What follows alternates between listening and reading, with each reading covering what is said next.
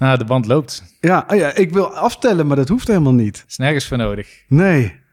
We zitten tegenover elkaar. Dus dan. Uh, ja, maar dat is, ook, dat is ook vreemd. Ja, we gaan eens kijken wat het doet, hè? Want dat hebben we. Hebben we dat eerder gedaan? Nee. nee. We hebben wel eens tegenover elkaar gezeten.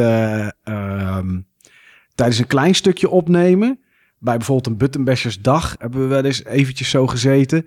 Arcadium hebben we eventjes zo gezeten. Oh ja. Ja, ik weet het nog. Met ja. z'n drieën zo, met, dat kleine drieën, microfoontje en die iPad. ja, ja, ja, ja, ja, En dan ook nog Leslie erbij van Arcadium. Die zat er ook nog omheen. Zaten we met z'n vieren om een kleine microfoon. Maar een echte Button Bashers podcast, terwijl dit niet een echte woord... Uh, want we hebben geen hoofdonderwerp. Nee. Um, dat hebben we nog Wel nooit genoeg gedaan. om over te praten. Oh, genoeg. Ja, echt genoeg. Want ja, welkom bij uh, aflevering 111. Mm -hmm. Een uh, aflevering zonder onderwerp. Maar het is, een, uh, ja, het is een tijd geleden, Niels, dat we hebben opgenomen. Het ligt wederom aan mijn kant. Um, maar daar komen we straks vast nog wel op. En ja, het is. Uh, dus we hebben geen hoofdonderwerp, want er is zoveel met games dat we gespeeld hebben, dat er gebeurd is. Uh, vakantie zit erbij. Ja, ja uh, en, en we zitten tegenover elkaar, want ik zit bij jou nu, Niels. In Den Bosch. In Den Bosch. Ja, vaker over gehoord, hè? maar vooral wat moet het worden? Ja. Dan kijk om je heen. Ja, ja, ja, dat is natuurlijk wel het eerste wat opvalt, Niels. Uh, het is nog wel wat leeg. Ja, het is nog niks geworden. Nee. Nee, het staat nog allemaal in een soort soort tussenfase, zeg maar. Het is heel duidelijk ingericht voor dat het allemaal snel leeg moet. Dus we zitten nu aan een tafel, een eettafel, met stoelen. Het ziet er redelijk chic uit, maar het is eigenlijk een buitentafel. Het is een, uh, een tuinmeubel. Ja, maar het zit wel, het, ik zit lekker, moet ik zeggen. Ik ja. zit ontspannen. En uh, nou ja, achter mij staat een bank. En als je heel goed onder die bank kijkt... Ja, daar zitten, dat voelde ik er net al toen ik daar ging zitten. En toen wilde ik opstaan en toen schoof de bank in één keer weg. Ja, maar hij staat op hondjes, zie ja, ik. Ja, ja, zodat hij makkelijk uh, te verrijden is en weg kan, hè? ja. Ja, en voor de rest, ja, wat zie ik nog meer? Er staan twee kasten. Ik weet niet of het Billy-kasten zijn. Ja. Ja, er staan twee Billy's hier en een uh, zo'n perfax, zeg maar, met van die vakjes. Uh, tenminste, een beetje, lijkt een beetje op zo'n perfax-kast. met tv erop en een ventilator ernaast, want het is warm. Ik kijk naar de, naar de thermostaat. Het is 30 graden hier mm -hmm. binnen. Hebben een mooie dag uitgekozen. Nou, zeker weten. Een van de laatste, althans, zoals we het nu kunnen zien. En uh, ja, en achter mij is de keuken. Maar voor de rest is het nog wel wat kaal, Niels. Ja, klopt. Dus er moet nog heel veel gebeuren. En die plannen heb je al gehoord. Want, ja. uh, en, en gezien trouwens, ooit een keer toen we via Discord een videobellen hebben opgenomen, heb ik het volgens mij ook laten zien. Klopt, klopt. Uh, en sommige dingen, hè, die zijn al besteld. Dus uh, okay. die, die, zie je nu niet hier. Want ik ga niet iets aan de muur monteren als dadelijk weer helemaal behangen moet gaan worden. Nee, nee. Um, dus uh, een en ander is al in werking gezet. Maar ik hoop ja, in de komende vijf maanden op de vloer na en de keuken na alles gedaan te hebben. Oké. Okay. Oh, dat is best netjes vijf maanden. Ja. En dan is dus, dan staat er, mensen kunnen het niet zien, maar er is hier een wand die is nu vrij leeg. Daar komt dan een meubel, uh, ja. twee meubels volgens mij, of één hele lange. Een Hoe hele zit lange, het? ja. Oké. Okay. Ja. Die begint als een zitmeubel, waar we dus nu zitten bij de eettafel. Maar dit komt een andere eettafel. Dit is een rechthoekige van 1,60 meter. En er komt straks een uh, kiezelvormige van 2,40 meter. Oké, okay. oh, dat is wel groot. Ja, de bedoeling is dat daar tot acht mensen aan kunnen zitten. Dus ik wil het graag gebruiken ook voor bordspellen met veel spelers bijvoorbeeld. Maar ook gewoon een hele fijne tafel om met waar mensen te zitten eten of gewoon 's ochtends aan te zitten werken. Dus ik heb heel veel plannen met die tafel. Dat is de centerpiece straks van het nieuwe interieur. Oké. Okay. En is dan ook zeg maar, is dat dan alles wat er nu gaat komen, is dat allemaal uit het plan van die, um, van die interieurstylisten? Ja, allemaal. Oké. Okay.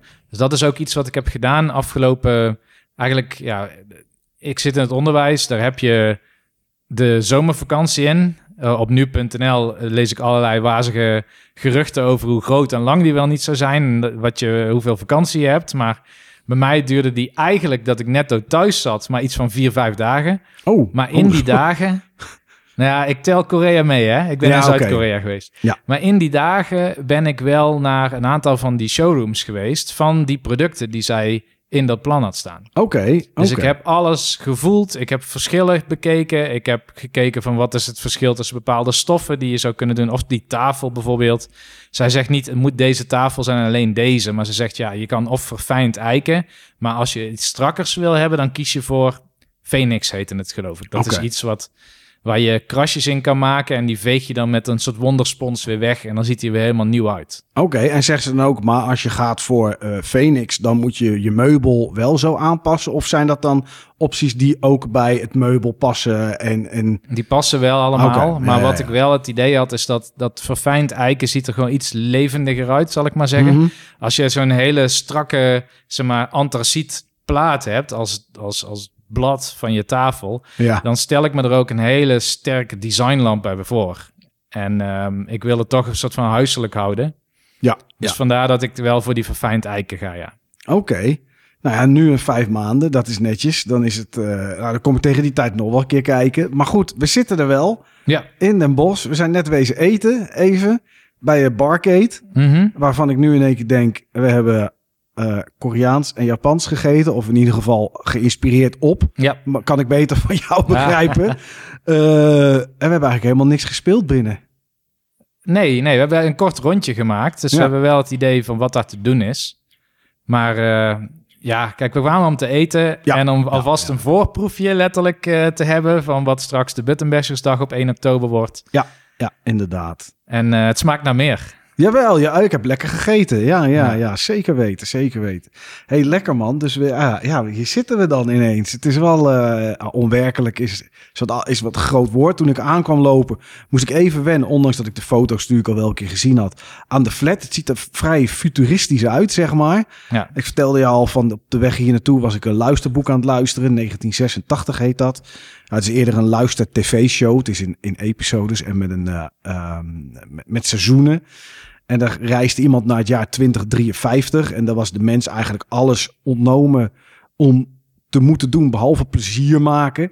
En er stond ook hier op zo'n sticker. En ik ging dat koppelen. Er stond zo'n sticker op de deur van eh, niet aan de deur trekken. Die gaat automatisch open. Ik denk, oh, dat is handig voor de mens. Ja. Eh, en en nou ja, het gras is allemaal mooi gemaaid. En eh, ja, het ziet er allemaal, weet je, het ziet er allemaal heel netjes uit. Dus je zit hier wel op een mooi plekje, kerel. Nou ja, als je dus naar de, de... Je hebt op TripAdvisor bijvoorbeeld staan deze gebouwen ook. Oh, echt waar, ja? En daar wordt de bouwstijl ook futuristisch genoemd. Dus ik was benieuwd naar wat is nou eigenlijk die, die ontwerpstijl.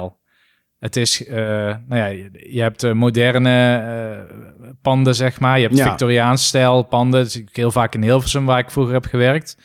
Maar dit kon ik niet plaatsen, omdat het er zo raar uitziet. Het zijn eigenlijk van die grote aluminium zeilschepen op het water. Ik denk dat dat al aluminium aan één kant is het helemaal aluminium. Ik denk dat dat al voldoende is om het futuristisch te maken, zeg ja, maar. dat denk ik ook, ja. Ja, ja, en dan is het een beetje bol. Kijk, we zijn natuurlijk standaard huizen vaak blokkendozen of een blok met een schuin dak.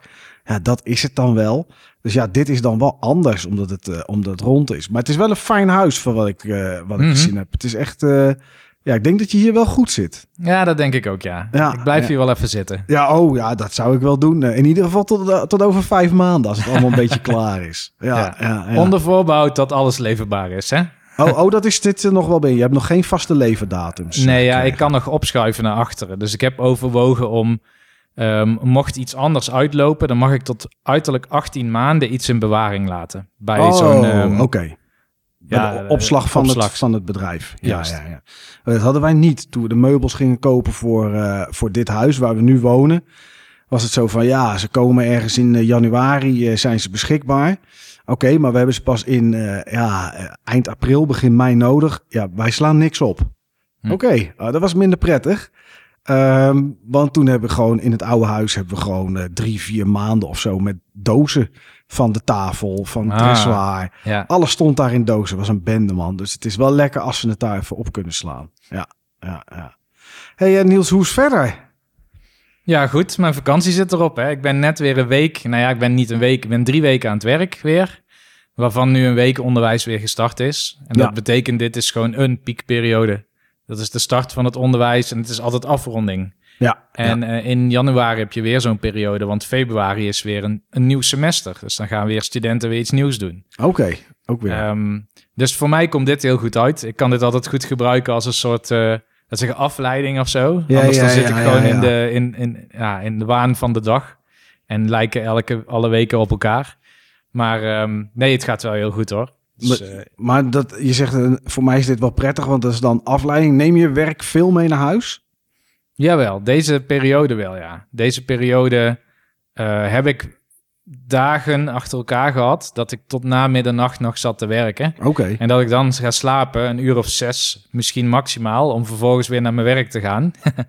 Ja, en ja. ja. dat is wel zwaar aan zo'n periode, ja. Ja, ja en de- hoe lang die periode duurt? Iets van een maand of zo? Anderhalf? Nou, deze periode nu eh, begon 14 augustus. Dus eh dat was iets meer dan twee weken. Ja, ja, ja, ja. Och, ja, dat is wel heftig. Maar ja, goed. Eh, ja, je weet het, hè. Het, zit, het is elk jaar, toch? Dit? Ja, ja, en je hebt rustigere periodes. Hè? Dus dan kun je ook weer compenseren voor zo'n periode als deze. Ja, kan je een beetje bijkomen. Ja, Ja. dat is al wel prettig. Ja. En jij?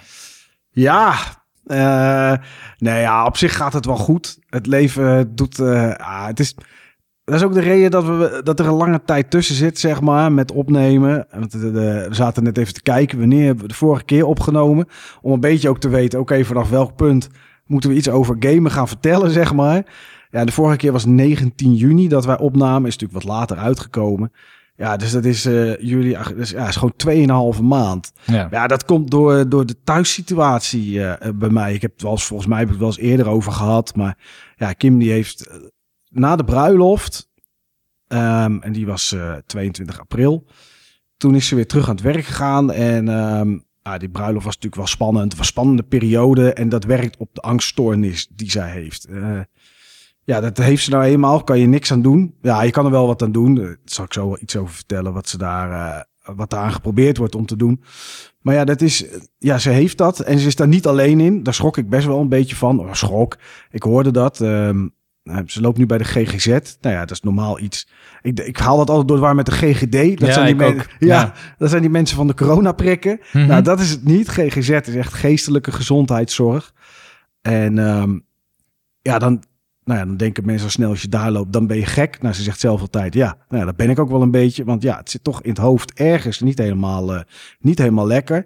Maar ehm, ja, mensen met angststoornis vertelden daar, eh, die dame van de GGZ, dat zijn gewoon 1,9 miljoen mensen in Nederland die dat hebben. Ja, eh, wat jij er straks al zei, dat zijn 1 op de 8 Ja. mensen. En dat is echt heel erg veel. En als je dan om je heen het daarover hebt, want mensen hebben het daar niet zo vaak over, ja, dan merk je toch dat ook mensen die je kent, zeg maar, in één keer eh, mensen op werk, die het dan in één keer hebben, of mensen zeggen, oh ja, mijn dochter en mijn vrouw hebben, hebben wel zoiets. En het zijn in heel veel gradaties is dat, zeg maar, van heel heftig, dat niet meer het huis uit durven en, en weet ik wat allemaal, tot af en toe of met iets kleins. Maar ja, het is best wel veel. Ehm, ik weet niet op de schaal van 1 tot 10 hoe heftig het bij haar is. Maar ja, ze is na de bruiloft weer gaan werken. Ehm, dat ging op een gegeven moment al snel niet goed. En toen heeft ze ehm, even thuis gezeten. Toen is ze weer aan de slag gegaan. En is ze begonnen met gewoon eh, met, vier uurtjes, eh, met vier uurtjes werken om dat te doen. En dat ging op een gegeven moment ook niet goed. Toen is ze op het werk, eh, kreeg ze een aanval. Ja, en sindsdien zit ze thuis. Dus ik denk, nou, het is, ik weet niet eens wat vandaag is, 10, 10 september of zo, 11 september, zoiets. Ik denk acht of negen. Uh, Negen? Ja, zoiets denk ik. Jeetje, ik ben de dag. 9 september. 9 september, Ja. kijk, lekker. Ehm, ja, ik denk, nou, ik, ik denk dat ze al wel zeker twee maanden thuis zit. En ehm, het lastigste is dat het is, het is heel moeilijk te doorbreken, zoiets. En het komt altijd onverwachts en het komt altijd op verschrikkelijke momenten, zeg maar. Het is sowieso verschrikkelijk iets, omdat zij gewoon in de hoofd de eigen rouwadvertentie bijvoorbeeld aan het maken is. Of als ze iets voelt. eh, het is geen hypochondrie, maar als je iets voelt, dan denk je van oké, ik, ik ga dood. Dat is wat zij Ja. dan letterlijk denkt. En dan ehm, moet er ook heel vaak, nou heel vaak, af en toe moet er dan een dokter gebeld worden of wat dan ook. Al is het alleen maar om geruststelling. Ehm, dat er niks aan de hand is. En dat helpt dan, zeg maar. Ik kan het zeggen, maar ik ben geen dokter. Dus ik kan ook niet in haar hoofd kijken. Ik kan geen pols opnemen, eh, niks. En ja, weet je, dan heeft dat best wel invloed op, eh, op, nou ja, op mij ook, maar op het gezinsleven natuurlijk. Hè. We hebben drie kinderen, één van vier, één van veertien en één van 21. Drie honden. Nou ja, dat heeft allemaal een eigen kamer. Het heeft allemaal kleding. Het is, dus weet je, er is een hoop te doen altijd in huis. Ja, en dat, eh, heeft dan eh, ja, best wel invloed op je vrije tijd, zeg maar. En hoe je dat in kan delen. Ja. Eh, met daarbij dan ook nog eens, eh, ja, die kleine, die vindt het, nou, gisteren was het kwart over vijf 's ochtends, dat hij het wel welletjes vond. Die is ook elke dag echt vroeg wakker. Ik was nu een weekje vrij, omdat hij naar school ging. Hij ging voor het eerst naar school en ik dacht, oké, als hij naar school gaat, neem ik vrij. Ja, Ja, dat is, idee. ja, weet je, het is maar vijf en een half uur dat hij weg is. Want ze hebben zo'n continu rooster. Dus half negen beginnen en twee uur klaar, elke dag. Maar ja, hij is weg. Dat is voor mij gewoon een, weekje rust. Dat is lekker zeg. Dus ik had vrijgenomen. Was mooi ook dat Starfield in die week uitkwam. Ja. Dus eh, nou, dat viel mooi samen. Maar ja, dan nog wordt hij gewoon s ochtends om half zes, kwart voor zes wakker of zo. Ja, weet je, en als je dan s'avonds niet om tien uur je bed in gaat, en dat doe ik niet. Omdat je zoiets hebt van, als hij dan op een gegeven moment ligt en het huishouden is gedaan en je hebt honden uitgelaten, dan wil je ook nog wel eventjes een momentje even iets leuks doen, zeg maar. Ja, dan wordt het vaak laat en dan eh, heb je echt korte nachten. Dus ja, het is vermoeiend Ja. om het maar, Ja. eh, maar zo te zeggen. En eh, nu gaat het wel iets beter, want anders was ik niet hier. Want we hadden het al een keer eerder gepland dit. Ja, toen kon het gewoon niet. Kon ik gewoon niet van huis. Omdat gewoon, eh, ja, weet je. Ik heb ook wel gehad dat ik naar werk ging en dat mijn schoonmoeder kwam om bij haar te zitten. Hm. Een paar uur. Omdat gewoon alleen zijn, dan gaat dat hoofd gaat alle kanten op. Dus eh, zo heftig is het gelukkig nu op dit moment niet. Gelukkig. Ja. Nee, nee. En ja, wat doe je eraan? Ehm, nou, ja, bij de GGZ doen ze EMDR. Nou, bijna iedereen met wie ik hierover gesproken heb, zei ik, ja, ze gaat naar de GGZ en dan krijgt ze therapie. En dan zeiden die mensen allemaal EMDR. Nou, ik wist niet wat het was. Is dat met eh, op en neer kijken? Nou, hier, zie je, jij weet het ook. Ja. Ja, ik wist het niet. Maar wat ze doen is, je hebt gedachten die... eh, hoeft niet zo te zijn dat als je daaraan denkt dat dat die aanval triggert. Maar die zitten gewoon ver weggestopt in het lange termijn geheugen. Die halen ze dan naar het actieve geheugen, dus zeg maar naar de voorgrond. En dan gaan ze, terwijl je daar echt aan denkt, met vingers voor je ogen. Of ze gaan tikken of ze doen iets met geluid. Om heel veel input in je hoofd erbij te stoppen. Waardoor je zeg maar heel veel activiteit hebt. En het ja, een beetje de scherpe randjes eraf moet halen van de gebeurtenissen. Alleen dat is niet één of twee keer EMDR en het is allemaal Hosanna. Mhm. Eh, zo snel gaat dat niet. En ik weet ook niet, ze heeft het nu twee keer gehad. Tweede keer was minder heftig dan de eerste. Terwijl ze daaraan heftigere gebeurtenissen aan denken was dan de eerste keer. Dus misschien heeft de eerste keer al wel iets geholpen. Misschien komt het later nog een keer. Ja, ik weet het niet. En nu is het pas 26 september weer of zo. Dus ja, het is kijken wat daar, eh, of het werkt. Het werkt niet voor iedereen. Voor sommige mensen werkt het heel goed. En ja, dat, eh, ja, dat beïnvloedt natuurlijk. Ja. Ja, Ja. dus eh, ja, vandaar dat het even geduurd heeft. Maar dat ik nu hier wel zit. Ja. Niels. Nou, gelukkig maar. Hè? Ja, toch? Ja. Ja, ja, ja. En ja. dat komt ook eigenlijk heel goed uit. Hè? Om een andere reden gewoon dan dat we nu tegenover elkaar zitten en zo op kunnen nemen. Want ehm, ja, ik wil toch nog eventjes terug naar jouw bruiloft. Oké, ja, dat mag. Ik was daarbij. Ja, En Sven ook. Ja. En Vinger. ja. Maar er waren ook een heleboel mensen niet. Maar die hadden toch wel iets voorbereid. Daar ligt nog een cadeautje voor jou. Oh, echt Achter de geluidskaart. Ik, eh, ik zag het al wel liggen, maar ja, daar liggen wel meer dingetjes hier. Ja, Oké. die is nog voor jou. Jeetje. Dus eh, ja, namens Dennis, Rudy, Benjamin, Maarten, Sven, Vonger en Mark. En ik. Echt waar, ja? Oh, wauw. Dit had ik echt niet zien aankomen. Oké. Ik ga het uitpakken. Jeetje, hier overval je mij mee, Niels. Wat leuk zeg. Het kwam niet op tijd aan. Daarom heb je het nu pas. Oh, oké. Nou ja, ik had er niet eens... eh,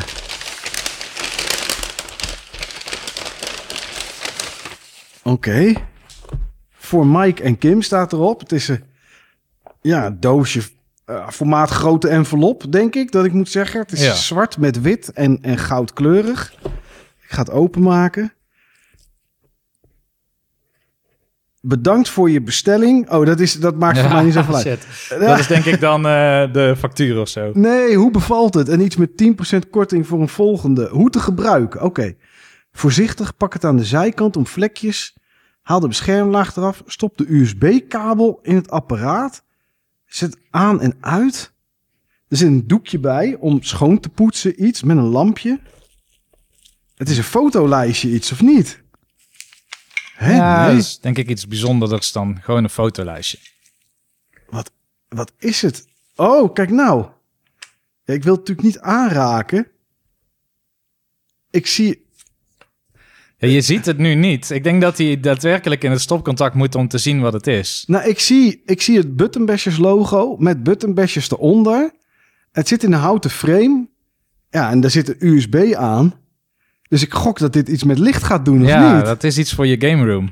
Oh, wauw, wat cool zeg. Heel tof. Bedankt Maarten, eh, Ruud, Ja. Niels, Sven, denk ik. Noem ik er maar bij op. Eh, ik noem Johan gewoon, want die hoort een beetje bij Sven. Ehm, Die heeft niks betaald hoor. eh, Oh, oké, oké, oké. Ja, dan noemen we die zeker niet. en ik hoorde... Oh, Dennis had Ja. je nog genoemd, oldschool. En eh, Mark Kempie, Juist. denk ik.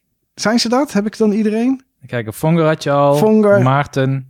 Ja. Benjamin. Benjamin ook. Oké, cool. En Rudy. Rudy? Oh ja, Ruud had ik... eh, Ja, Ruud, oh ja. Ruud had ik gezegd. Hey, heel cool dit, zeg. Ja, wauw. Ja, ik zie het wel. Helemaal erin gegraveerd. Wat mooi, man. Ik hoop dat hij het ook doet. Dat, eh, nou ja, we kunnen hem proberen ergens in te pluggen. Ja. Ik heb wel zo'n stekker dat je hem gewoon in het stopcontact kan doen. Dat is makkelijker dan ehm, aan de Oh ja, computer. nou, we- weet je wat we doen? We hebben straks toch even een break. Dan blijven we nu gewoon zitten. Gaan we hem dan even erin doen. Heel goed. Maar ja, eh, bedankt allemaal. Het is echt heel cool. Want ik, nou ja, goed, mijn game room is altijd onderhevig aan, ehm, aan veranderingen. Ehm, Benjamin is bij mij komen filmen in oktober, dus bijna een jaar geleden al. Toen was, ging hij eerst alles opnemen voor alle afleveringen van die Game Room eh, eh, serie. Als je dat nog nooit gekeken hebt, zoek even op Benjamin Veenstra op YouTube. Is echt heel leuk. En ja, sindsdien zijn de kasten zijn vervangen. Eh, er hangen nieuwe planken bij. En het is nu echt vol, zeg maar. Er kan niks meer bij. En ik heb nog steeds spul te veel. Maar ik was... Van het weekend had ik nog een lamp gevonden van Zelda. Niet een officiële. Gewoon zo'n plexiglas gegraveerde. eh, met zo'n TL-balkje erboven, zeg Ja, maar. ja. Zodat het eh, op Marktplaats kan je dat soort spul vaak kopen. En daar zit een eh, zo'n brilsnoertje aan, waar je ook aan je PlayStation zit.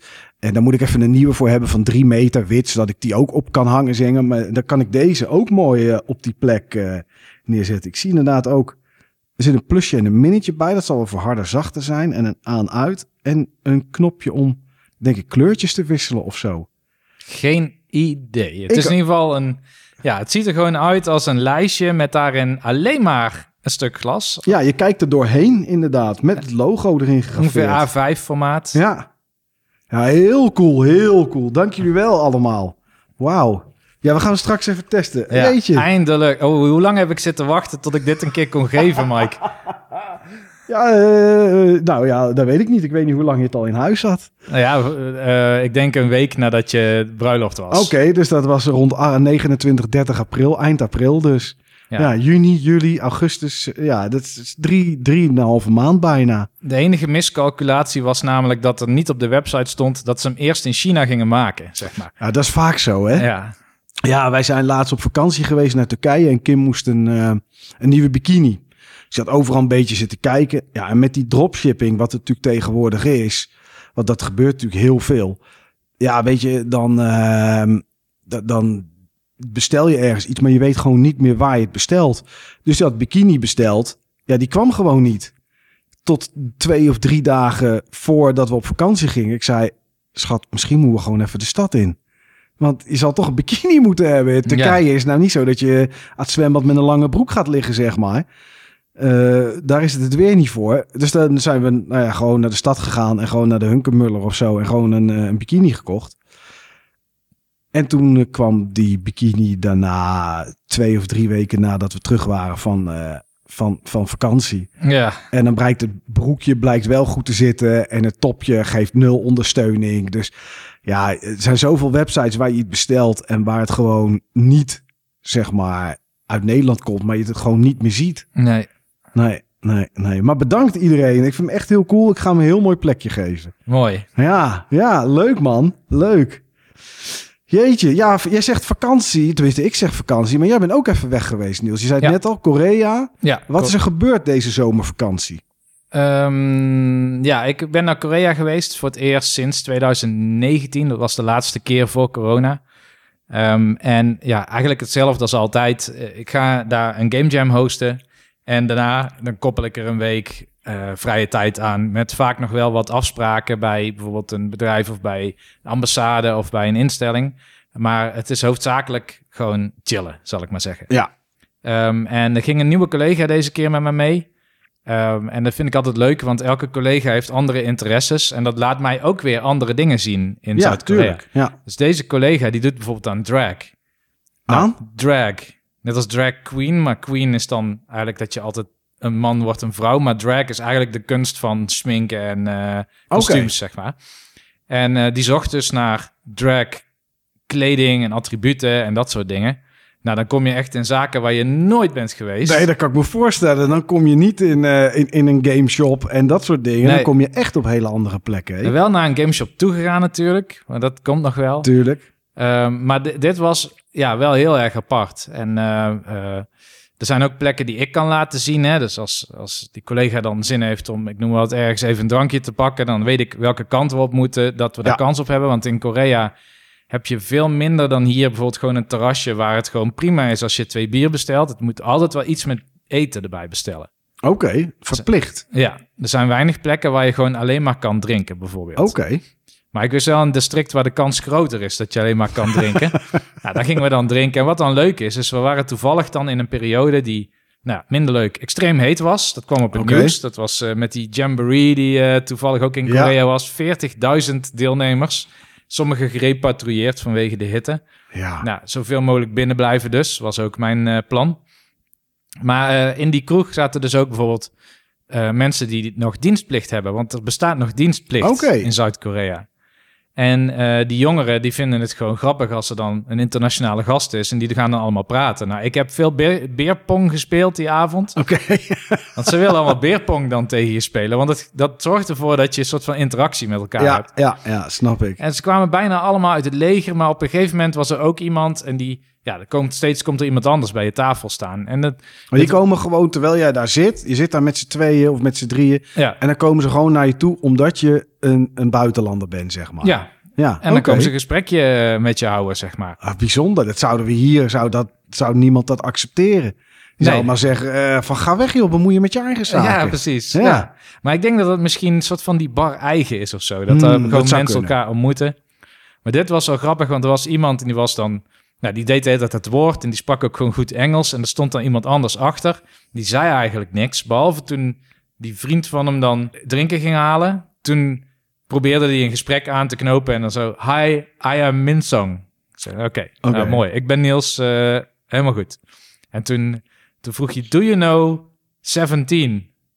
Ehm, nee. Wat is dat? K-pop I'm a singer of 17, zei hij. Ja, hij was dus inderdaad van, van die, die groep. Grappig is, dus daarna kwam ik nog eh, wat studenten tegen van ons. En eh, toen zei ik van ja, ik heb nooit K-pop gezien live. Nee. Ehm, althans, op dat moment had ik dat nog nooit live gezien. Oké. Ehm, maar, eh, dus ik zei, ja, ik, ik heb iemand gesproken en die is van 17 en zag twee mensen echt een wenkbrauw optrekken. Echt? 17? Ja. Je maakt een grap. Nee. dus ik denk, is dat nou zo raar, weet je wel? Dus ik met mijn telefoon even opzoeken, 17. Schijnt echt een hele beroemde K-pop band te zijn.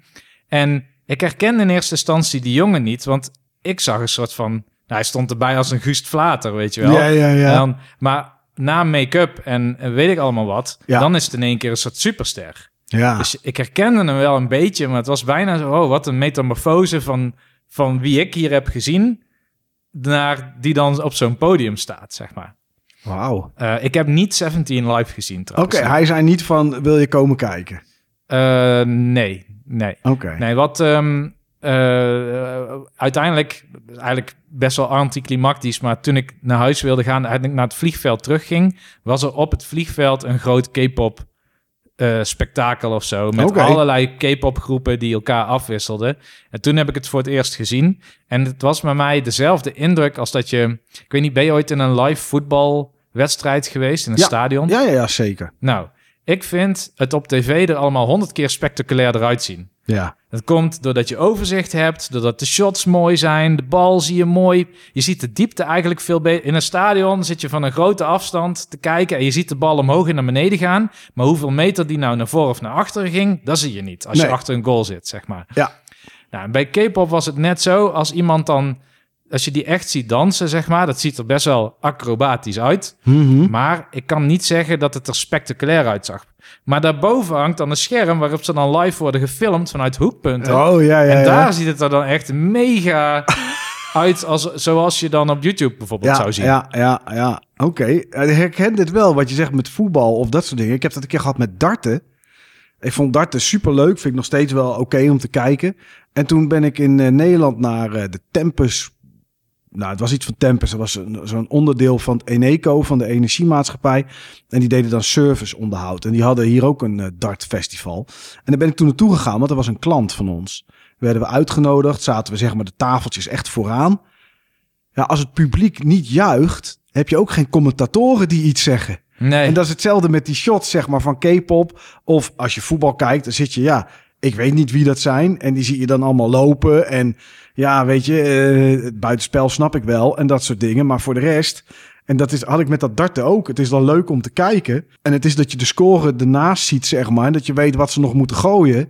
Maar voor de rest, ja, is dat toch echt een hele andere beleving, joh. ja, ik zal, eh, ik, ben, ik ben even aan het zoeken zo op mijn telefoon, maar dan, dan zie je wat ik zag. Ik zat nog redelijk dichtbij. Eh, oh, opnieuw.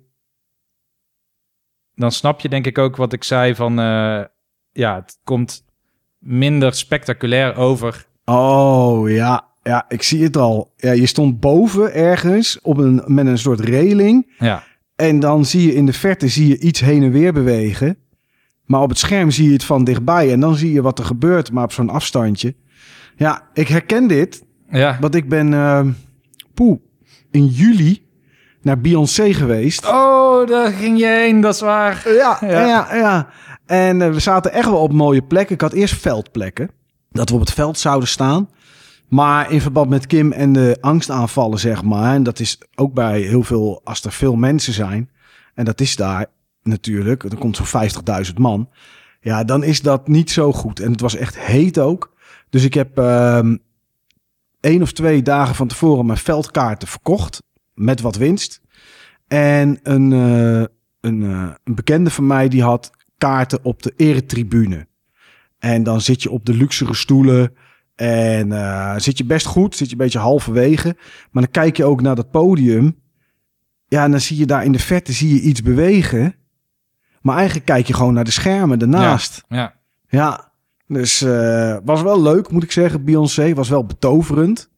Het geluid in de arena is met heel veel concerten heel slecht, hoor je altijd. En dat is ook zo, omdat ze het galmt heel erg. ja. En ze doen van één kant van het stadion doen ze de muziek erin pompen. Ja, dan weer kaatst dat aan alle kanten. Maar als je bijvoorbeeld, niet dat ik daar geweest ben, maar de toppers bijvoorbeeld hebt. Of zoiets als Sensation. Dan staat de DJ, of bij de toppers staan ze meestal in het midden. En dan doen ze naar, van het midden uit naar alle vier de hoeken. Ja, doen ze ja, ja. speakers neerzetten. En tegen de tijd dat het zou kunnen weer kaatsen, is er alweer nieuw geluid. Dus het kan niet weer kaatsen. Ik snap niet waarom ze dat bij concerten niet meer doen. Dat ze daar op letten. Maar goed, dus, eh, dus ja, daar ben ik inderdaad geweest. Het was wel eh, apart. Ik eh, kon heel weinig meezingen, moet ik zeggen. De oude, oude hits van vroeger, die kende ik wel. Maar van het nieuwe werk een stuk minder. Was ook minder. Kim kreeg er ook twee keer een paniekaanval. En dan, als je dan in het stadion zit en het is warm, dan is het wel lastig. Ja, Ehm, eh, gelukkig had ik mijn werkpas bij me. Eh, ik werk vijf dagen in de week voor Ajax. Ehm, dus ik kon naar het kantoor toe. En dat scheelde wel. Dus we konden de drukte uit. Ik kon eh, de achtertrappen nemen waar je normaal niet naartoe mocht. Ik hield mijn pas tegenaan en de deur ging open. En eh daar kon ik gewoon naar kantoor waar we normaal zitten. En dan kon ik even een kopje koffie voor de maken. Kon even rustig buiten. Kon ze even een sigaretje roken. Dus dat scheelde wel. Dus we zijn er wel doorheen gekomen. Hm. Maar het was wel, eh, ja, we hebben wel, eh, toen we gingen zitten voordat het begon, was er al een paniekaanval. En halverwege zijn we even een keer eh, weggelopen, hebben we één of twee liedjes gemist. Want die show gaat maar door, joh. is niet normaal, joh. Hmm. Wat een beukwerk is dat. Er zitten, er, er zitten een soort interludes, een soort, een soort tussenstukjes zitten dan in van een minuutje of tien. Maar dan gebeurt er nog steeds iets met beeld. En dan zijn ze natuurlijk aan het omkleden en dat soort dingen allemaal. Maar het was wel, ja... Ik, eh, als ze volgende keer weer zou willen, Kim, dan zou ik wel meegaan weer. Eh, maar ik had nog nooit een concert zo groot, zeg maar, gezien. Nee, nog nee, nooit nee. meegemaakt. Dus dat was wel, eh, ja, was wel apart. Ja. Ja, ja.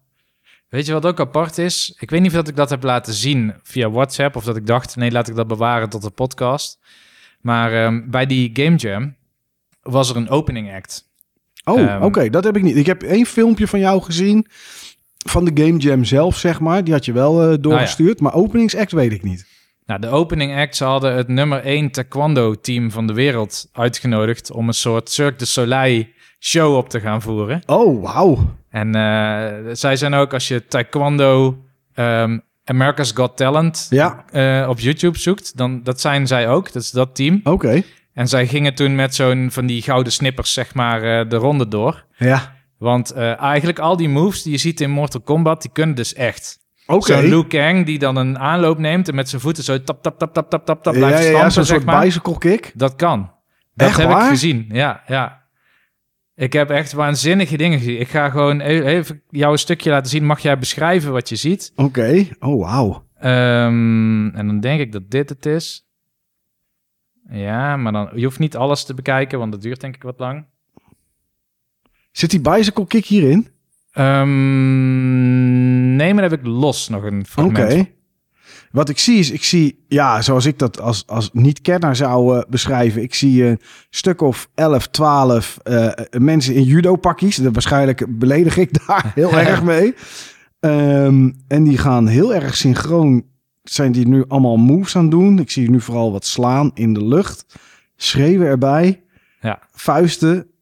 En ik denk dat dit een moment van applaus zou zijn. En dat het hierna... eh, ja, nu gaan ze van de mat af. En nu komen zeg maar... eh het is ook een soort dansen zit erbij. Ze zijn nu aan het dansen. Ja, het is heel synchroon allemaal. Oh, wauw. Ik zie iemand inderdaad en die loopt en die, die zet gewoon af en doet een salto in de lucht. Oh, wat kunnen die gasten hoog springen, man. Ik zie iemand die rent tegen twee mensen aan. Die springt in de lucht.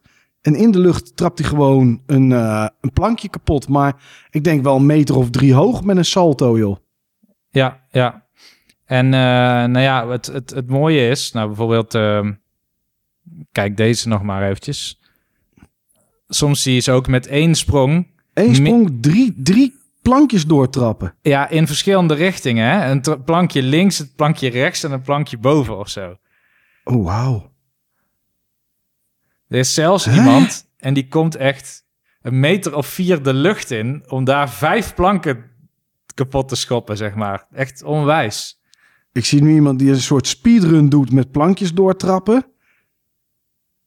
Ik vraag me altijd af hoe dik zijn die plankjes. Ja, hè? niet super dik. Ik, eh, daarna lagen ze in, eh, in van die vuilniszakken, maar het is een beetje... Triplex. Het is triplex, ja. Ja, ja, ja. Maar ja, je moet, je moet wel springen en je moet het wel doen.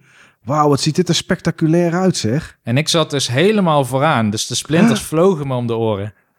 Maar ze worden ook echt met alle kracht. Ik zie iemand, die staan met hun tweeën, met hun handen klaar. Iemand komt aanrennen. En die springt dan op hun handen. En zij gooien echt met alle kracht die ze hebben, gooien ze diegene in de lucht, joh. Oh, ik zie het, ja. Die trapt gewoon vier plankjes door, die echt met stokken, ik denk van wel een meter of drie, vier hoog. Ja, ja, ja. Wat indrukwekkend dit, hé. En dit is dus niet met de hele tijd pauzes en we gaan de volgende act klaarzetten. Nee, het maar dit gaat gaat continu door. helemaal door. Ja.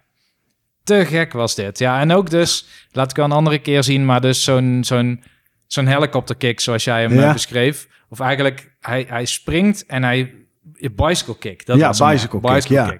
Dat, dat hij inderdaad een stuk of vier, vijf van die plankjes... echt met linkervoet, rechtervoet, linkervoet, rechtervoet, linkervoet, rechtervoet... in één sprong waarbij die horizontaal door de lucht springt, zeg maar. Wauw. Echt bizar. Ja, dit is echt heel gaaf, hè? Ja, dit was een enorm super geproduceerd evenement. Ja, wauw zeg. En dit was de Game Jam. Hoe lang duurde die? Die duurde vrijdag, zaterdag, zondag. Oké, drie dagen. Eigenlijk zoals Ja. altijd. Nog mooie dingen gezien die mensen gemaakt hebben? Ja, het eh, thema was vrede. Een beetje een algemeen thema. Ja, En ehm, de truc ook voor mij als host was om ervoor te zorgen dat het niet allemaal over de, de Rusland-Oekraïne-oorlog ging. Nee. nee. Eh, maar dat vrede heel veel betekenissen kan hebben. Dus vroeg ook met name, wat betekent het voor jou, zeg maar, Ja. vrede? Zodat je het ook soms dicht bij huis zoekt, maar ook authentiek maakt. Dat het jouw beeld is, niet Hmm. ehm, dat is weer het geschiedenisboekbeeld of, eh, of Ja. eh, het realistisch beeld of het mediabeeld, zeg maar.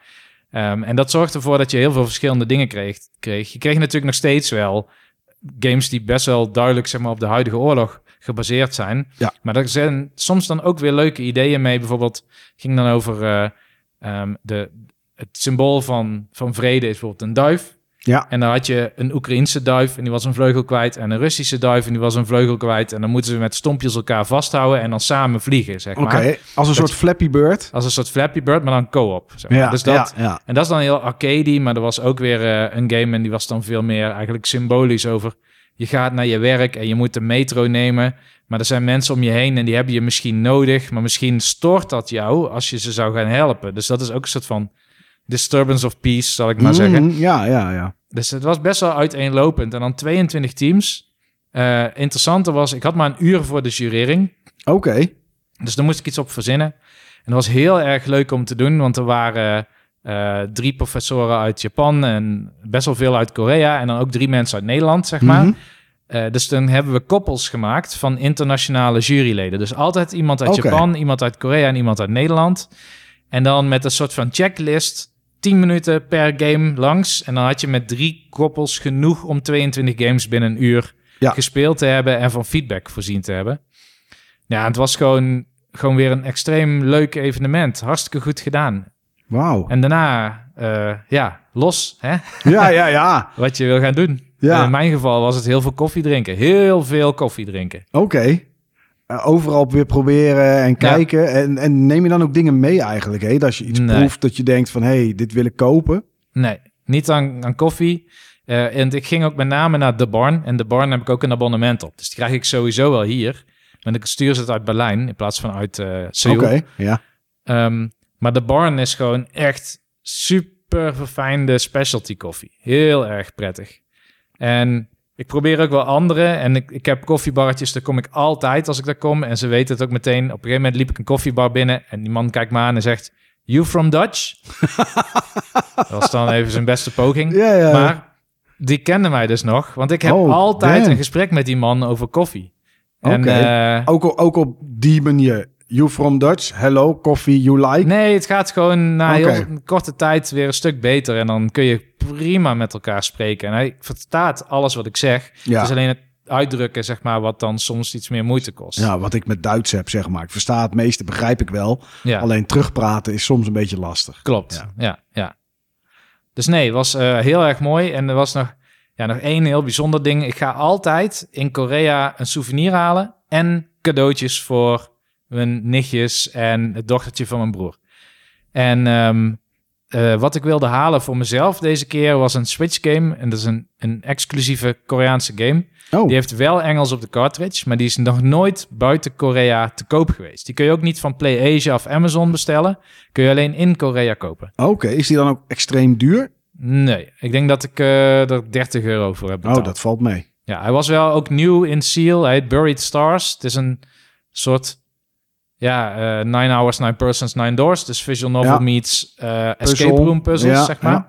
Ik heb hem verder nog niet gespeeld, maar het was ook meer van, ik wil altijd een aandenken hebben. Ja, Er zijn meerdere retro shops en dan zie ik ook gewoon bijvoorbeeld ehm The Legend of Heroes, Trails in the Sky 2 en 3. Die zijn nooit fysiek uitgekomen in het Westen. Mhm. En die hebben ze daar, maar dan denk ik, ja, maar er staat dan alleen maar Japans op de, de, de, de Ja, PSP-disc, zeg maar. Dus dat doe ik dan niet, want dan is het meer, dan is het plastic in mijn kast. Ik wil wel iets Ja. wat ik kan doen.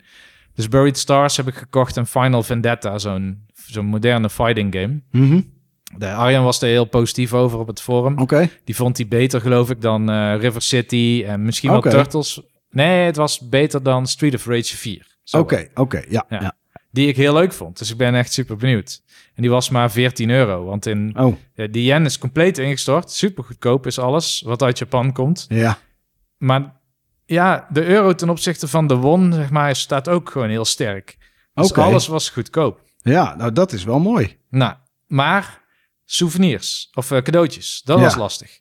Want ik heb dus allemaal nichtjes van, zeg maar, vijf tot tien jaar oud. Beetje die ja, leeftijd. dat is sowieso tien jaar is met alles moeilijk. Ja. Ja. Ik geef eigenlijk gewoon altijd gewoon geld in een envelop, maar er gewoon iets kleins erbij, iets grappigs. Ja. En in het begin kon ik ze nog iets geven wat ik misschien als relatiegeschenk ergens had gekregen, eh, weet ik veel ergens. Een, een soort van etui die eh, met hele speciale Japanse ehm, ambachtelijke methode of zo is gemaakt, weet je wel. Ik heb allemaal geen zin in die dingen. Ik, ik ben iemand die weet heel goed wat hij wil. Ja. En als het niet precies is wat ik wil, dan hoef ik het niet. Dus ik geef altijd, altijd dat soort dingen weg. Ja. Maar cadeautjes, zeg maar, dan ben ik op zoek naar iets wat grappig is, wat ze bijvoorbeeld hier moeilijker kunnen vinden. Nou, ik kwam op een gegeven moment bij een winkel. En eh, die winkel, eh, nou ja, ik was eigenlijk, nee, ik moet- anders vertellen. Ik was in een soort van grote mall. En het was een electronics mall. Dus alles is electronics. Ja. En de negende verdieping is retro games en moderne games, zeg maar. Negen verdiepingen aan elektronica winkels. Ja. Oké. Ja, eigenlijk tien of zo. Maar de tiende verdieping is eigenlijk meer een soort van rommelmarkt. Nou, daar kom je ook gewoon zeldzame games tegen. eh, vaak nog Japanse games, want er is heel veel geïmporteerd ook uit Japan. Mhm. Eh, Een student in het verleden had daar bijvoorbeeld de, de GameCube game Gift Pia gevonden. Die was normaal op eBay denk ik 150 euro. En die had hij voor 7 euro gevonden in Oh, Korea. Dus eh, dat soort deeltjes heb je. Eh, maar daar ben ik niet geweest deze keer, want ik wist heel goed, ik wil Bird Stars. Misschien nog iets leuks, weet je Ja. wel. En ik moet wat cadeautjes hebben. Nou, je hebt ook heel veel figurines. En heel veel troep, zal ik maar zeggen. Dingen die uit eitjes komen. Stickers, Oh, buttons, Ja, dat soort ja, dingen. ja, echt dat kinderspul. Dat kinderspel. Twee ja. keer aanraken en het valt uit elkaar, maar het uitpakken is waar het om gaat. Ja, Ja, nou, ja, ja, ja. En ik allemaal langs die winkels, maar je hebt heel veel dingetjes die zitten in verpakkingen en je weet niet wat het is. Nee. En ik wil niet iets geven wat ik niet weet wat het is. Nee. Want dadelijk is het iets waar je weer iets anders voor nodig hebt om er iets aan te hebben, zeg maar. Dus Ja, of ze pakken het uit en zeggen, oh Niels, wat kan ik hiermee? En dan zeg je, ja, dat weet ik niet. nee, precies. Nee, ja. dan krijg je dat. Nou ja, op een gegeven moment kwam ik bij een winkel en er zat alles vrij slordig in grote bakken. Oké, Gewoon grote kartonnen bakken. een soort Aldi. Eigenlijk een soort Aldi. En Ja. daar zaten allemaal kleine dingetjes in, in eh, een soort van ziplock zakjes. Oké. Zeg nou, ik pak hem even, want hij ligt gewoon hier. Oh, ik ben benieuwd. Ik vind het tasje al goed.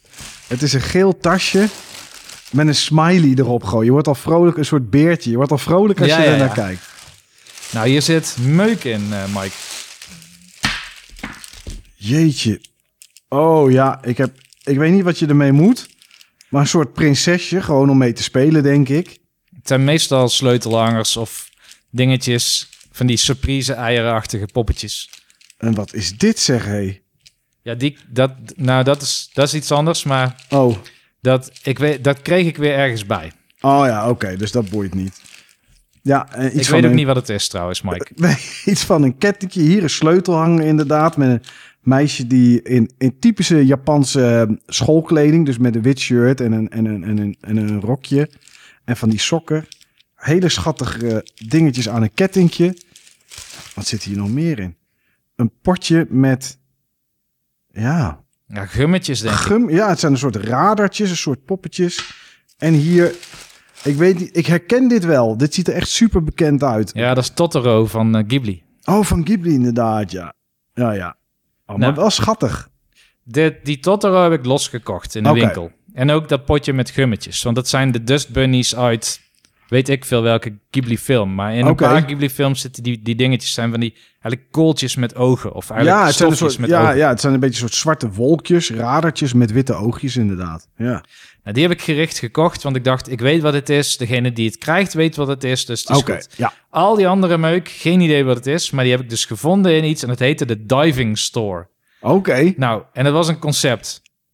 Dus ik kwam binnen. Die man was dolgelukkig dat er iemand binnenkwam. Oké, maar dat zegt al genoeg. Ja, dus eh, wat het eigenlijk was, is... ehm, er stonden dus een aantal bakken... eh, en daar zaten dus allemaal van die dingen in... die je dus nu voor je hebt liggen. Ja, En, en dit zijn dan de leukere dingen. Kun je nagaan. oké. Ja, ja, ja, ja, ja. En ehm, dus ik, ik pakte zo'n dingetje op uit een van die bakken. Het zou zomaar zo'n poppetje kunnen zijn wat daar voor je ligt. En ik kijk ernaar en ik dacht van, nou, ja, misschien wel. Maar eh, ik legde het eventjes terug. En die man wordt enthousiast, komt naar me toe en hij zei... This is not searching store. It's diving store, zei hij. Oké, Eh, I will explain the concept to you. oké. Nou, wat was het idee? Hij had dus drie van die bakken. De ene bak was bekende intellectual properties, bijvoorbeeld Disney of uh, Oké, animefilms ja, of zo. ja. Eentje was schattige dingetjes en het andere was geen idee wat het was. Nee. Maar voor mij was het allemaal hetzelfde. Alles Ja. blende gewoon door elkaar heen. nou, het idee was, zei hij, ehm, je moet graaien in die bak met je handen. ja. En je pakt alles wat in je vingers past. En dan kijk je er goed naar. En als je het wil hebben, doe je het in het rechtermandje. En als je het niet wil hebben, doe je het in het linkermandje. Je mag het niet terugleggen. Oh, Het moet in het linkermandje dan. En ik zei, Wat wat, als dat, ik van eh? die bak dan pak? Ja, dan eh, gaat het in een ander linkermandje. Oké, nou goed. Dus ik handen erin. Allemaal troep, rotzooi was Ja. het gewoon. Helemaal niks fatsoenlijks zat ertussen. Ik denk, ja, ik leg het maar terug. Hij zegt, ah, ah, ah. Must put it in the basket, zei oké, ja. Oké, strenge spelregels eh, dus. Hè? Dus eh, ik had er al helemaal geen zin meer in, want ik dacht zo, ja, als ja het voor ons en allemaal. als het zo moet, weet je wel. Ik kom hier ook maar voor mijn plezier. Maar ehm, nou ja, ehm, er zat ook nog eens een soort van bonus systeem achter. Dus Huh? het was, eh, hij zei van, nou ja, ehm, als jij eh, drie dingen pakt, krijg je 10% korting op het derde product. Als je vier dingen pakt, krijg je 20% korting op het vierde product. Als je vijf dingen pakt, krijg je het vijfde item gratis. Oké. Nou, zo, eh, zo ging het dus. Nou, ik doorzoeken. En ehm, ja, ik kon eigenlijk maar drie dingetjes vinden die ik wilde. En ehm, toen zei hij, oké, eh, one more, then fourth item gratis. Oké. Nou ja, vooruit, ik zoeken. En ik, nou, eigenlijk het eerste ding wat ik tegenkwam, want ik had er geen zin meer in. Ik stond er al tien minuten naar de spelregels te luisteren van het stomme spel. Dus zomaar iets in die mand gegooid. En eh, ook natuurlijk heel lastig van ja, al, het- waarom moet ik elke keer alles wat ik heb aangeraakt in een andere mand stoppen, Ja. zodat hij het dan weer terugstopt? Nou ja, dat was het diving principe. Dat was gewoon de unique selling point zeg maar, van, Van die deze store. winkel. Jeetje, Ja. wat een raar gedoe. Nou, ik had op een gegeven moment, eh, ik heb het hier opgeschreven voor mij. Ik had 41.600 Koreaanse won aan rotzooi opgepakt. Ik weet, ja, ik weet niet of dat veel of weinig is. Ja, dat zal in die tijd zo'n 36 euro geweest zijn of zo. Is die, die vier dingetjes die hier liggen 36 euro? Ik heb al twee dingen weggegeven, dus Oké. het is, eh, maar het is nog steeds heel duur voor wat het is. Ik wou net zeggen, dat Maar- is... Toen ik wilde afrekenen, ik zei, laat maar afrekenen. Zei hij, als je daar nog iets van zegt, nee, ik wil nu afrekenen. zei hij, als jij, eh, wil je contant of wil je met creditcard betalen? Ja. Dan zei hij, als je contant betaalt, is het duizend goedkoper. Nou, dan oké, dan betaal ik wel contant. Wat is, wat is duizend ongeveer? Hoeveel is dat? 70 cent. Oké, nou ja, goed. Ja. Dus oké, weet je wat? Contant, weet je wel, iedereen tevreden. Ehm, dus eh, ik zei, oké, nou, ik wil afrekenen. En ehm, toen zei hij, oké, als je van mij met schaarsteen papier wint, krijg je nog eens eh, zoveel korting. Huh? En ik, oh man, ik, ik wilde weg, weet je wel. Ik was echt gewoon... Deze man is echt eenzaam. Ja, die wilde heel graag gewoon door met zijn winkel. Was zo blij met de klant dat hij allerlei nieuwe regels verzon en zo. Nou, ik zei oké, vooruit. Schaarsteen, papier. Hij deed met zijn vuist zo drie keer. Ik dacht, dat wordt natuurlijk steen, dus ik deed papier. En inderdaad, hij bleef steen. Ik had papier. Hij zei, oké, je hebt gewonnen. Dus ik reken af. Toen zei hij, omdat je nu eh, dit en dit en dit hebt gedaan, mag je daar een gratis sticker uitzoeken. Ik zei, ik hoef geen sticker. Laat me gewoon gaan. Oh, die man die, oh, die had een verhaal. Jij hebt nu een verhaal, maar die man had ook een verhaal s'avonds thuis. Ja, dat denk ik wel. Mijn hemel. Nou ja, ik heb uiteindelijk zo'n 32 euro aan rotzooi uitgegeven. Maar van de andere kant, ik had ook geen zin meer daarna om nog iets te gaan shoppen. Want ik dacht, nou ja, het heeft een mooi verhaal opgeleverd, zeg maar. Nou, dat zeker. Dit is wel goud. Ja, maar eh, ja, de volgende keer sla ik die winkel eventjes over. Diving store. Maar als ik ook kijk, zeg maar, dit soort poppetjes wat ik hier zie. En als je er dan al een paar hebt weggegeven. Ja, die man heeft alsnog gewoon een dikke vette winst gemaakt natuurlijk. Ja, Dus ja, die kon makkelijk twee keer 70 cent eh, korting geven. Jeetje, zeg maar, wat apart joh. No, this is diving store. ja. En OW als jij één poppetje teruglegt hoor. Eh, Ja. nee, nee, oh, oh, eh, in het mandje. Ja. Jeetje, zeg hé. Maar wel schitterend. Het is wel een mooi verhaal. Ja, ja, ja, ja. Dus ik vond het daarom maar achteraf ook wel leuk. Toen ik er was, dacht ik, ja, ik zou nooit in een andere situatie eigenlijk deze dingen hebben gekocht. Laat Nee, staan voor nee. meer dan 30 euro. Maar gewoon omdat het zo'n aparte ervaring was. Ja, dacht ik, ja, dan, eh, dan vind ik het wel weer grappig. ja, ja, dat weet hij natuurlijk ook. ja. Ja, ja, dat had ik ook in Turkije. Eh we gingen naar Turkije op vakantie. Negen dagen, eigenlijk zijn het er zeven, want je bent twee kwijt aan reizen. Dat is, eh, dat, dat is nou eenmaal zo. Als je naar Spanje gaat, dan is het nog twijfel van ga je met de auto of ga je met vliegtuig. Want alle twee ben je een hele dag kwijt. Maar ja, Turkije, eh, met de auto is dat natuurlijk, eh, ben je drie dagen kwijt of zo. Dus die kleine ging voor het eerst vliegen. Was ook spannend hoe dat ging. Ging gelukkig goed. Begon te huilen toen het vliegtuig ging bewegen. En toen hij eenmaal gas ging geven en de lucht in ging, vond hij het alleen maar schitterend. Moest mama weg bij het raam, want hij wilde naar de bergen kijken. Ja. Ja, dus dat ging, eh, dat ging helemaal goed. Met Kim ging het minder goed. Als je aan haar vraagt hoe was de vakantie, omschrijft ze het als een hel. Eh, die had in de auto er naartoe een paniekaanval. Die had op het vliegveld een paniekaanval. In het vliegtuig een paniekaanval. Eh, de bus als transfer naar het hotel toe paniekaanval. Ehm, en de dag daarna, heel de dag bij het zwembad. Want toen ging het allemaal goed. En daarna kwam de klap. Eh, ik denk dat ze per dag daarna nog zo'n twee, tweeënhalf uur uit de kamer is geweest. En voor de rest alleen maar eh, op bed heeft gelegen. Dat is maar goed, ja. ja. Ja, ja, dat is natuurlijk eh, verschrikkelijk. Terwijl er komt om plezier te maken. En ik dus ja, ook niet echt vakantie had. Want echt uitrusten is het natuurlijk niet. Nee. Want ja, ik moet op die kinderen letten van s ochtends. Ik hoopte Dien uitslapen. De eerste twee dagen was dat. De derde dag was hij gewoon zes uur wakker. Eh, dan kan je nog niet veel, kan ik je vertellen. Als je Mhm. in Turkije bent in zo'n resort. Want eh, ja, je kan gaan eten om zeven uur. Maar ja, dan zit ik om half acht bij het zwembad. Dan wordt mijn dag ook lang. Maar goed, we hebben het gered. Dat is, eh, we zijn teruggekomen. Maar daar hadden we dezelfde soort situatie. Tegenover het resort waren winkeltjes. Eh, Turkije, daar verzinnen ze volgens mij plaatsnamen om daar op de stukken waar niks is, eh, hotels en resorts neer te zetten. Het is echt bizar. Voor het laatste was ik er volgens mij in 2009 of zo, of 2010, met, eh, met, samen met Elisa, met mijn dochter. Toen waren het gewoon all-inclusive hotels. Tegenwoordig is alles een resort. Dus dat wil zeggen, het is ultra-inclusive. Eh, nou, qua eten, je wordt er helemaal gek mee gegooid. En dat was hier ook zo. En dan is het niet meer met een zwembad erbij, maar er waren vier zwembaden, een lazy river. Er waren vijf of zes glijbanen. Het is echt een soort glijbanen paradijs tegenwoordig. Mm. Je betaalt daar ook voor. Ehm, maar dat doen ze tegenwoordig allemaal. Het zijn allemaal resorts geworden. Ehm, en je ziet alleen maar eigenlijk de, de helft van de kust van Turkije bestaat niet uit steden of dorpjes waar wat hotels bij zijn. Nee, overal staan hotels slash resorts. En daartussen heb je dan wat steden. Dat is een beetje hoe het geworden is.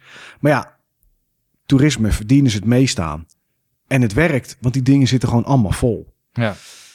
Nou goed, ehm, omdat er toeristen zijn, zijn er winkeltjes. Het is niet, er zijn winkeltjes en hé, hey, daar komen toeristen. Nee, het is echt andersom. Want de winkeltjes die daar dan vlakbij zijn, zijn een tassenwinkel, een winkel met kleding en een supermarktje. En aan de andere kant zit een supermarktje, een winkel met kleding, nog een winkel met kleding, nog een supermarktje en een outlet met kleding. Nou, dat is wat daar zit. En ja, het is allemaal nep.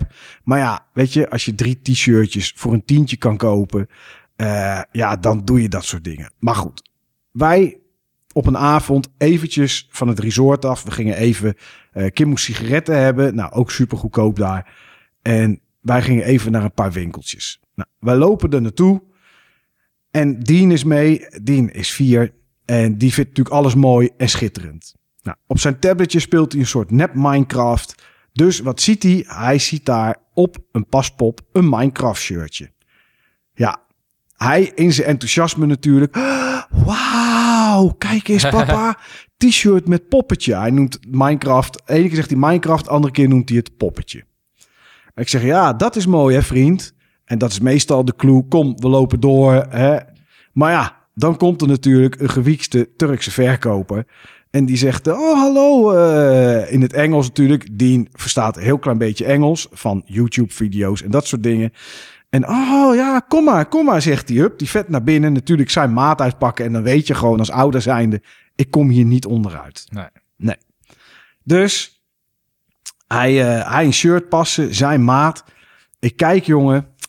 Het zijn ook oplichters ook hoor. Want het is een shirt met een afdruk van Minecraft.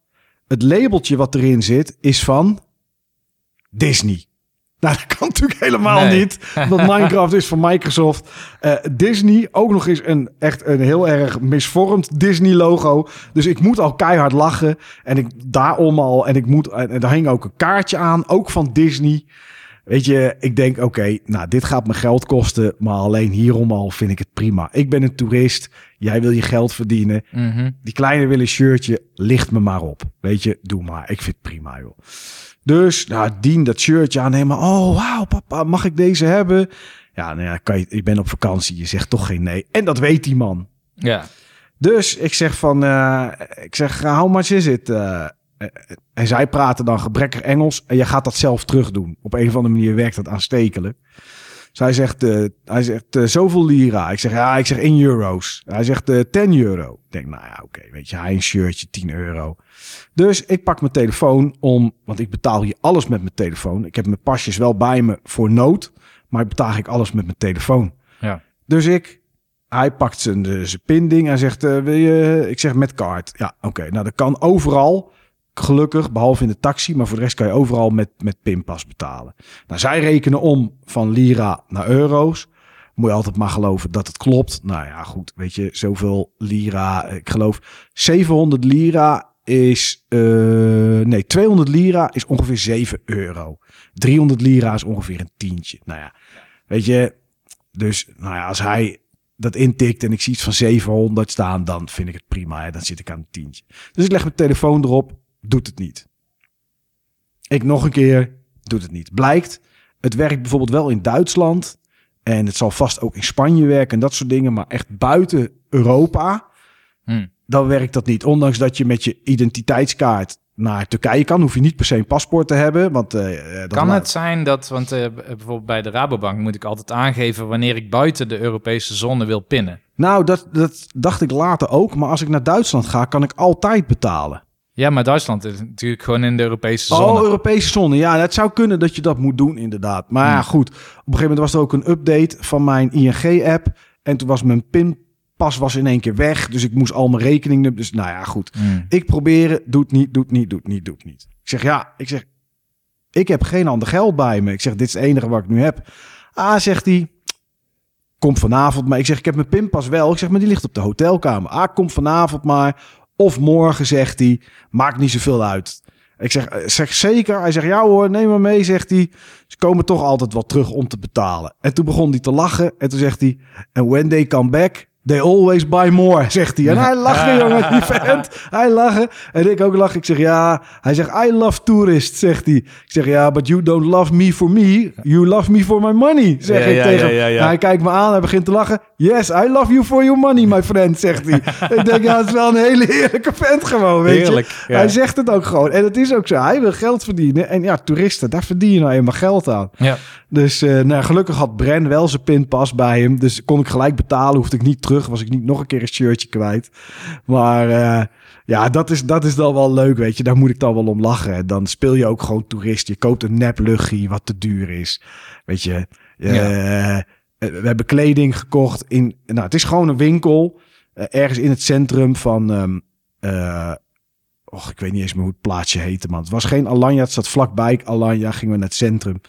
En daar koop je dan een trui van ehm, eh, Tommy Hilfiger. Die ook in dezelfde kleur ernaast hangt, maar dan van Adidas. En van Nike.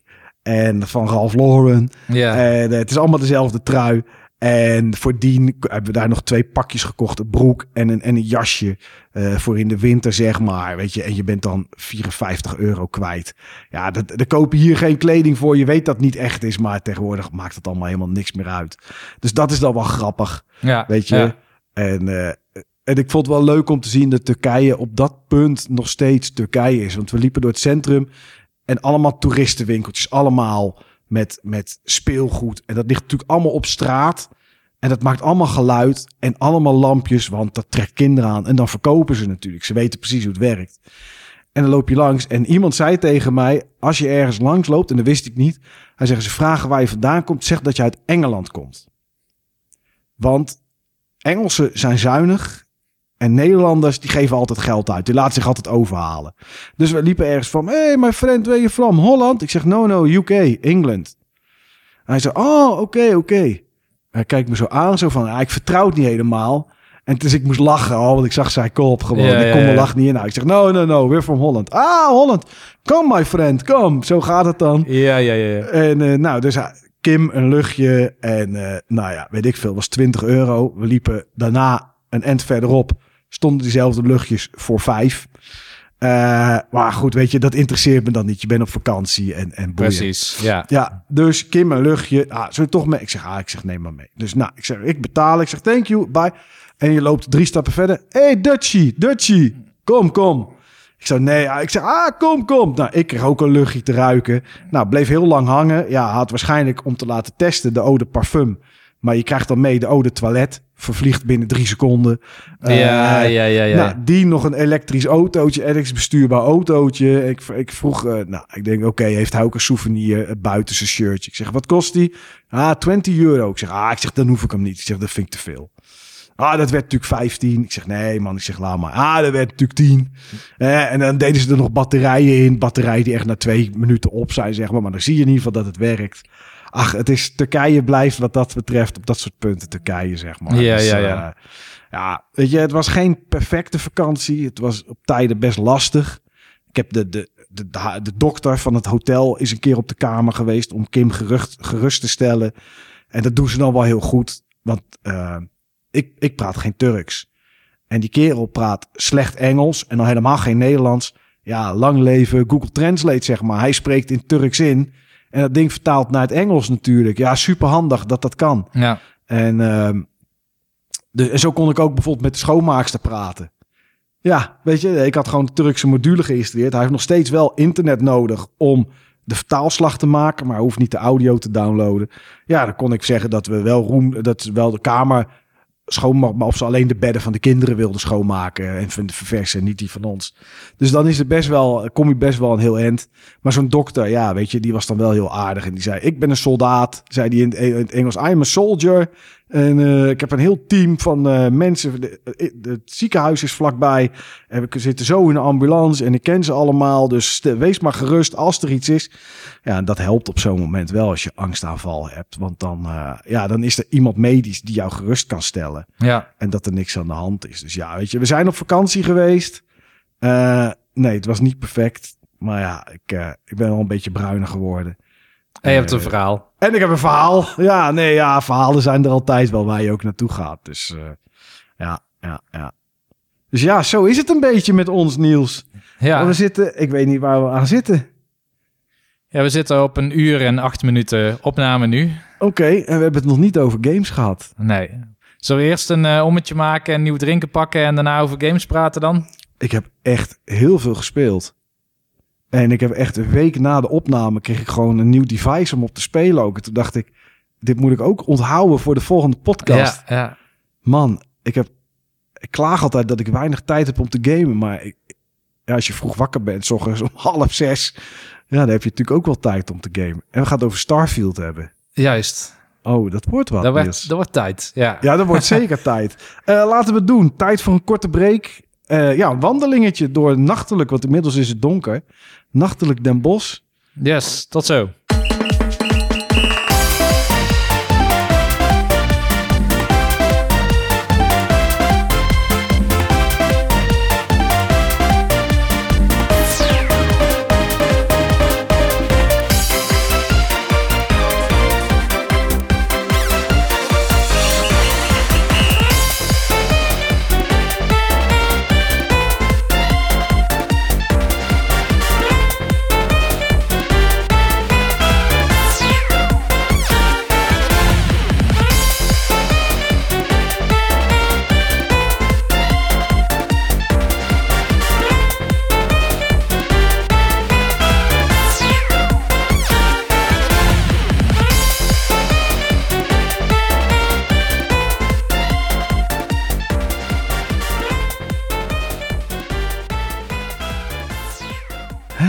We zijn terug van een loopje. En er is eigenlijk nog één ding waar ik het even over wilde hebben. Want dat was toch een echt, huh? Moment. Ja. We zijn dus straks, eh, voordat we gingen eten, even bij jou naar beneden geweest, naar de kelder. Oh, ja. heb ik, ja, ja, daar heb ik jouw kelderbox gezien. En je had het er al eens over gehad. eh, er is een wijnkelder. Ik dacht, nou ja, oké, het zal wel. Maar er is echt een wijnkelder hier. ja. In je flatgebouw. Ja, klopt. Ja. Ik zei al, de, de appeal van dit appartement was dat het een soort penthouse is met een wijnkelder. Maar het is geen echte penthouse, want er zit eigenlijk nog iets boven, maar dat zie je niet. Want ik ben het hoogste balkon, wat nog buitenpandig is. Ja, Eh, en natuurlijk omdat het gebouw curved is, eh, zie je eigenlijk gewoon niks daarboven. nee. Ehm, en het heeft een wijnkelder, wat je niet voorstelt bij een penthouse. Nee, maar het is ook niet, eh, het zien, zei het is niet zo'n wijnkelder als die je kent. Of waar je denkt dat wijn in gebrouwen wordt. Maar we zijn er geweest. Ja, en het is een soort locker room, zeg maar, met, met gaasdeuren. En ieder huis heeft dus in de kelder een stukje, ja, een soort stelling ja. met deuren ervoor van gaas, waar mensen wijn achter kunnen leggen. ja. En staat dus echt in de kadastrale kaart, hè? Dat je daar dan zo'n Oh, zo'n ja? zo'n anderhalve meter bij eh 60 centimeter of zo hebt. Oké, dus echt dat hij echt van jou is. Hij is echt van jou dan, ja. Ja, heel bizar. Bij jou lagen er geloof ik vier flesjes in. Ja, Eh er was er eentje, eh, nummer 52 geloof ik, of weet ik veel, zoiets. Die houden van een feestje, want dat ding stond helemaal vol. ja mijn toekomstige vrienden. Ja, ja, dat moet wel. Maar echt bizar als je dat ziet. Ik, ik weet ook niet, ja, ik vroeg aan jou, hoe komt dat, dat dat hier zit? Maar dat was een soort viering of zo, toch? Te, te, te, Ja, dus deze, deze wijk, als het ware, die is vrij nieuw. Die stond er nog niet in 2000. Mhm. En er is wel een plan sinds het jaar, eind jaren 80 of zo om dit te bouwen. Het was altijd de bedoeling dat dit soort van de nieuwe moderne binnenstad zou worden. Ja, Dus je hebt de oude binnenstad, zit aan de andere kant van het station. En dan is dit, zeg maar, zogenaamd de nieuwe binnenstad. Echt een stad is het niet. Het is echt duidelijk een wijk, maar wel Ja. een soort van zelfvoorzienende wijk met allerlei restaurants en McDonald's en zeker. scholen Ja. en een bioscoop, weet je wel. En, eh, en een Marriott hotel, vijf sterren hotel. Oké, Dus eh, ja, dat soort dingen zitten hier allemaal gewoon in eh, vijf minuten lopen, zeg maar. Ehm, en dit waren de eerste gebouwen waar we nu in zitten. Ja. En ze hebben waarschijnlijk twee dingen gevierd. Eén, dit is door een bekende architect ontworpen uit Engeland. En twee, het was letterlijk de start van een compleet nieuw groot project van ja, Den Bosch. Ja. Ja, ja, en daarom zitten ze waarschijnlijk erin dan inderdaad. Maar het is, het is, het is zo vreemd. Ik heb gehoord dat ze oorspronkelijk zijn opgeleverd tot de nok gevuld met wijn. Echt waar, ja. De mensen die hier kwamen, werden ze helemaal gevuld. Ja, er staan nog zes flessen bij mij op de grond in mijn wijnkast... Ja. die de oorspronkelijke flessen waren. Oké.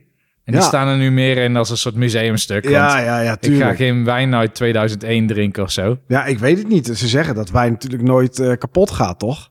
Ja, ik weet Ja, het in niet. een vat misschien niet, maar op een fles, ik heb geen idee. Ja. Je hebt wel eens wijn die blijft liggen voor zoveel jaar. Ja, ik weet het ook niet. Ik drink ook, ik drink natuurlijk sowieso niet, maar ook geen wijn. Maar er zitten wat, er zitten de- volgens mij 24 of 27 appartementen in dit gebouw. Ja. Die hebben allemaal een wijnkast. Die gaan niet allemaal gratis opgevuld worden met hele bijzondere speciale wijn, toch? Nee. Ik denk dat het gewoon hele goedkope wijn met Ja, hele mooie etiketten is. Ja, dat zal wel. Of het was echt, ze hebben de huizen gewoon 10.000 euro duurder gemaakt. ja. om te verkopen en eh, daar die wijn in gelegd. Maar het heeft ook wel iets decadents. Want ik heb dit nog nooit gehoord. Een flat waar wijnkasten in zitten, zeg maar. Nee, ja. Het was voor mij ook wel een, eh, een plusje, zeg maar. ja, ja, het, is, ah, het is gewoon een mooi verhaal. Ja. Ja, ja, ja, ja, ja, ja schitterend zeg. Ja, we hebben even een loopje gedaan. Een mooie wijk, bioscoop. eh, eh, geen gameshop. Die heb ik niet gezien Nee, trouwens. En de laatste Game Mania uit Den Bosch is ook weg. Oh, echt waar? Die Die, zijn is ook ook in. Nederland aan het sluiten, ja. Ja, ja, ja, mensen kopen toch meestal allemaal digitaal of, of online natuurlijk. Eh, Ja. ja, ja, is wel zonde. Maar ja, dat is de kant die het opgaat. Ja, ja. hey, eh, ja, we gingen het nog even over games hebben. Ik heb echt... Ik heb weinig tijd om te gamen, zeg ik wel eens. Maar ik ging eens terugkijken wat ik allemaal gespeeld heb. Dat is echt bizar. Ik heb zoveel verschillende dingen gespeeld.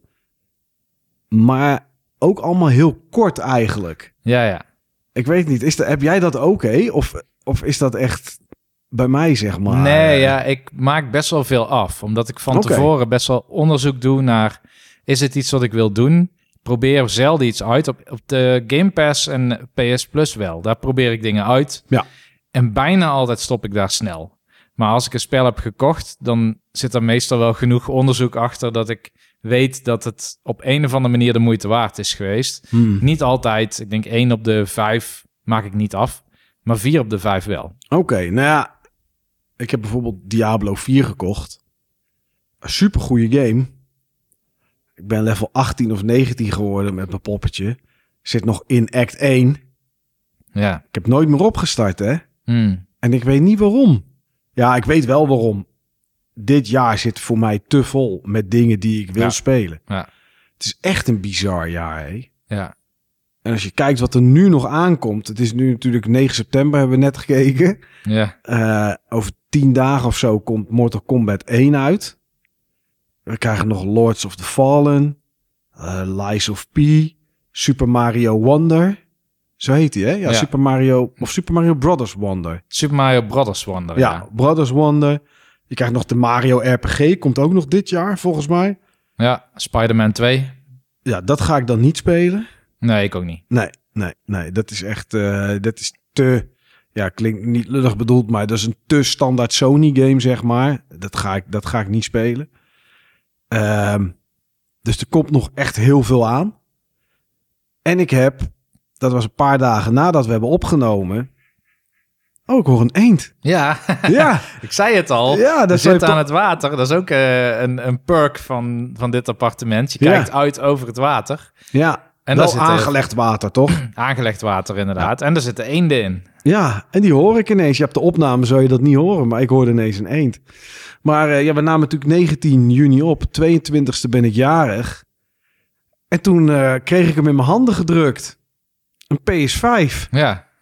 Ja, en dat had ik niet verwacht. Ik was er echt heel blij mee.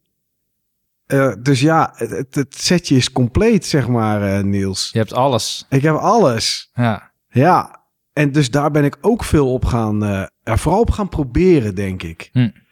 Want ik heb in al die tijd heb ik, ik heb natuurlijk games gekocht. Ik heb een avondje Ratchet Clank, Rift Apart heb ik natuurlijk geprobeerd. Eh, dat is dan wel het voordeel als je nu één koopt en je wil dat soort games kopen voor 20 euro of zo op marktplaats heb je Ratchet Clank in handen. Dat heb ik een avondje gespeeld. Ik heb een avondje Kina en de Spirits of nog iets. Ik weet niet eens meer wat de titel erachter is. Eh, die heb ik een avondje gespeeld. Eh Demon Souls ben ik Mhm. aan begonnen, de remake. Ziet er erg mooi uit. Ja. Alleen toch, hè. Ik weet niet of je het ook hebt. Misschien, ik weet niet of je hem gespeeld hebt. Ja, ja, ik heb hem gespeeld. ja, maar toch, het is, het is een remake. Dus ik, ga, ik zit daar minder serieus in of zo, dan dat zo'n game nieuw uitkomt. Ja, dat, dat, dat snap ik wel. Zeg maar. Ik vind het vooral mooi om te herkennen wat ze hebben gedaan met dingen die ik nog ken. Voor Ja. mij is Demon's Souls wel echt lang geleden dat ik heb gespeeld. Ehm, maar, en er zijn er ook best wel wat dingen die ik door de war haal. En ik denk, was dit nou Dark Souls of Demon's Souls? En dan speel je die remake en dan denk je, oh nee, wacht. Nu herken ik het weer. Ja, Hier is die, ja. eh, die muur waar je dan eh, dat beest op tegenkomt nadat je in een toren bent geklommen. En ehm, ik vind het inderdaad ook erg mooi gedaan. Ik heb nooit helemaal kunnen horen, zeg maar, wat ze dan precies met die 3D-audio hebben gedaan. Zelfs als ik een koptelefoon aan... Ik, ik hoor niks bijzonders of zo. Nee. Maar het ziet er wel echt heel goed uit. Alleen sommige dingen zijn misschien net iets te gelikt voor wat je van From zou verwachten. Ja, En dan heeft het een beetje zo'n, zo'n zeg maar, zo'n, zo'n casual Blizzard look.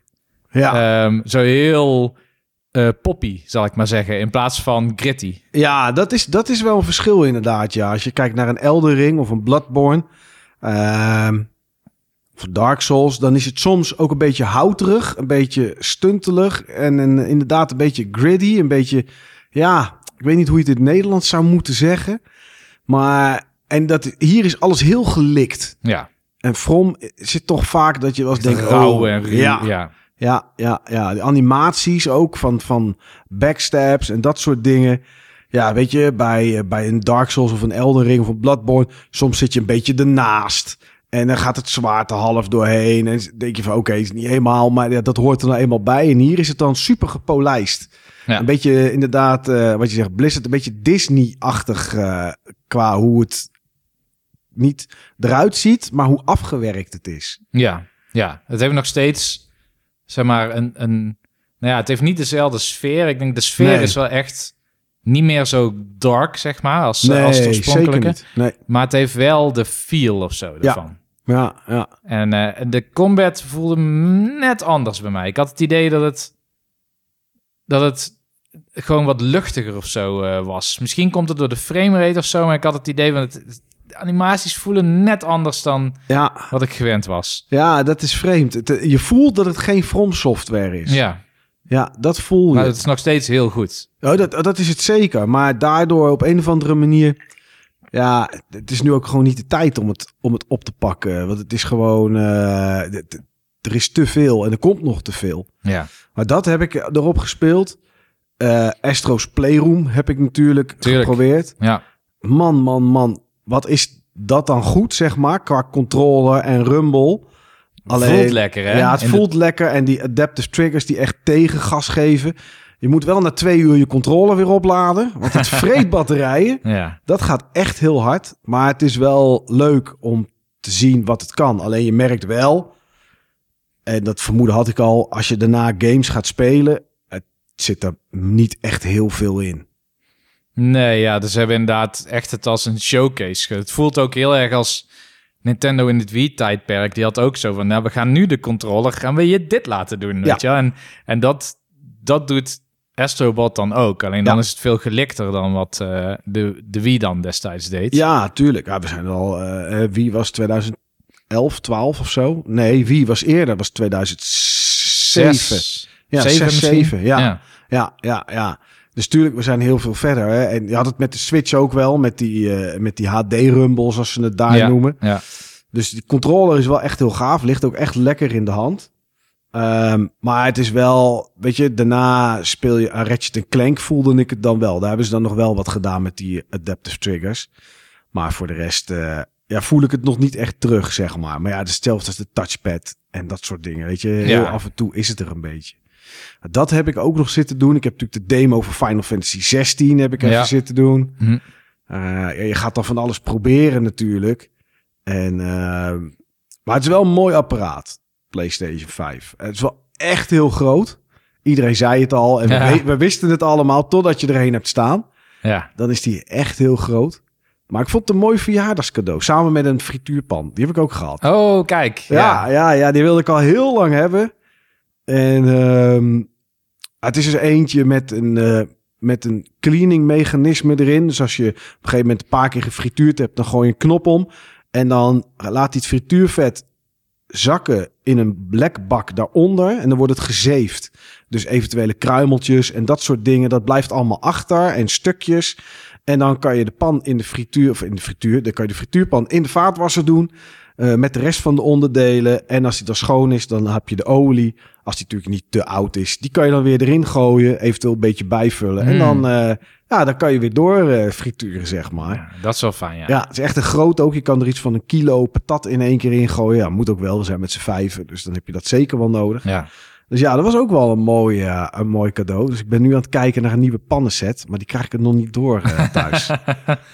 nee. ik, wil, ik wil een nieuwe pannenset. En dat, we hebben het niet nodig, maar het zijn zulke mooie pannen. Ja. Alleen de set die ik gezien heb, die is 18 onderdelen. Er zitten dan ook de deksels bij in, dus het zijn niet 18 pannen. Ja, die is uh, ja, rond de 1500 euro. Zo. dacht al, ja, het zal wel een dure set zijn, want je krijgt hem er nog niet door. Maar ja. ja, dat zijn wel bedragen, ja. Ja, ja, ja. Wat ja. maakt het prettig? Wat maakt het echt bijzonder? Het zijn uh, pannen sowieso die allemaal, uh, welke je ook neemt, ook in de oven kunnen. Uh, ze zijn tot 400 nog wat graden bestendig, zeg maar. Dus je kan er ook echt wel goed... Uh, je kan het goed heet maken. Ja.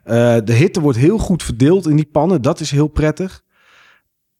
De laag die erin zit is heel erg stevig. Daar kan je met metalen voorwerpen in. En dat gebeurt bij mij thuis. Want de huidige koekenpan heeft iemand een ei in doorgesneden.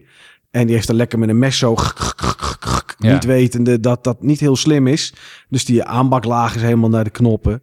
Uh, ja, en het is... Uh, je hebt bijna geen boter nodig of olie om erin te bakken.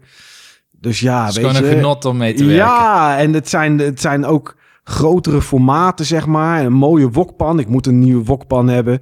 Eh, al heel lang, maar komt wel een keer. Dat, dat gevoel, zeg maar. Dus ja, het, eigenlijk zou ik het wel... eh, Hmm. Ik zou die wel willen hebben. Maar ja, 1500 euro is wel echt een hoop centen voor pannen. Ja, ja, ja, ja. Ja, ja, en die prijs wordt, is alleen maar zo hoog, ook om- buiten de kwaliteit. Maar Gordon Ramsay prijst ze aan, want die vindt het hele goede pannen. Zegt hij in ieder geval in de reclame. Ja, maar zo werkt het altijd natuurlijk. Dus, eh, maar die frituurpan ben ik ook echt heel blij mee. Maar die PlayStation 5, ja, ik had dat niet verwacht. Dus ik ben ook PlayStation 5 games aan het kopen nu, zeg maar. Om een, Ja. beetje, een beetje backlog te vullen. Dus ik heb nog God of War liggen. Die ik wel echt wel wil spelen. Ragnarok, maar ben ik nog niet aan toegekomen. Ehm Kina wil ik eigenlijk nog wel verder, maar maar voor het bedrag wat ik betaald heb, heb ik één avond een uur of drie zitten spelen. Vind ik het wel prima. En Ratchet Clank heeft dat ook altijd bij mij. Ik kwam ook niet door Rift Apart heen. Nee. Zo, ik heb het een, een uur of anderhalf gespeeld en Ja. super gelikt. Weet je, wel. je voelt alsof je in een tekenfilm zit. Zeker. Ehm, en, en ik denk ook niet, het, het verveelde ook niet of zo, maar ik kwam er niet meer naar terug. Nee. En ik dacht er ook niet meer aan terug. Nee. Zie ik het staan en denk ik, en weet je wat ik dan eerder qua platformen opstart? Crash Bandicoot 4. Oh, oké, ja. Want dat vind ik wel leuk om te spelen. In het begin wilde ik natuurlijk alle appeltjes, alle kistjes. Maar op een gegeven moment wordt het te moeilijk. En denk ik, nou, laat maar zitten. Weet je, nu wil ik het gewoon doorspelen voor het doorspelen. En, eh, maar dat is wel leuk. Dat pak ik af en toe wel. Als ik eventjes kort tijd heb, eh, een leveltje op. Ehm, maar ja, zo heb ik toch weer een device erbij om op te spelen, Niels. Ja, het is, het De is, familie eh, is compleet. ja, het is compleet inderdaad. Ja, ja, ja. Wat heb jij een beetje gespeeld al? Je bent in Korea geweest, Ja. dus zou je ook vast wel wat Ja, gedaan ja, ja. hebben. Ik, heb, ehm, ik had niet mijn nieuwe Switch meegenomen met Zelda, zeg maar. Want ik was bang dat als ik... Bedoel, eh, of ik doe het in mijn koffer en dan weet je niet hoe lomp ze daarmee omgaan. Of je doet het in je handbagage. Ehm, maar daar ben je de hele dag mee aan het sjouwen en die is ook goed gevuld. Dus misschien Ja. dat hij dan door het doosje heen drukt. En zit bij mij zo'n glazen screen protector op. Die ik drie keer opnieuw heb aangebracht. Dus ik heb iets van 60 euro aan screen protectors dan kapot geslagen.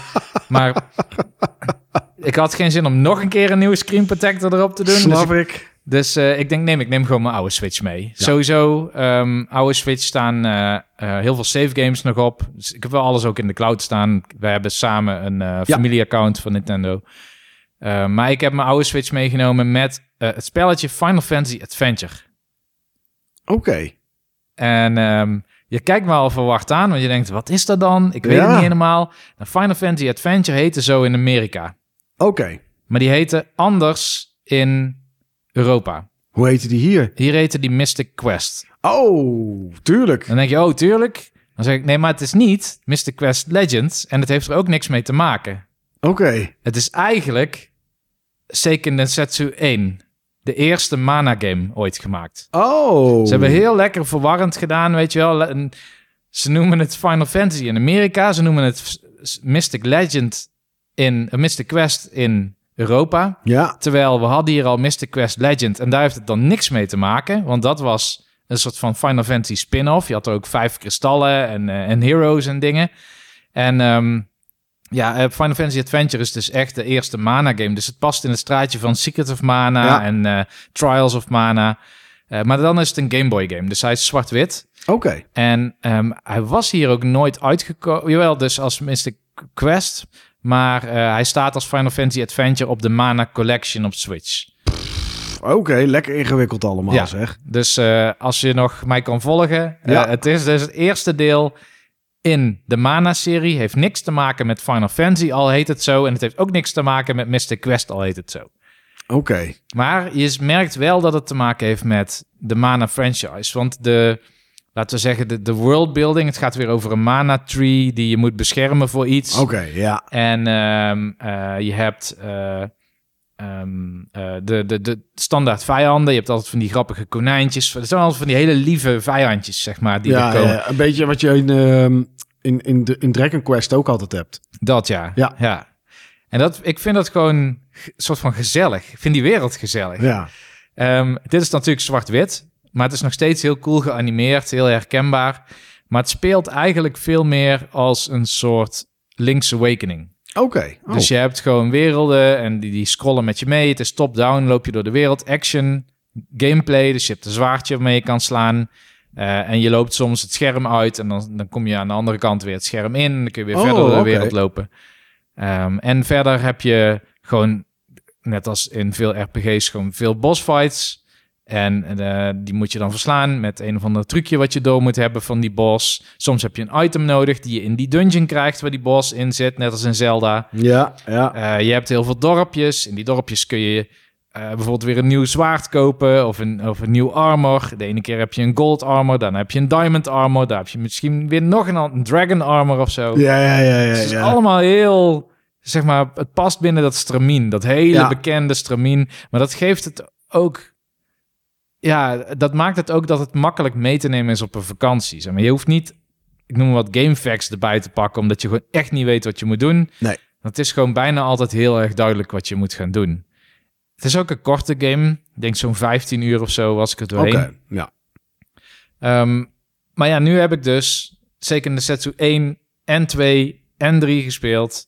En heb ik in de kast heb ik die PlayStation 1 game spelen. Dat is officieel geen canon, dus het is officieel geen mana game, maar het is wel, zo wordt hij wel genoemd. Enige game die ik, ja, ja, dan heb ik nog die Trials, die remake van het Oh derde ja, deel. ja, ja. En ik dacht toen, van volgens mij is er dan alleen nog maar World of Mana van de PlayStation 2. Het schijnt heel slecht te zijn, dus die hoefde ik niet per se. Nee. En nou blijkt, na onderzoek, blijkt er echt ontzettend veel mana-games gekomen te zijn. Echt waar, ja? Voor de mobile phone en voor allerlei platformen en Oh, dingen in het. Japans dat we hier nooit hebben gehad. Dus ja, ik denk dat die trilogie, dat is voor mij best. En dan Ja, die PlayStation 1 game er nog bij, dat is eh, Legend of Mana. Ja. Ehm, en dan vind ik het wel mooi geweest. Maar Ja, dat snap ik. ik heb, eh, ik heb gemanaat weer. Ja, ja. En Zelda dan, hoe is het daarmee? Want daar ben jij nog wel mee doorgegaan, hè? Ja, ik ben nog steeds bezig. Ik eh, ben nu met een andere game bezig. Hebben we het zo wel weer over. Oké. Daar heb ik Zelda voor op een laag pitje gezet. Maar ehm, ik heb Zelda ja, best wel gestaag doorgespeeld. Weinig quests gedaan. Ik was altijd gewoon aan, aan het zoeken, met name in de depths. Je hebt dus Ja. een- die hele grote wereld onder de grond. Die is eigenlijk gewoon net zo groot als de wereld boven de grond. Dus je hebt heel veel nieuwe eh, real estate, zeg maar, om te Mhm. exploren. En ehm, ja, ik had het er toen over. Het is heel erg spannend daar onder de grond. Want Ja. je ziet helemaal niks. Nou, inmiddels heb ik ook wel wat meer fairies gevonden. En tegenwoordig in fairies, vroeger kreeg je er hartjes van. Nu krijg je er upgrades van voor je armor. Ja. Dus ik ben nu wel zo sterk dat ik ook steeds sterkere mobs aan kan. Tot een uur of tachtig in de game had ik nog bijna niks aan mijn armor gedaan. En ik ging super vaak dood. Ik denk dat ik honderden keren ben doodgegaan. En vaak snel ook, hè? Je Oh. komt aan en baf weg. Ja, het is Ja. gewoon one-hit kill, weet Ja. je wel. En er lag gewoon echt aan mijn armor. En ik, ja, ik was niet met die quests bezig. Die quests die leiden jou gewoon prima langs de fairies. Moet je ook iets voor doen in deze game. Dus je Ja. hebt niet zomaar de upgrade. Maar eh, ja, nu ben ik dus heel erg geupgrade. En ik, ik dacht dat ik eigenlijk nu, en ik zit nu 115 uur in de game, Oh, wauw. dat ik eh, richting het einde ging. Ehm, er was één ding wat ik niet op kon lossen in een quest. Ehm, daar heb ik een, een collega om hulp gevraagd. Die zei van, ja, hoe ver ben je met de main quest? Ik zei, ja, volgens mij, ik heb de vier. En Mhm. degenen die, de, die het spel kennen, die denken, Ja. dan, oh ja, ik weet wat je bedoelt. Allemaal gedaan. Dus volgens mij is het nu tijd om eh, de eindbaas te verslaan. Nee, het spel gaat daarna nog door. Eh, er is een plot twist, zeg maar, op dat moment. Ja. Ehm, dat betekent dat ik nu eigenlijk niet weet hoeveel uur ik nog moet. Ik heb nog steeds een light route of 6, 7 denk ik die ik onder de grond moet. Van de 80 of zo, weet je wel. Dus ik heb Mhm. al heel veel wel gedaan. Eh, ik heb iets van 100 shrines van de denk ik 130 in het spel. Zo, oké. Er zijn ook nog allerlei bazen. Die, dan heb je van die draken, die driekoppige draken die je soms Ja. tegenkomt. Nou, die, die slaan me nog steeds gewoon in één keer kapot. Oké. Oh. Ik ben ergens heel hoog in de lucht geweest. Waar ik eh, een, ehm, een, een, een luchtballon met daaraan iets van acht raketten heb vastgemaakt. En daarop een paar grote batterijen weer heb gemonteerd. Want ik kwam nooit hoog genoeg, zeg maar. Ja. En ik heb dan enorm mijn eigen batterij links, zeg maar, energy bar. Ja, ja, ja, ja. Enorm geupgrade, waar je heel veel resources voor nodig hebt. Ik kwam er gewoon niet. Nou, op een gegeven moment, net aan, nadat ik zo'n beetje al mijn resources in een of andere flying contraption had gestopt. dus ik naar boven en ik kom daar boven de grond. Er komt een beest staan, die slaat mijn bons neer. Nou ja, ik en heb dan weg. En, En, dan was ik dood. weer af, ja. Jeetje. Dus Alle- daarna Nou ja. heb ik load game gedaan, want ik wil natuurlijk niet al mijn resources weer opnieuw moeten gaan nee, zoeken. tuurlijk niet.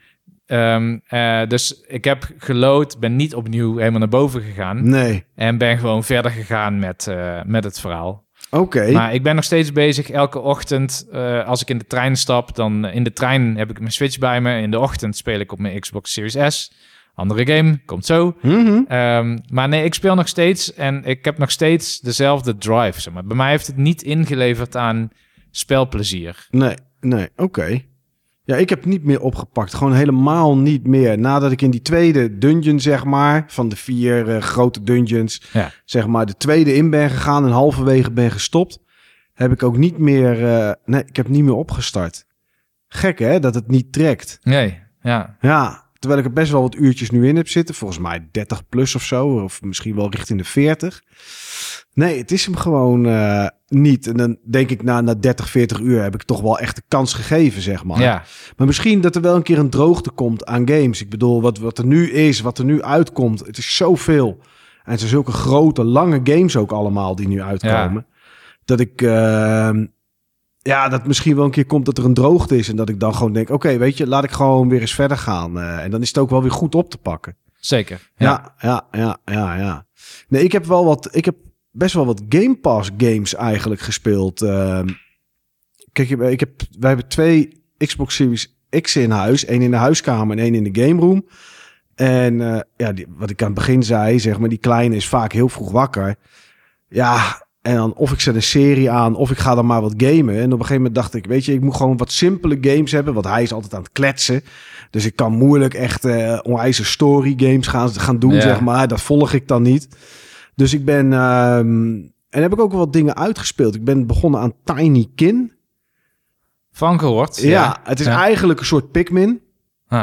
Maar dan niet van Nintendo. Eh, het, is, eh, het zijn levels waarin heel veel te verzamelen is. Eh, een beetje lopen, een beetje springen. De Tiny Kin oppakken, die dan ook allemaal weer een eigenschapje hebben. Net zoals dat de Pikmin dat hebben. En ja, gewoon leuk voor tussendoor. En gewoon een beetje leveltjes doen. En een beetje, ja, een beetje alles leeghalen. Gewoon op het gemakkie. Maakt ook niet uit als je een keer eh, nou, echt doodgaan. Kan niet eens. Eh, dus dat was echt wel een leuke game om te spelen.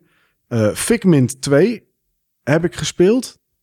ja, ik zit schuin naar boven te kijken. Dat betekent ik probeer in mijn Ja, gedachten ja, iets terug te halen, zeg maar. Want ik heb hem ook wel eens een paar keer bekeken in Game Pass. Van, zal ik dit nou eens proberen? Het is echt leuk. Ah, Ik, het is eh, volgens mij, ik weet niet of ik hem één dag. Nee, dat is Planet of Lana. Die heb ik ook gespeeld. Dat Planet of Lana is eigenlijk gewoon een soort inside. ah ja. Een soort inside limbo. Wel iets vrolijker qua kleurstelling. En ehm, ehm, ook wel iets meer verschillende plekken waar je komt. Qua, qua gameplay en dat soort dingen. Maar het is side-scrolling. Het is springen, een beetje puzzelen. Uh, echt een leuke game ook om te spelen. Ook veel van die, zeg maar, environmental storytelling, net als in Inside. Ja, iets. Nou, nee, best wel. Want er is, er is een soort invasie van, van, van, van buitenaardse wezens, vooral robots eigenlijk.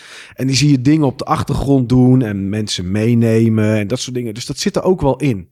Ja, ja iets minder ehm, subtiel dan bij Inside. Inside, als je goed gaat kijken, zeg maar, zie je heel veel storytelling. Ja.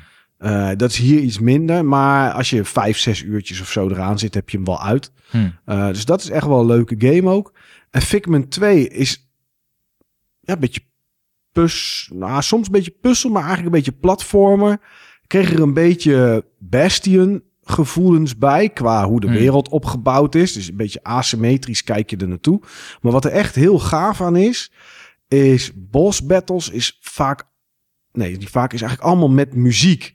En dan niet dat jij op het ritme iets moet doen, soms ook wel Mhm. eh, springen of dingen ontwijken. Maar eh, ja, er wordt in gezongen en zo door je tegenstanders, door je bazen. En ja, dat is echt wel heel erg gaaf. Het is echt een hele leuke game. En dat is sinds tijden dat ik eigenlijk weer... ehm, ik heb nog steeds Game Pass, want ik, ik vind het een ge- geweldige service. En ja, dit zijn dan toch games die ik normaal nooit gekocht zou hebben. Echt nooit. En waar je dan toch wel een hoop plezier aan, uh, aan hebt beleefd. Uh, Ja. Zo'n Tiny Kin heb ik denk ik een uurtje of 15 tot 20 ingestoken. Kon je ook makkelijk even een half uurtje of een uurtje doen. Eh, weet je, even een klein questje, eventjes eh, gewoon ergens een itempje ophalen en van links naar rechts brengen. En nou ja, wat, wat poppetjes vrij spelen. Eh Figment was echt heel leuk. Was een leuke story ook. En, eh, en, en het zag er ook best wel goed uit allemaal. En het speelde lekker. Ja, zo'n Planet of Lana, even een keer vijf, zes uurtjes of zo. eh, Hm. Even een beetje spelen. Dus dat heb ik in ieder geval in die tussentijd gedaan. Op vakantie heb ik nog ge-3DS'd. Oh, oké. Ja, ik had eh 3DS mee en de Evercade had ik mee. De Evercade XP. En daar was net een nieuwe game uit. Een maandelijkse game. Ik weet niet meer hoe het heet. Want ik heb het namelijk in het vliegtuig gestart. En het vliegtuig duurt 3,5 uur naar Turkije. En voordat ik landde had ik het uitgespeeld al. Eh, was niet super moeilijk, maar wel leuk om eventjes te doen. En toen heb ik... eh, ik had vijf games mee. Ik had Nieuw Super Mario Bros. 2 mee. Nou, dat is ook de game waar ik iets van 9 of 10 uur in gestoken heb op Hmm. vakantie. Ik had Super Mario 3D Land had ik mee. Heb ik al een keer uitgespeeld, maar ik dacht, nou wil ik eigenlijk best nog wel een keer doen. Want platformers is toch wel lekker om even op te pakken. Een half uurtje kan je altijd wel even kort spelen. Ja, en dat vind ik nou stiekem echt een van de beste Mario's. Is het ook. Super Mario 3D Land is super goed. Ja, Het zijn korte levels, toch uitdaging. En het 3D wordt echt heel goed gebruikt. ja. Je moet het ook echt, volgens mij verplicht of zo om het aan te zetten. Dat weet ik niet meer. Maar volgens zou mij, kunnen, ja. volgens mij zeggen ze ook van ja, je moet 3D echt wel aanzetten. Omdat er echt dingen zijn met diepte. Maar die is echt heel goed. Het is echt, het is, het is alsof ze Super Mario Bros. 3 in 3D moesten maken. Zo Ja. voelt het eigenlijk. Ja, dat snap ik wel. Dat is echt heel tof. Maar ik heb hem niet gespeeld. Ik heb eigenlijk alleen maar nieuw Super Mario Bros. 2 Ja. heb ik gespeeld. Die wordt heel veel mensen, ja, die vinden het niks. Omdat er zitten zoveel muntjes in en heel weinig nieuwe mechanics. Volgens mij is alleen de muntjes de nieuwe mechanic. ja, en dat je zo'n blok op je hoofd kan hebben waardoor je meer muntjes, maakt. krijgt. Ja, klopt. Als je gaat springen of gaat rondrennen, dan komen er muntjes uit. Dus op een gegeven moment heb je ook echt wel meer dan 100 levens. Eh, maar ja, de uitdaging zocht ik dan een beetje in gewoon alle grote munten te verzamelen in de levels. En het zijn geen hele lange levels, dus ook dat is wel lekker voor handheld. Dus eigenlijk is het echt wel een hele leuke Hm. Mario. Alleen dat ding heeft gewoon heel veel haat gehad, omdat er niet super veel vernieuwends in zat. Ja. En ja, mensen makkelijk vonden vanwege de zoveel muntjes die erin zaten. En die had ik mee. Ik had Zelda weer mee. Link Between Worlds. Een game waar ik geloof ik al zes keer aan begonnen ben. Elke keer een uur of acht, negen ingestoken heb. En dan weer iets anders. Radiant Historia had ik mee. En ik had volgens mij Metroid had ik meegenomen ook. Die Eh, Samus Returns. Samus Returns. Ja. En ik heb eigenlijk alleen maar eh, dingen gespeeld. Alleen Mario. ja. Alleen Mario. Wel tip, mocht je je 3DS, de nieuw 3DS XL meenemen. En ik heb meer mensen gehoord die daar iets van last van hadden. Ik had hem een keer meegenomen naar het zwembad. Niet om in het zwembad te spelen. Maar denk, ja, weet je, als ik daar lig. Nou, sowieso, ook al lig je onder een parasol, je ziet gewoon bijna niks. Eh, zon is zo fel en zo sterk. Ja. Dat, weet je, je hebt er helemaal niks aan. Eh, maar ja, het is natuurlijk een beetje vochtige omgeving. Ik had hem in tasje teruggedaan. Tasje ook een beetje vochtig. En eh, heel de bovenkant van mijn coating is er af. Yo. Ja, want ehm, en ik eh Cookie Monster van het forum die zei op de Discord zei die ook van ja, bij mij heeft de bovenkant dus van je van je van je cover, van de deksel van je van je bovenste scherm, daar kunnen hele kleine haarscheurtjes in zitten in die in die coating en dat Ah. schijnt bij meer te gebeuren. Ja, en als daar natuurlijk een beetje water op komt, dan gaat het alsnog te onder en dat laat dus helemaal los. En eh, als je gewoon een nieuw 3DS hebt, dan kan je van Nintendo andere koffers kopen, want die kan je erop klikken. Maar van de nieuw 3DS XL niet, die zijn geschroefd. Ja. Dus daar biedt Nintendo geen vervangende voor.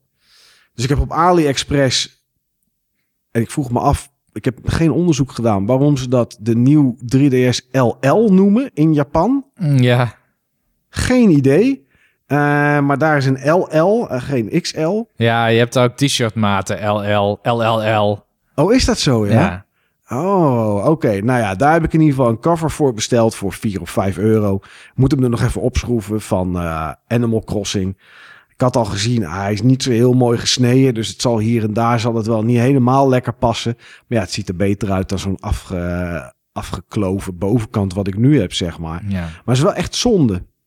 Ik vind het wel zonde dat dat gebeurd is. Maar ja, goed, je kan nu niet meer terugdraaien. En Ja, wees voorzichtig met openmaken. Hè? Want ik heb dus een keer een 3DS waar de slider van vast zat. Ja. Ik dacht, nou, dat fix ik wel eventjes. Ja, Dus ik heb hem opengeschroefd. Nou, uiteindelijk, het einde van het verhaal was... de 3DS startte überhaupt niet meer op. oh echt ja? Want het was heel lastig. Het, wa het is enerzijds geschroefd... maar het is ook nog eens met best wel wat kracht... dat het geklikt is. Ja.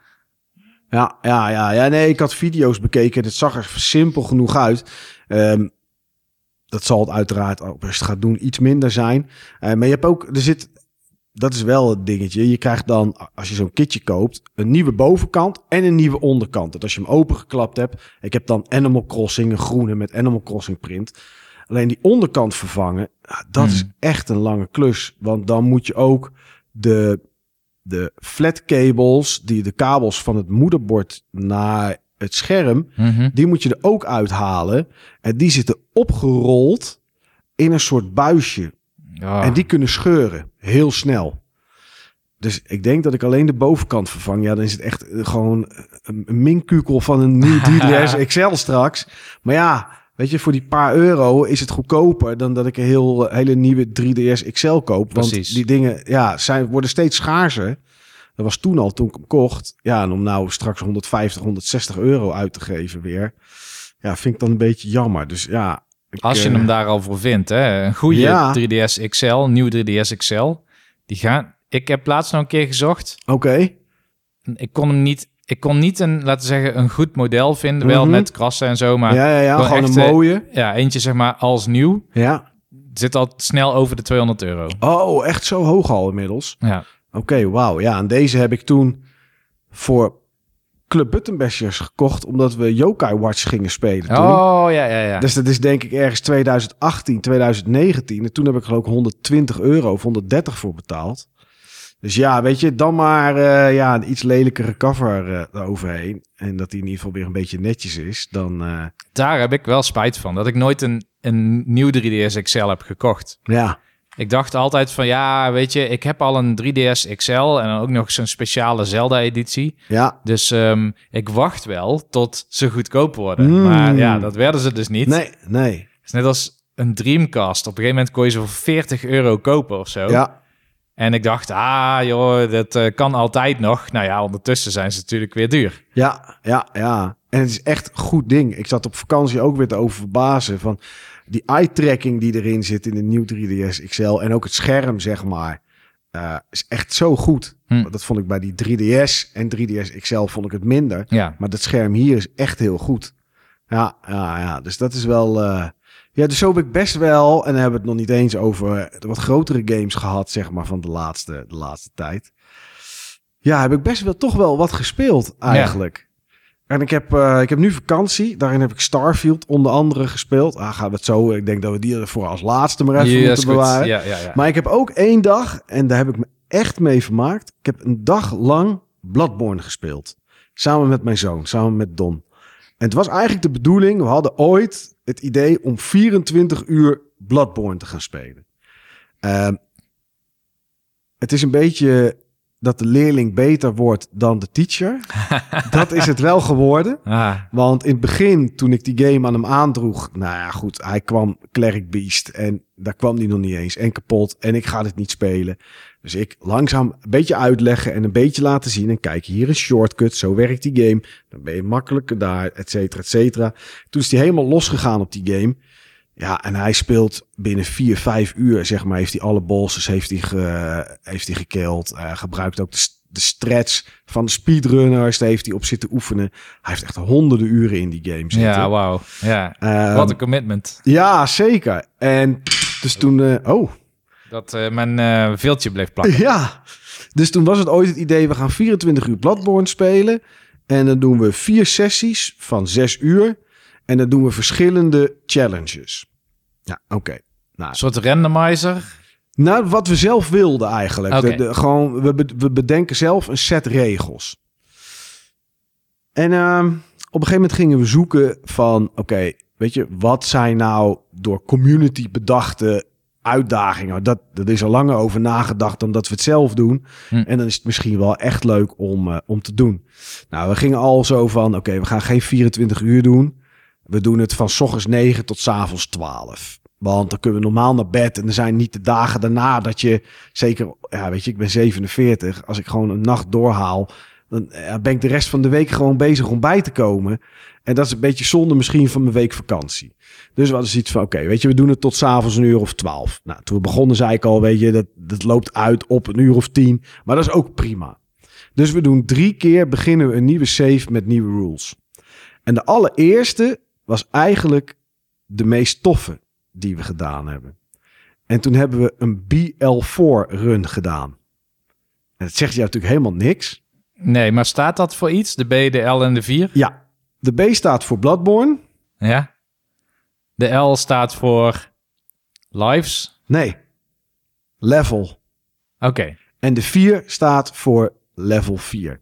En is dat dan ehm, die, eh, ik weet niet meer hoe dat precies heette, maar je, zeg maar, je conscience over eh, de horror, eh, dat level of een ander level? Nee, nee, het staat voor je echte level. Je kan als je begint aan Bloodborne, en dat heb je in alle Souls games, kies je een class. En vaak zijn dat gewoon je, je starting eh, statistieken en je starting weapon in veel Dark Souls games en Elden Ring.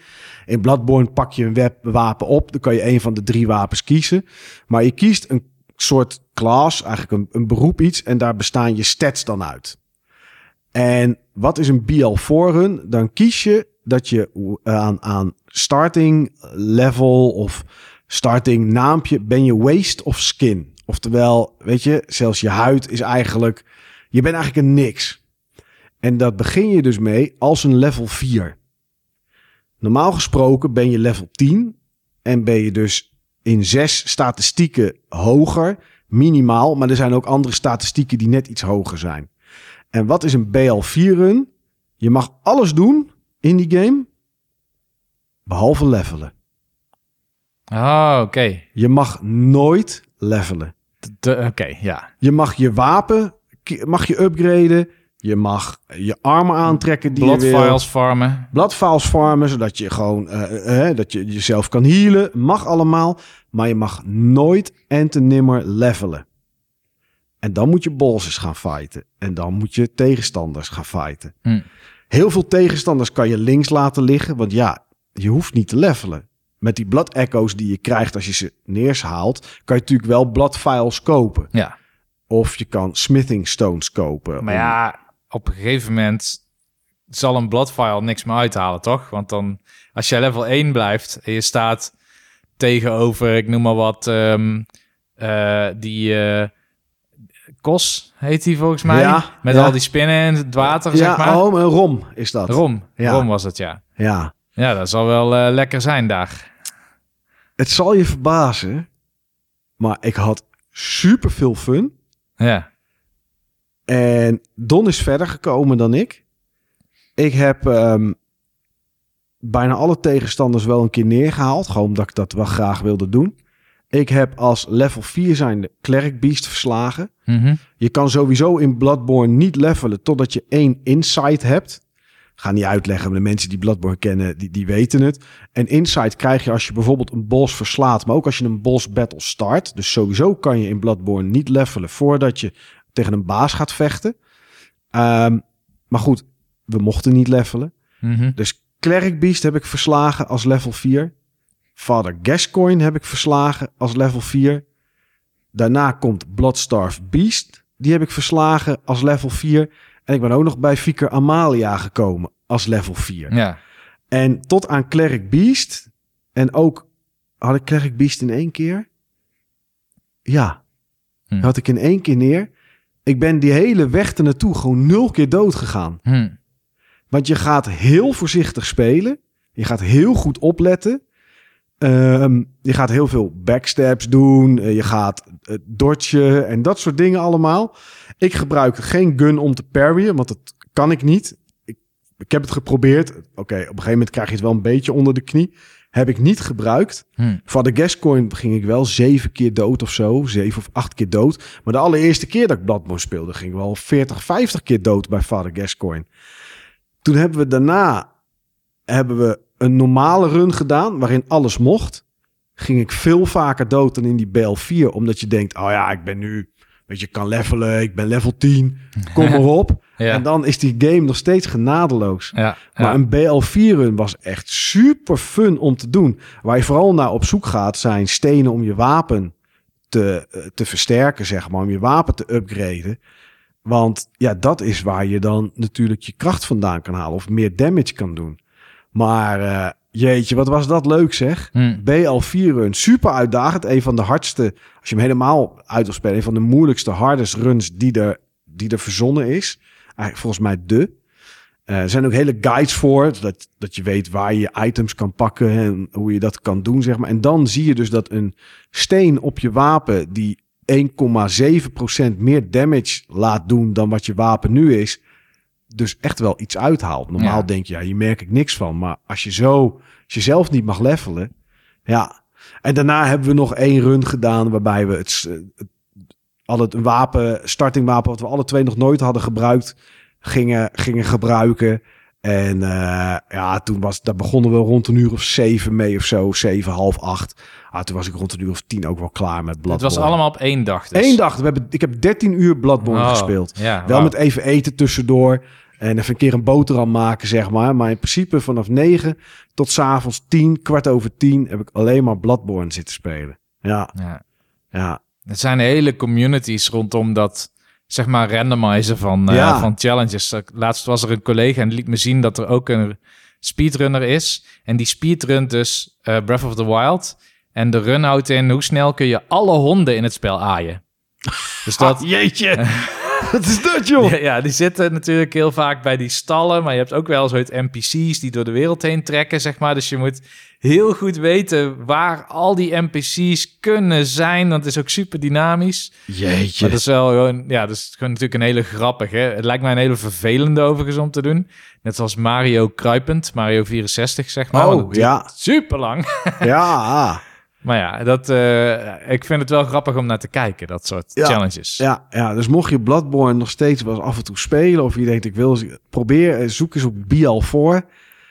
Het is echt uitdagend, maar dat, het maakt het echt heel leuk en spannend. Mm. En weer een overwinningsgevoel als je dan een bos neer hebt, zeg maar. ja. Want Gascoigne be- vond ik echt altijd wel een pittige bos.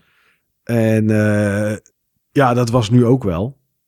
Maar ja, dat was, ja, was wel goed te doen. Ja, ja, echt heel leuk. Het was echt een hele leuke dag. De dag daarna was ik super moe, koppijn, alles. Eh, maar ja, goed, weet je, we hebben het wel een keer gedaan. ja. Ja, ja nu zitten we te kijken. Pff, 17 oktober, zeg ik uit mijn hoofd, komt Lords of the Fallen, de nieuwe.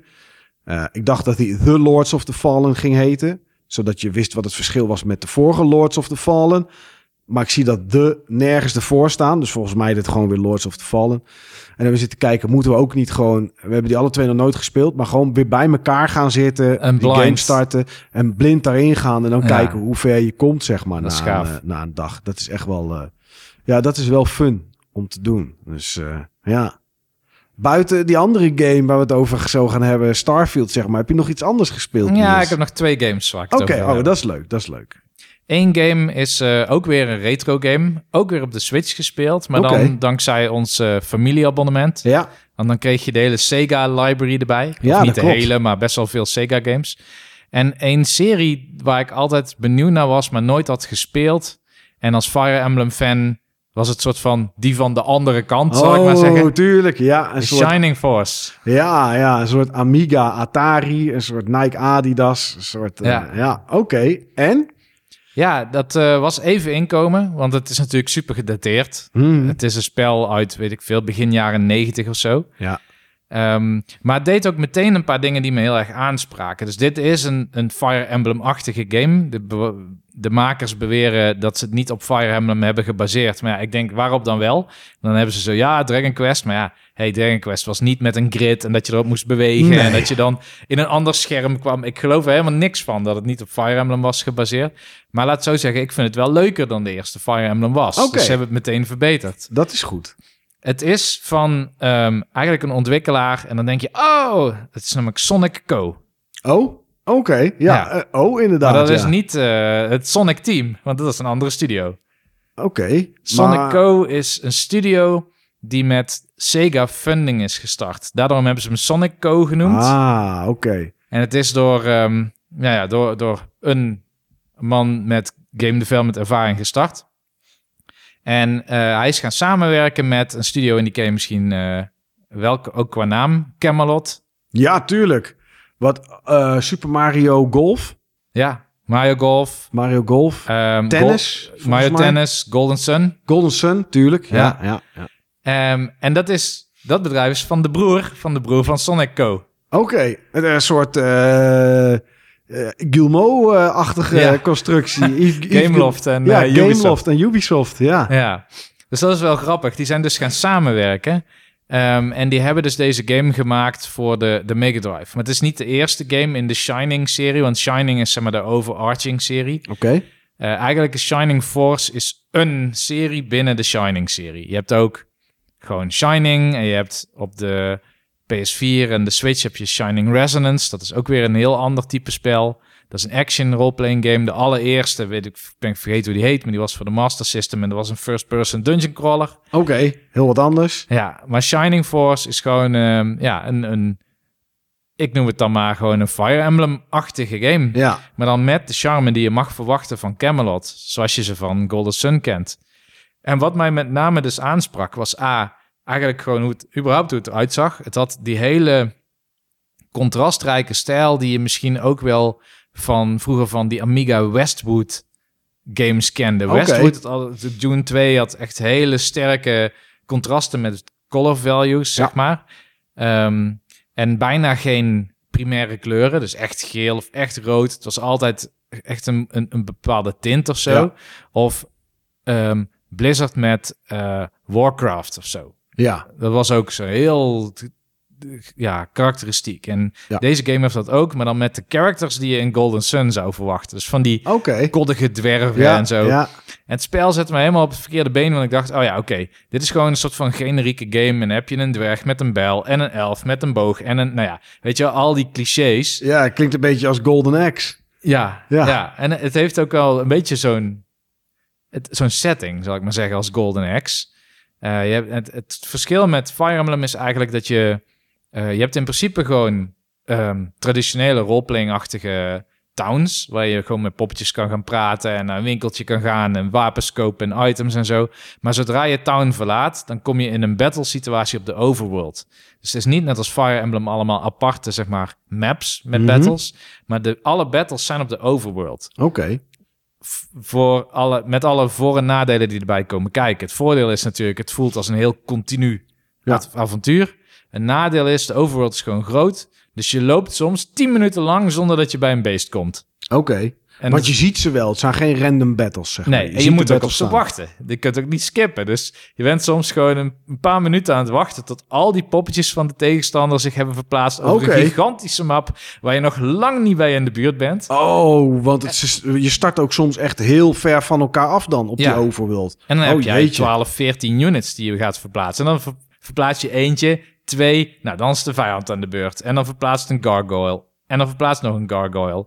En dan verplaatst een archer. En dan mag jij Mag weer een jij poppetje. weer? En dan verplaatst... Oh. Nou ja, het is gewoon lang wachten, zeg maar. Ja. Uh, maar wat wel cool is, is net als Fire Emblem heb je gewoon heel veel characters. En die characters die hebben geen permadeath, dus je kan ze gewoon weer reviven als ze een keer afgaan. Maar het zijn wel allemaal zeg maar, personages die een reden hebben om zich aan te sluiten bij de Shining Force. Want Shining Force is eigenlijk, zeg maar, de naam van de crew. Oh, oké. Wij zijn de Shining Force. Ja, weet je wel, ja, we gaan ja. de wereld redden. En ehm, ehm, ja, je hebt gewoon een heel bond gezelschap. En je hebt zoveel poppetjes op een gegeven moment... dat je ook echt gewoon je favorieten moet kiezen. En eh, soms ga je gewoon poppetjes wisselen. Dan krijg je in één keer een heel nieuw race of zo... waar je nog nooit iets van hebt gezien. Oké. En, het wordt soms ook bijna absurdistisch. Want het begint allemaal wel met, met de Tolkien-achtige tropes. Ja, ja, ja. Elfje, orks en dat soort dingen. Ja, maar op een gegeven moment krijg je demonen en skeletten en dan ineens tanks en dan robots met lasers. En dan ga je in één keer eh, heel sci-fi gedeelte in. Dus het is echt een hele bonte game, zeg maar, eh, die je aan het spelen bent. Ze zijn echt helemaal losgegaan, joh. Ja. Maar eh, het voordeel van Nintendo Switch Online is je kan dus ehm, rewinden. Ja. En dit spel heeft, zeg maar, iets waar ik op afgeknapt zou zijn als ik niet had kunnen rewinden. En dat is namelijk, dat heeft Fire Emblem eigenlijk ook, maar dit spel is veel meer relentless. Ehm, je stat growths zijn random. Oh, Maar het kan ook heel goed zijn dat je gewoon nul stats erbij krijgt, terwijl je level up gaat, waar je heel lang over hebt gedaan. en dan gewoon geen upgrades krijgen. Helemaal niks. Oh, wauw. En random, jeetje. Dat is wel raar. Wa- Wat een rare keuze, joh. Ja. Ja, dus dan, ehm, ik wil niet mijn speeltijd wasten, zeg maar. En dat ik Nee, onnodig moet nee. grinden, omdat een poppetje gewoon helemaal niks kreeg. Dus als ik niks krijg, dan rewind ik. Ehm, En level je gewoon opnieuw. Ja. En dan wordt er weer opnieuw gegenereerd. En dan krijg je misschien wel... eh, Oké. En als je dat doet, kun je zonder grinden het spel halen. Ehm, dat wil niet zeggen dat ik helemaal niet heb gegrind, want volgens mij een van de laatste maps heb ik toch een paar keer gedaan, omdat er zit nog iets anders in wat Fire Emblem ook heeft. Dat is namelijk, je kan je units promoten. Dus vanaf level 10 of zo, dan kun je ze promoten naar een nieuwe class.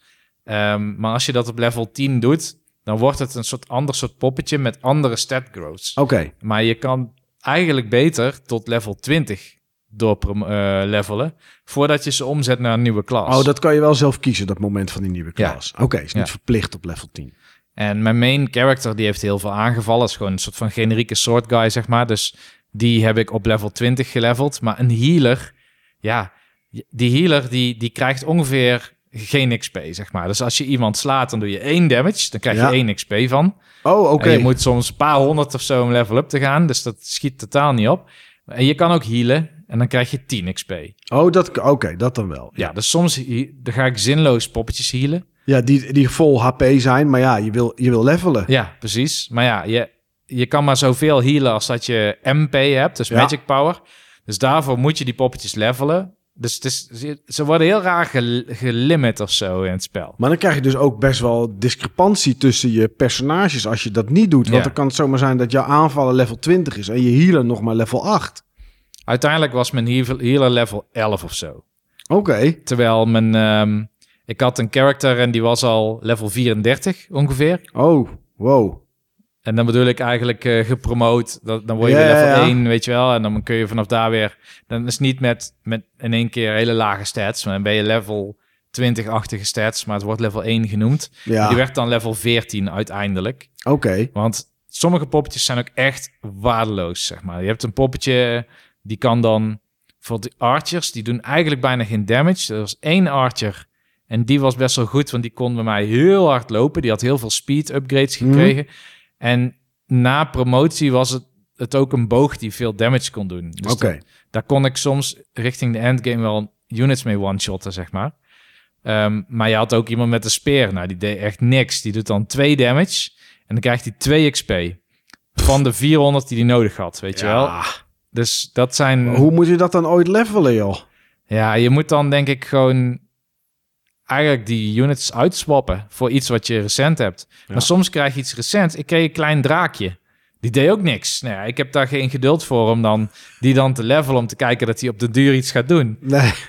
Ja, eigenlijk moet je dan inderdaad terug en dan moet je gaan grinden op lagere level battles, zodat ze wel wat damage meer doen Ja. en ze dan wat sneller omhoog gaan. Maar ja, dat... Ja, Dus je dat- kan eigenlijk niet terug naar een lagere battle. Dus oh, dat je kan niet. Je kan alleen de huidige battle, je kan hem soort van afbreken. Dus je hebt als, als main character heb je een spel, egress heet die. Ja, En daarmee word je terug naar town geplaatst zonder dat je de progress verliest. oké. Als units af waren of zo, ja, dan moet je ze wel weer reviven op dat moment. Want je Mhm. wordt niet helemaal teruggeplaatst naar de state van toen. Je behoudt gewoon je XP wat je tijdens die battle hebt gehaald. Maar dat is een manier om te grinden. En dat moest je vroeger, toen je niet kon rewinden als je überhaupt Nee. helemaal geen stat growth had. Wat op een gegeven moment gewoon, gewoon vier op de vijf keren is. Ja, dan, dan moest je dus keer op keer al die battles Die battles doen. gaan opnieuw gaan doen om te levelen, anders was je underpowered. Ja, Jeetje zeg. En ook nog iets wat mij in ieder geval heel erg triggerde was... eh, het maakt gebruik van die Sega-chip. En dat brengt me ook weer terug naar de Adlib geluidskaart kwaliteit, zal ik maar zeggen. ja. En gewoon dat in combinatie met die, die graphics die je van Warcraft eh, verwacht. De oude Warcraft. Of eh, een, een Westwood game. Ja, Dat maakt het gewoon voor mij een hele nostalgische game. Alsof ik iets speel wat ik vroeger heb gespeeld. En toen heel Mhm. vet vond. ja. Ik ken het helemaal niet. Het was gewoon helemaal nieuw voor mij. Maar ik heb er wel dus net zoveel van kunnen genieten. Oké, oké. Oh, dat is wel cool. Ja. Ja. En die andere game dan?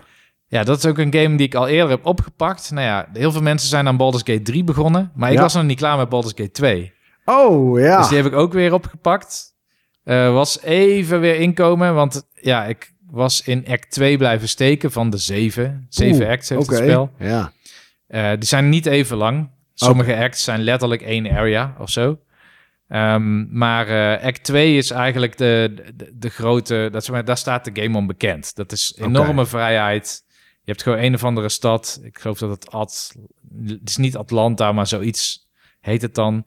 En het, het doel is om 20.000 goud te halen. En dat goud dat doe je door gewoon quests te doen... en missies aan te nemen in een barn of zo. Ehm, en ik weet nog dat toen ik de game in eerste instantie speelde, wilde ik echt alles eruit halen. Ja.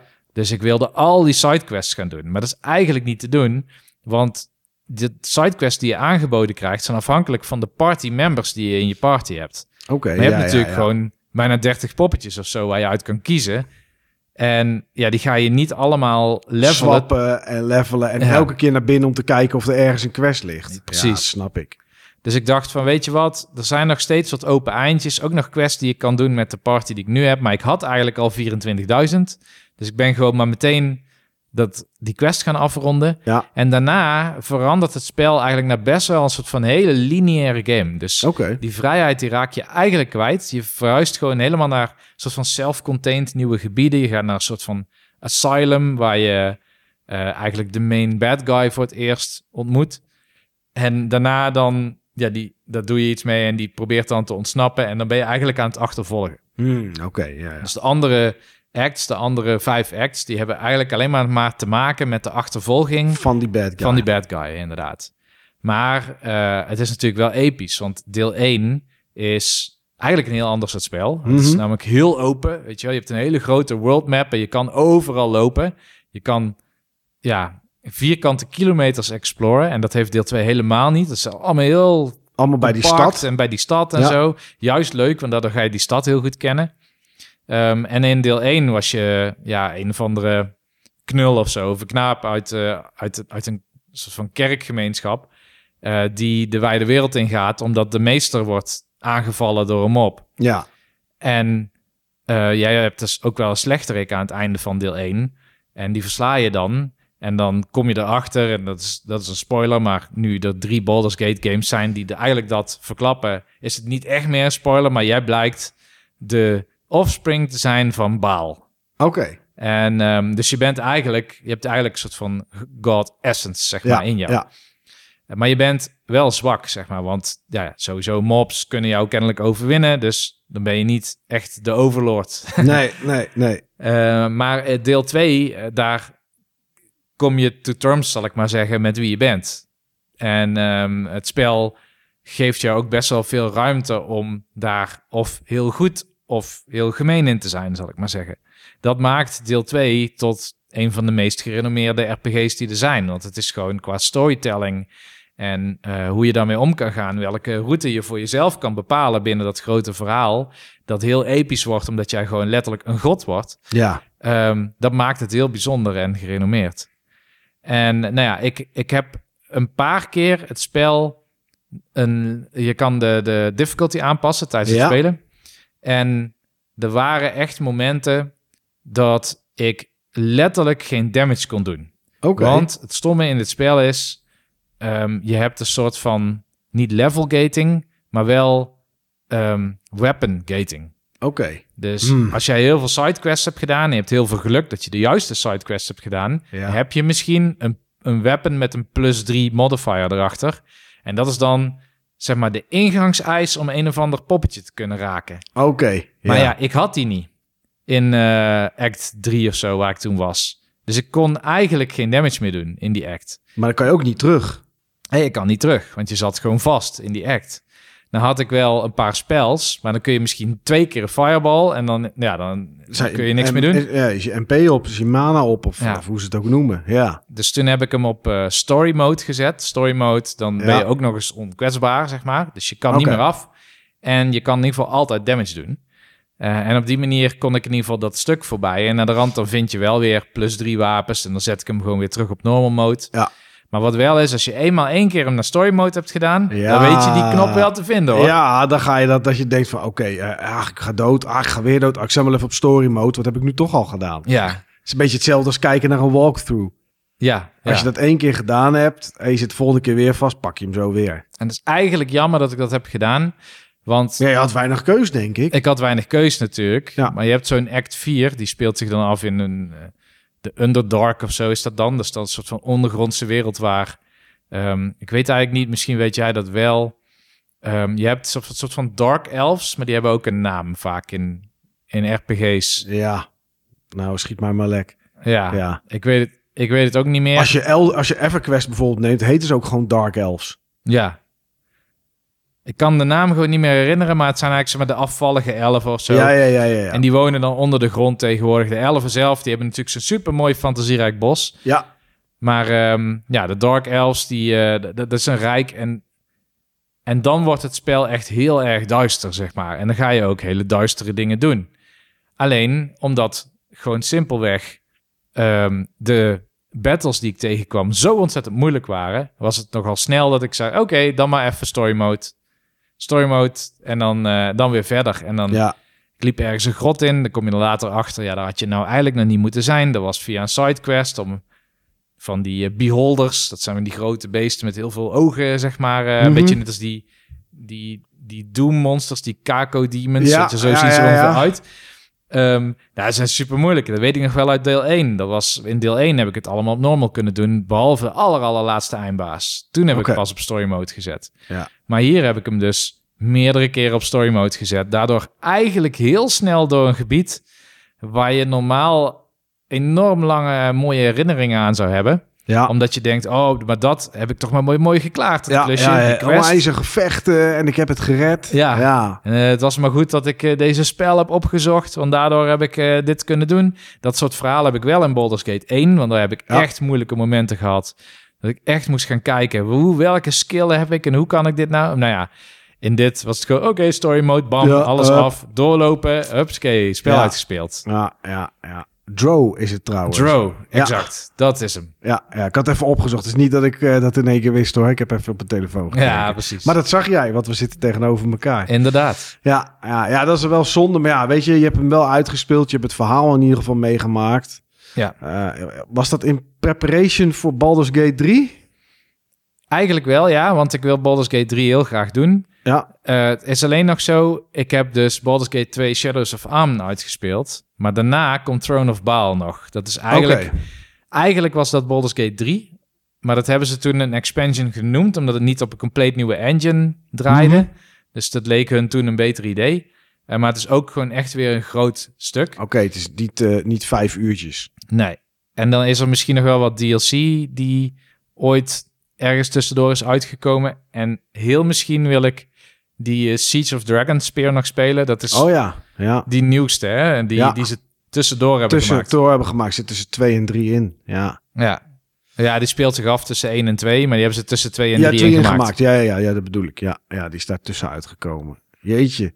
Ja. Er is nog een hoop Baldur's Gate dan, Niels. ja, daar heb ik flink wat uurtjes in gestoken, ja. En eh, nog flink wat uurtjes te gaan. Ja, ja, ja.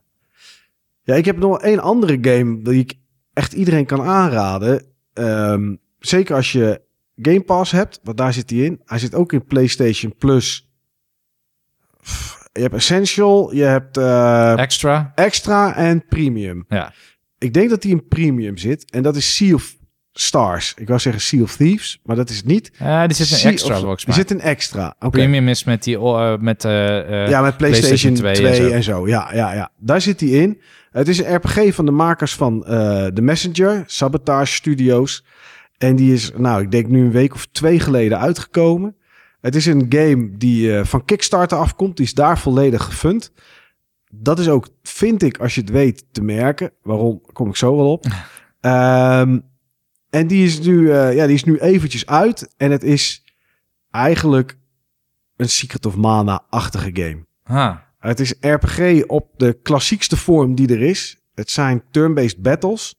Maar het battlesysteem lijkt eigenlijk wel een beetje op de Mario en Luigi games van de GBA. Dus ja, je kiest een actie, maar time je je aanval goed door op knopje te drukken. En ook je defense kan je extra damage doen en damage reduction doen. En het is een superleuk verhaal op een super toffe wereld. En het geeft je echt een klassieke RPG-gevoel. Maar wel RPG plus. Want wat het heel goed doet, is... En ik heb nu 13,5 uur in de game zitten. Er komen nog steeds nieuwe dingen bij. Hm. Wat je natuurlijk vroeger vaak had bij RPG's is... Nou, je start en je krijgt er wel wat spels bij. Dat je wat andere dingen kan. Je krijgt andere wapens, andere armor. En ja, voor de rest is dat het eigenlijk. En daarmee speel je de game uit en ga je levelen. En ja, weet je, Ja. word je sterker. Maar hier komen er elke keer wel weer nieuwe kleine mechanics bij. En sommige gebruik je alleen in één dungeon. Sommige gebruik je vaker. Sommige gebruik je alleen om wat extra's op te pakken. Maar het is nog steeds na die 13,5 uur dat er totaal nul verveling in zit. Omdat ze, ja, omdat ze elke keer weer nieuwe dingetjes toevoegen. En het is, eh, het, is het verhaal is, eh, ja, er is natuurlijk groot kwaad en dat moet verslagen worden. Het is echt een standaard RPG-verhaal. Ehm, de conversaties zijn best leuk om te volgen. Zijn niet, het is niet dat het sleept, Mhm. zeg maar. Ehm, zitten hier en daar wat onverwachte dingetjes in. De dungeons die bestaan uit puur vechten en misschien met een, eh, met een mechanic er doorheen komen. Maar soms ook echt puzzeltjes met eh, dingetjes schuiven, eh, blokjes schuiven of iets doen met, met kleuren van vlammen om daar combinaties mee te maken en dat soort dingen allemaal. En ja, het is eigenlijk een game die lastig is om weg te leggen. Hm. En als ik nu s ochtends vroeg wakker ben, ga ik zitten en dan start ik Sea of Thieves op. Omdat je ook heel goed dit een half uurtje kan spelen.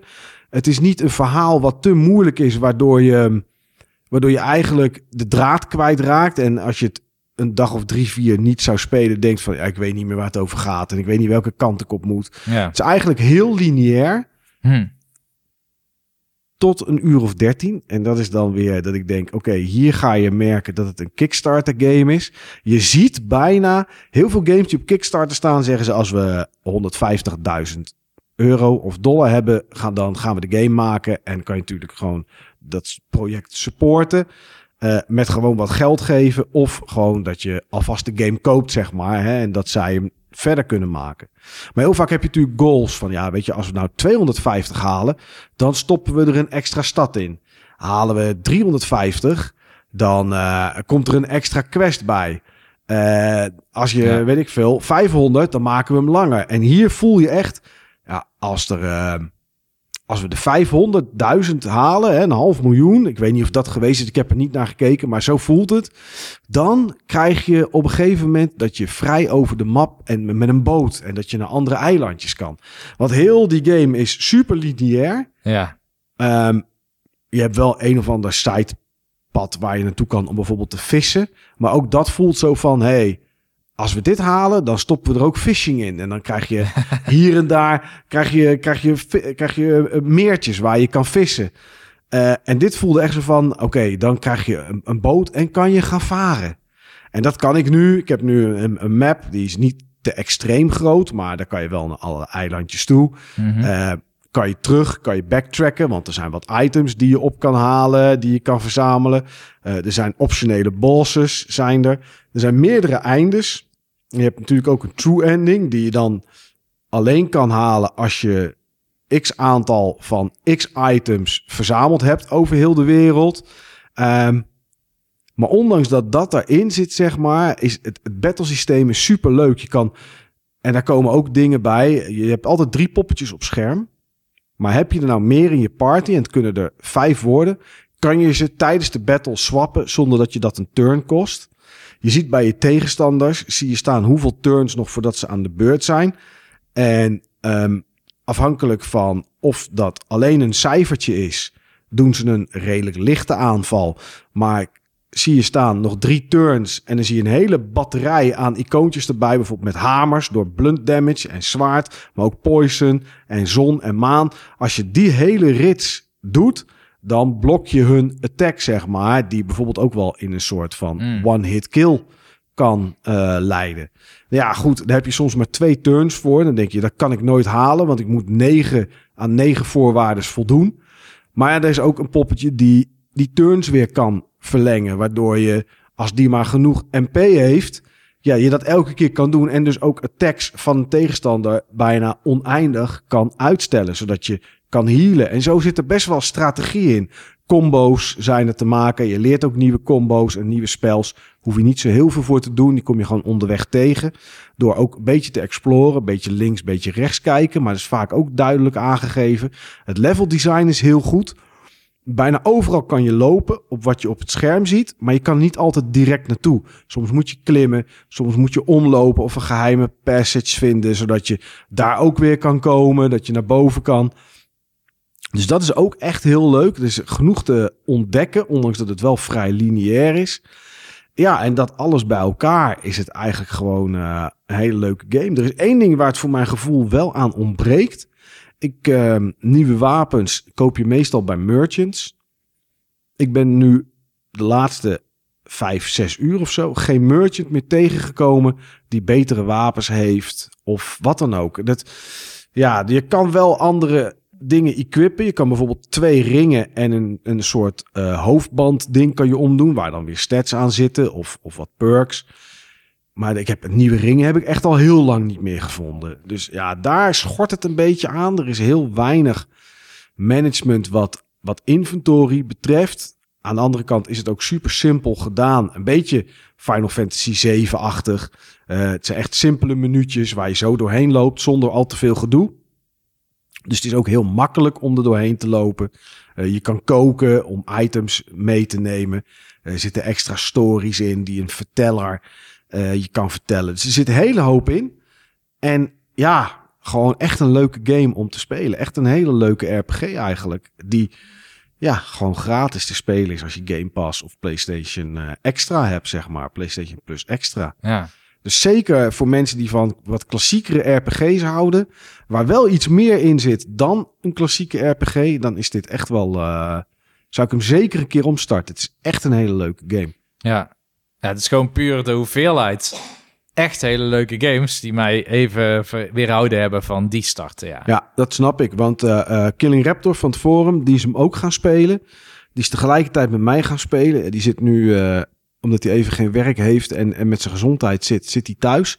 Dus heeft er wel veel meer uren in kunnen steken. Uitgespeeld, zag ik. Ja, hij heeft hem uitgespeeld. En hij zit nog wat side dingetjes te doen. Ik weet niet of hij de true ending heeft gehad. Maar hij heeft er 42 uur inmiddels ingestoken. Hmm. Fixe game dan. Terwijl, ja, terwijl de story eigenlijk wel in 25 uur uit te spelen is. Hmm. Uh, maar ik probeer me wel te beperken alleen tot de main story omdat het te veel is. Uh, maar ik het ook niet kan laten liggen, zeg maar, deze game. Niet net zoals Zelda. Dat ik denk, nou weet je, dan ga ik daar alleen de main quest doen. En niet te veel sidespel, zodat ik wel hè, de, van het verhaal en alles kan genieten. En de game uit kan spelen. Uh, maar dat heb ik wel bij deze game, bij Sea of Stars. Uh, en bij Zelda heb ik het dan niet. Dat, die nee. trekt er niet. Maar dit is toch, als ik s ochtends op de bank zit... of smiddags even nog een uurtje heb... dat ik denk, oké, okay, wat ga ik doen? Ja, start ik op dit moment eigenlijk alleen uh, Sea of Stars op. Ja, ja echt een hele leuke. Ik was heel even bang hè, met dat uh, Kickstarter verhaal dat dan alle le gold level funders zeg maar dan als een NPC in de game zouden staan. Dat zou ik heel vervelend vinden. Oké, okay, nou dat is het niet. Maar je komt op een gegeven moment op een eiland en uh, wat je daar doet, dat ga ik niet verklappen. En dan is er een bewoner en die zegt: hey, ik heb een cave gevonden. Nou, dan ga je naar die cave toe. Um, en dan word je gegroet en het is allemaal friendly. En denk, oké, wat kan ik hier? Of wat is hier voor de rest gaande? En dan zie je echt heel veel, ja, soort rondjes waar iets kan staan. En dan zegt er een soort lantaarnbeest iets van, ja, je kan hier je code invoeren. Nee, ja, code. Ik heb geen codes. En dan ga je op zo'n rondje, kan je klikken. En dan word je geteleporteerd naar een plek. En daar staan allemaal uh, tombstones. Maar ook uh, grotere statues. En bovenaan staan hele grote statues. En die hele grote statues zijn volgens mij degene die het meest in de game gestoken hebben qua geld. Ja. Want als je de game gebacked hebt, dan krijg je een persoonlijke code die je in kan voeren. En die activeert dan jouw tombstone, zeg maar. En uh, nou, dan kan je daar tombstones neerzetten of zo, denk ik. Ik weet niet. Ik, ik, ik, snapte niet wat ik er moest doen. De crypt heet het. Toen ging ik googlen. Toen zag ik staan. De crypt is voor mensen die het gebackt hebben. En die dan een code kreeg, dacht ik, oké, nou laat maar zitten. Ja. Dit is pu- puur ingezet voor, voor backers. Dus ja, er zit wel zoiets in. Het zijn niet de NPC's Nee, nee. die dan eh, hun naam daarin het hebben. is zeg minder maar. intrusive, zeg maar. Ja, zeker. Maar ze zitten er wel allemaal in. Ja, de mensen die, eh, tenminste de mensen die wat meer gebackt hebben. Ja. En als je zelf gebackt hebt, kan je ook jouw toonstone. En dat zie je dus ook wel. Ja, hij haalt daar dus wel namen. Heeft hij daar een keer eh, opgehaald. Of het zit in een update. Hm. Dus ja, weet je. eh, ja, er zit wel iets van dat in. Ja, ja, ja. ja, ja, dat wel. Maar het is echt, als je een keer tijd hebt en je begint eraan, dan denk ik dat het wel, als het je genre is, en ik weet dat bij jou dit gaat Ja, klikken. is het. Ja. Ja, dan weet ik zeker dat je denkt: oké, dit wil ik wel uitspelen. Want dit is wel echt heel leuk. Ja. En dat komt voornamelijk, vind ik, door elke keer weer iets nieuws toe te voegen. Om eh, ja, de battles net weer iets anders te maken of interessanter. Er zit bijvoorbeeld een mechanic in, het heet live mana. Je hebt gewoon mana om je spels te doen. En je hebt live mana. En toen dacht ik, wat gaan we nu weer doen? Maar als jij gewoon een normale attack doet, gewoon normaal slaat. Dan krijg je op een gegeven moment, niet aan het begin, maar wat later komt dat erbij. Dan komt er wat mana van vrij. En dat ligt gewoon op het speelveld. En het kunnen, kunnen max drie attacks zijn. Dat, en dan kan je dus een soort charge doen. Waarbij je die mana naar je toe trekt. En dan een sterkere attack doet.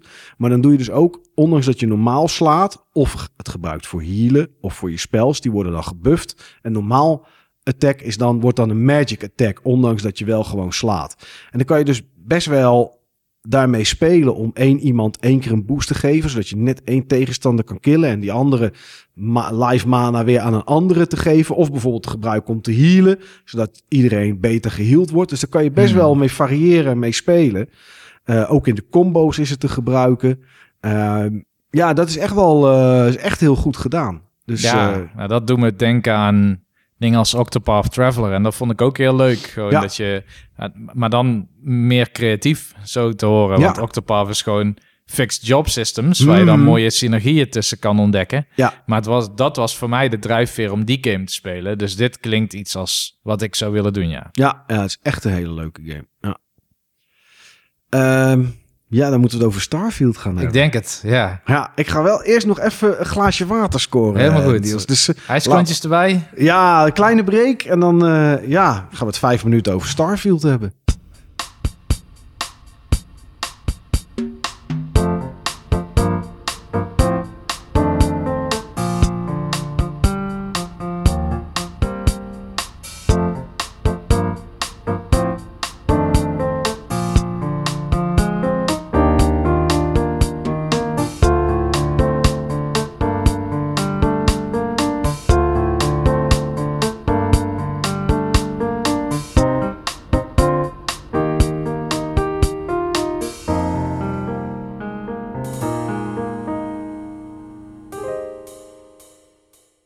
Ja, Niels, Starfield.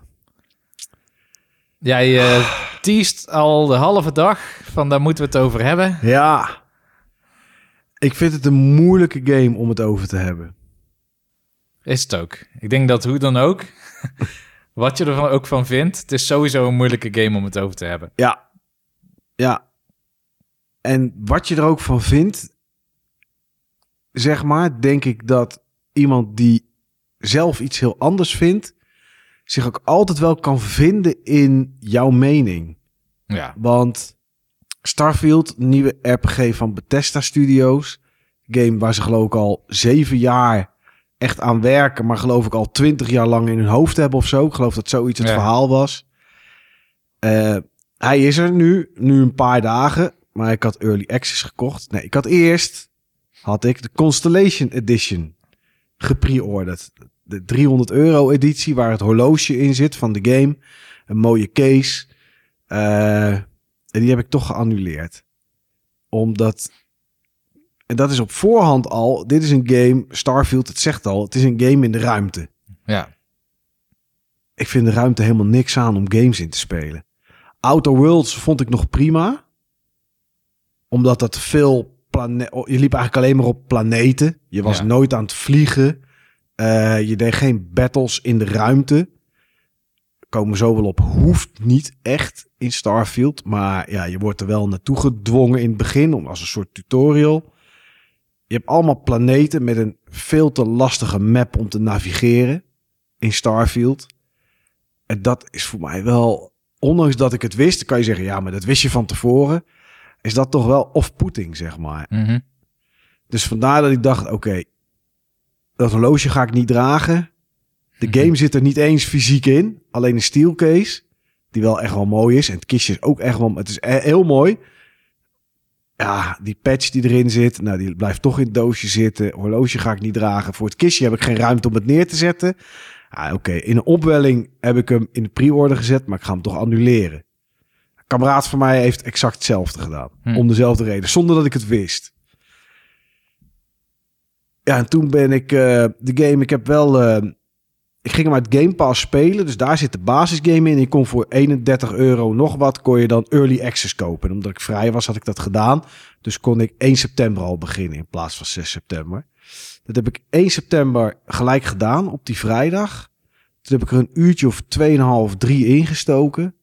Toen heb ik het maandag pas weer opgestart. Heel het weekend had ik geen zin meer in Starfield.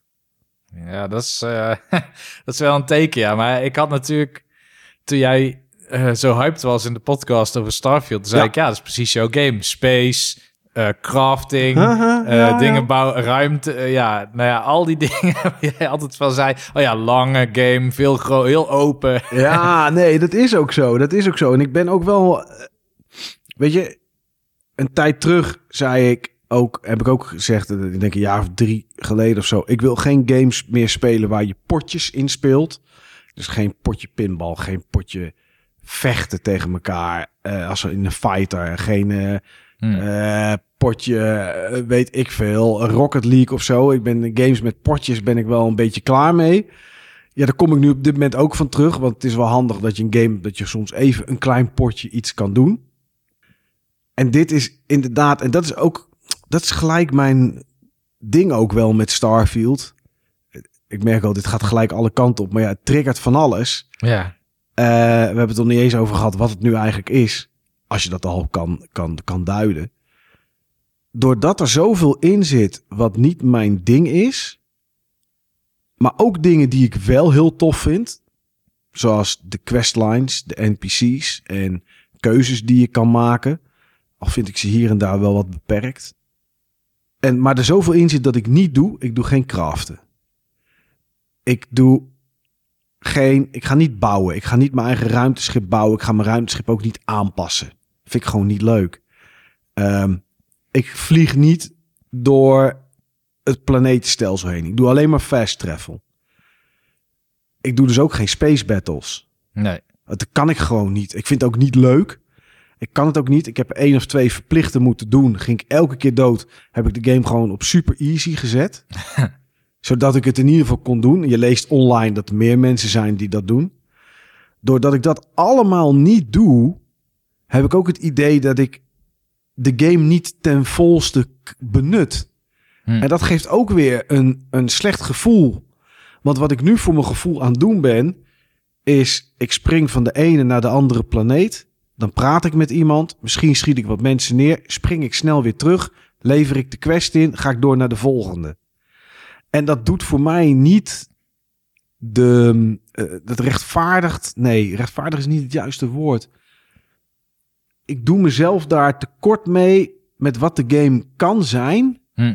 En het haalt ook fun weg. Want wat ik namelijk aan een Fallout en een Skyrim, om toch maar te pakken als vergelijking, leuk vond, is dat ik van punt A naar punt B loop voor mijn quest, maar onderweg van alles tegenkom, af word geleid, weer nieuwe quests krijg en dat ga doen.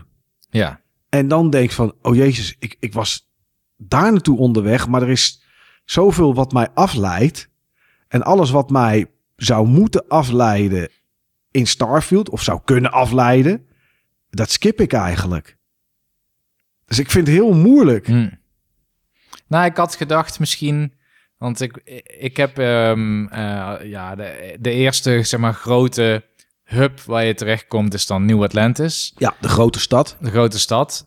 En daar had ik wel het idee dat in ieder geval ik, terwijl ik de, de andere aspecten van eh, Starfield omarm, Maar dat ik eigenlijk de hele tijd nieuwe quests kreeg, terwijl ik eigenlijk in een andere questline zat. En dan had je weer een factie waar je bij aan kon sluiten, waar je een baantje bij kon doen, een bewaker zijn, uh, ergens um, een soort van elektricien zijn die uh, allerlei uh, switches moet uitzetten om achterhalen wie dan precies al die stroom wegtapt en zo. Ja. en toen, nou ja, uiteindelijk word je onderdeel van Constellation. Daar krijgt de main story weer een, een vlucht. Ja. Um, maar toen dacht ik, oh, maar ik moest nog ergens een pakketje ophalen voor iemand. En ik zou nog um, uh, met die, ik heb nog twee van die, van die, van die, uh, van die switches die ik moet overhalen voordat ik weet of dat ik die persoon of die persoon moet vertrouwen. Dus ik had echt wel keuzestress met, ja, wat ga ik nou doen? Ja, er is iemand die daar rondloopt, die is naar een boom aan het kijken. Die wordt langzaam uh, uh, liquid, uh, vloeibaar van binnen. En die moet sensoren opgehaald hebben. je kan zomaar ergens langslopen dat twee mensen een conversatie hebben... waar je niet eens naar luistert gewoon langsloopt. En dat, dat geeft je al een nieuwe quest. Ja. Dat is niet heel goed gedaan, zeg maar. Ook, je hebt ook NPC's die, net zoals in het echte leven, mensen door elkaar heen praten. Dat je in één keer niet meer weet waar je naar moet luisteren. En ineens heb je er een quest bij. Er zijn heel veel quests die, je die je daar krijgt. Um, en ja, daar heb je keuzestress van wat ga ik doen. Ja. Ja, dat snap ik wel. Maar het is wel allemaal binnen een hele beperkte omgeving waar je al die quests gaat doen. Ja, in het begin in eerste wel. Instantie. Ja, in het begin wel. Maar je hebt natuurlijk... Kijk, net zoals bij Fallout en Skyrim heb je... In Skyrim heb je guilds en in Fallout heb je factions waar je bij aan kan sluiten. Hier heb je dat ook. De Vanguard is bijvoorbeeld zoiets. En de Space Rangers heb je. Uh, die questlines, dat is iets wat ik... Want ik ga de game wel verder spelen. Ik heb ook nog wel meer gespeeld. Maar dat zijn dan dingen die ik wel wil volgen. Omdat dat echt grote questlines zijn. Die ook echt interessante verhalen hebben. En daarom baal ik ook een beetje dat het bij mij niet zo klikt omdat ik die verhalen en die achtergrond van die werelden, dat vind ik wel heel tof. Ja. En dat zit hier gewoon weer in. Ja, en het helpt niet dat jij niet van dat space thema houdt. Nee, Voor wel mij om op die planeten te lopen, hè? dat wel. Want Outer Worlds bijvoorbeeld vond ik echt een geweldige RPG. Uh, heb ik echt met plezier heb ik die gespeeld. Uh, volgens mij, uh, die kwam op een vrijdag uit en zondag had ik er 25 uur in en hak hem uit of zo. super goede game. En, maar dat vliegen niet. En het is allemaal een beetje echt space in de toekomst. Space. Ik vind het allemaal heel clean en heel klinisch. In het begin wel. Ja, waar je rondloopt. Um, ik vind ook... Ik heb wel screenshots gezien dat het echt ook een Wild West planeet heeft. Klopt, waar, waar een soort Fallout-achtige stad is. Ben ik nog niet geweest, maar die is er inderdaad wel. Um, dus er is wel ook wel veel afwisseling. Maar het is, ja, het is soms een beetje ja, een beetje, beetje, ja, beetje klinisch. Hm. Klinisch eh, allemaal. Ja. Ja, nou ja, voor mij resoneert dat dus helemaal wel. hm. uh, waar bijvoorbeeld Fallout 4 helemaal niks bij mij deed. En, um, en Skyrim eigenlijk ook niet. Ik heb daar drie keer geprobeerd te spelen, maar die wereld pakt mij gewoon niet. Oké, ja, dat heb ik met wel. En Fallout 4 vind ik de wereld en het thema heel tof. Mhm. Alleen ik vond daar dat te veel met schieten werd opgelost. Zeg ja, maar. Dat, was, dat was net iets minder keuzes hoe je dingen oploste. Ja. ja. Nou ja, bij mij uh, ja, werkte het dus wel. Um, ik vond het begin vervelend, want dan is het heel lineair. Eerste anderhalf uur of zo. Het is wel de bedoeling om jou wat dingen te leren. En eigenlijk, uh, ja, wat is eigenlijk je doel, zeg maar, in die wereld? Wordt daarin duidelijk gemaakt. Uh, maar zodra je op Nieuw Atlantis bent, dan, dan ben ik helemaal in mijn element. Want sowieso, het ziet er super gaaf uit. Ja. Het is een heel moderne, laten we zeggen, toekomstbeeld van hoe de mensheid zou kunnen leven als het sterrenstelsel verder wordt gekolonialiseerd. Um, het gaat ook over kolonialisatie, zeg maar. Want we zijn weg van de aarde. We zijn weg van de aarde. De aarde is gewoon helemaal kapot. Dat is heel fijn, want dan gaat het ook niet over we moeten terug naar de aarde of wat was het toch mooi om de op de aarde. Nee, het is nu echt uh, overal op andere planeten te doen. En gewoon die, die New Atlantis vind ik een hele mooie startplaneet. Eigenlijk omdat het bij mij ook wat, ja, laat ik zeggen, nostalgische herinneringen oproept aan uh, twee keer dat ik in China ben geweest. Want dan was ik in uh, de stad Guangzhou. En ik heb daar jou toen nog filmpjes van gestuurd. Ik liep daar door een park. En dat was een, eigenlijk een park midden tussen de high-rise.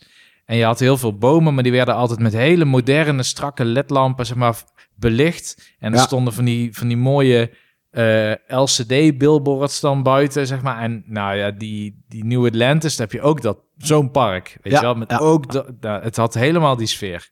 Ja, En dat pakte mij wel. Maar ik had wel hetzelfde als jou met dat ik best wel het moeilijk vond om te navigeren. Eh, sowieso New Atlantis heeft meerdere niveaus. ja, Eh, je hebt The Well, dat is dan onder de grond. Dat is, dat is eigenlijk de oude New Atlantis. En ze hebben het moderne New Atlantis daarbovenop gebouwd. Nou ja, daar onder de grond, dat is alleen al drie niveaus. En dan heb je boven de grond ook nog twee of drie niveaus. Dan heb je dat ik altijd de weg kwijtraak wanneer ik in dat park ben. Ik heb geen idee, ben ik nou naar de Commercial District aan het lopen... of naar de Spaceport of naar de Embassy of zo. Ik ben, ben helemaal lost. Je hebt geen Ja. minimap, dus je weet ook totaal niet waar je naartoe gaat. nee, om je horloge icoontje heen, zeg maar, wat je links onder je hoek hebt, heb je wel een soort van radar iets. Ja, Maar eh, je hebt niet, je hebt geen minimap en niet zoals bij Skyrim of Fallout dat je bovenin zeg maar een soort kompas hebt dat je weet, oké, ik loop in ieder geval de juiste kant op. Nee, precies. Nee, Nou ja, je hebt wel zo'n van die indicators van, nou ja, het is dat de quest die je nu hebt ge- geactiveerd, daarvoor is iets die kant op. Ja. Maar ja, je weet niet hoe ver dat is, tenzij je binnen de, weet ik veel, 100 meter of zo komt, of misschien iets Ja. verder. Dus soms dan zie je gewoon een hele wazige stip in de verte. En dan denk je, nee, dat is waarschijnlijk heel ver lopen. Ehm, en dan loop je daarheen en dan staat er gewoon een trein. Want die brengt jou dan naar een plek die dichterbij is. Dus je Ja. dacht, ik ben er eindelijk. Nope. De trein brengt jou dan naar een gebied waardoor je dichter bij je quest Ja. bent. Of de lift. Of de lift. Ja. Ja, ja. Nou ja, dus dat, dat is wel wennen. Eh, dat gebied is groot en tegelijkertijd ook weer klein.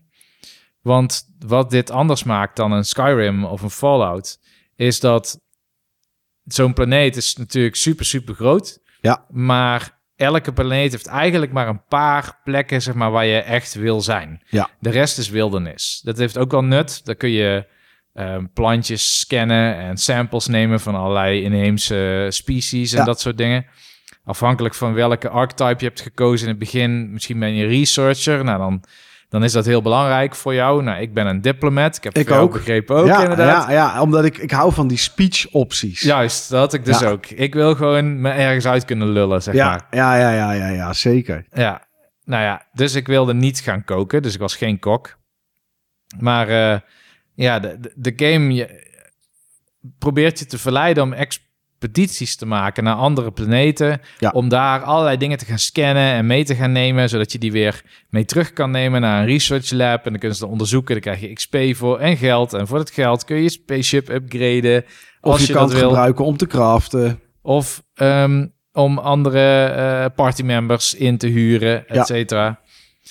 En, en daar, dat punt heb ik nog niet bereikt, zeg maar. Ik zit dus nog niet in het spel dat het, het mij helemaal uitdaagt om echt naar een heel ander solar system te gaan. Dat gebeurt Mhm. wel, maar dat is echt voor een quest. Ja, Volgens mij wordt het spel op een gegeven moment heel erg open.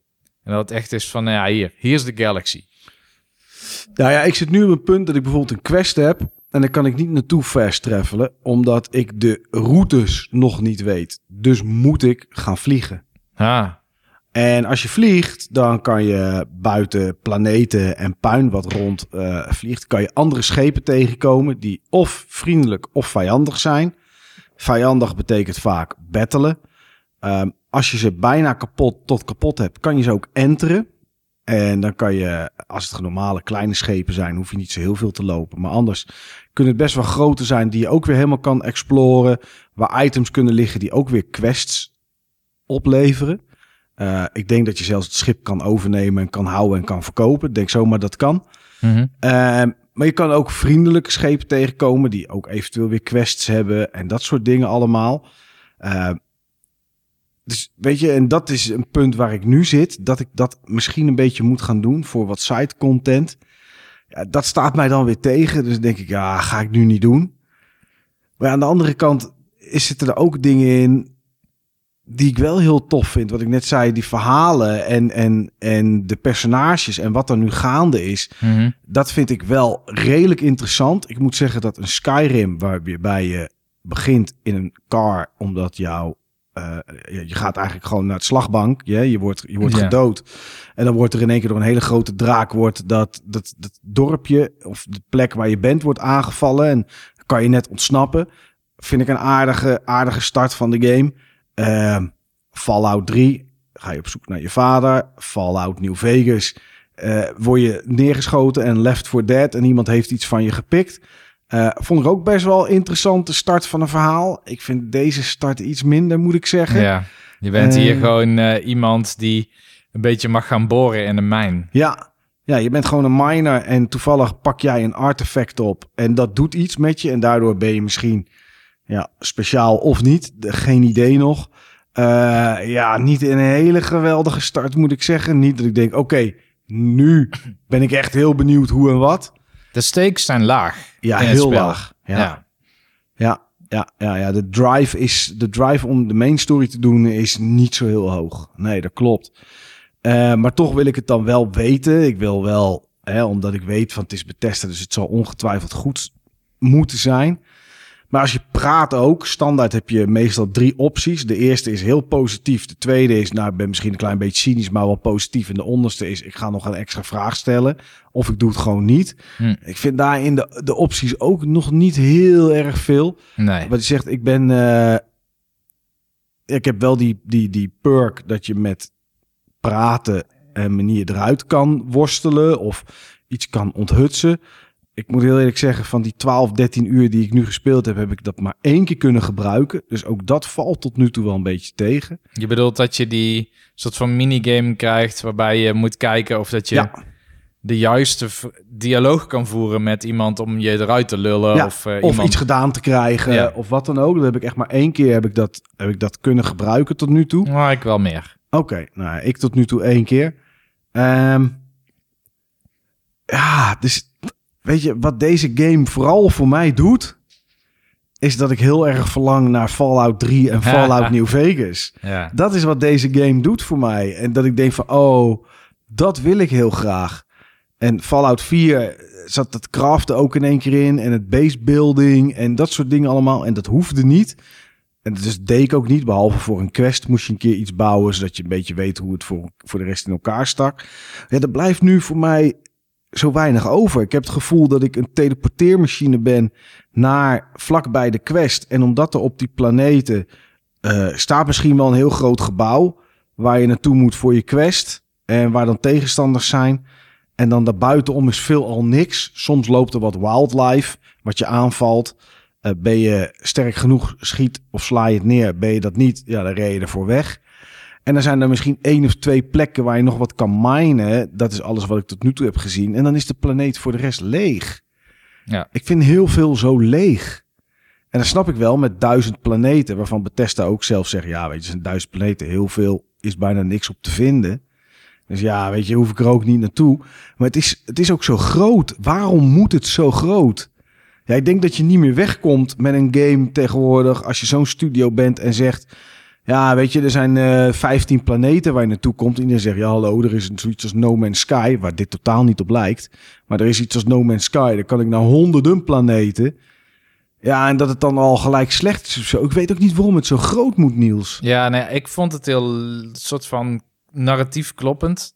Omdat ik me voorstel dat als je als de mensheid zeg maar het sterrenstelsel zou kolonialiseren, dan is er niet een planeet net als aarde die zeg maar zelfvoorzienend is in alles wat je nodig hebt. Dus al die planeten die hebben vaak ook zeg maar die draaien rondom een bepaalde industrie of een mining factory of zo Ja. voor een hele specifieke grondstof. En daaromheen is een soort van samenleving die ervoor zorgt dat mensen daar kunnen wonen. Dus ze moeten ook dingen kunnen kopen. Ze moeten espresso kunnen halen bij de koffiebar, die Terra Brew die je overal tegenkomt. Ja. En overal zit de Trade Agency ja Federation. Trade, trade Company of zo, die in, eh, nou ja, legale en minder legale dingen handelt. Ja, en een, eh, een ziekenhuis, zeg maar. Dus het zijn eigenlijk, eh, zoals ik me zou voorstellen dat het zou gaan. We gaan niet Stel, de aarde zou eraan gaan met z'n allen naar Mars, maar er gaan sommigen naar Mars, er gaan sommigen daarheen. Ja. Dus ik vond het logisch dat niet die hele planeet, zeg maar, interessant is gemaakt. Ja, dat er niet een tweede aarde is gemaakt. Ja, Ja. precies. En ehm, dat gedeelte van dat er zoveel planeten zijn, die ook grotendeels gewoon heel... Ja, ze zijn ook natuurlijk randomly generated, maar vaak de eerste paar planeten waar ik kwam, was eigenlijk niet meer dan een paar stenen en dan heel af en toe iets. En dat Ja. was dan net anders, weet je wel. En nou, Ja. dan ga ik dan maar scannen en eh, eraf eh laseren, zeg maar. Zodat ik dat in mijn inventory krijg. Eh, maar dat is volgens mij ook bedoeld voor mensen die heel graag ehm, al die, die research willen gaan doen, zeg maar. Ja, En, en niet voor, eigenlijk voor mij, zeg maar, die, die dat gedeelte niet per se aanspreekt. nee. Want ja, volgens mij, we hebben het nog niet gehad over wat is dan Starfield. Je Nee. zei, daar hebben we het zo nog wel over. Ja, nou dat is nu dan. Ja. Nee, ja. Volgens mij is Starfield eh, eigenlijk eh, de game waarin niks hoeft, maar alles kan. En, ehm, ja. en dat is een soort designfilosofie die ook een beetje in eh, Zelda The Tears of the Kingdom tegenkomt. Met dat je daar ook optioneel kan bouwen. En dat wordt eigenlijk makkelijker gemaakt voor als je dat dan minder interessant vindt. En je hoeft niet te looten of zelf potions te maken. Kun je ook gewoon kopen als je daar meer zin in hebt. Ja. Battles kun je overslaan als je er geen zin in hebt. Grotendeels althans, zeg maar. Devices kan je, ja, hoef je niet, je hoeft niet heel erg dat in elkaar te steken als je dat niet wil. Nee. En ehm, ja, eigenlijk zie ik ook een Game of Sea of Thieves. Die begreep ik in het begin ook niet zo goed, omdat ik heel erg er- erin kwam van... oké, ja, we gaan een piraten questline volgen of zo. Maar dat had die game helemaal niet. In het begin zeker niet. Nee, die zijn er wel bijgekomen. Ja. Maar volgens mij, ja, Starfield is, is niet een game waarin Karel zou zeggen... ehm, waarin je wordt gecast als een personage die één ding doet en alleen dat doet. Wat Ja. de meeste Nintendo en Sony games zijn, zeg maar. Hier is het echt, ja, je hebt allerlei systemen. Sommige zijn heel verhalend narratief. Sommige zijn, gaan heel erg over space fantasy. Sommige gaan over space warfare. Sommige gaan over eh, space exploration en research. En je kan die allemaal combineren als je wil, maar je kan ze ook allemaal negeren als je wil. Het Ja. is gewoon, wa- wat kom jij daar doen in een hele grote wereld waarin heel veel kan? En ehm, tot nu toe eh, probeer ik het te benaderen als een soort The Outer Worlds. Mhm. Dus ik was allemaal, ik was alle microscopen aan het verzamelen in het eerste gedeelte, want dan zit je eh, heel wat veel in research centers. Ja, En ik dacht, oh, microscopen, die wegen zoveel, leveren zoveel op. Dat is volgens mij wel een goed rendement. Dus ik had iets van zoveel 20 microscopen verzameld in mijn inventory, om dan vervolgens ergens te gaan verkopen. ja, Ehm, en dat doe ik nu niet meer, want het is eigenlijk helemaal niet zo slim. Je kan eigenlijk beter wapens oppakken. ja. Wapens en armor. Ja, Ja, daar kan je 2.000, 3.000 credits kan je daar wel voor een stukje armor krijgen, inderdaad. Ja, maar er is, dat is ook wel een ding. Er ligt zoveel loot nou, in deze game. Het is niet normaal. Het is echt bezaaid gewoon. En je kan het meestal allemaal niet meenemen.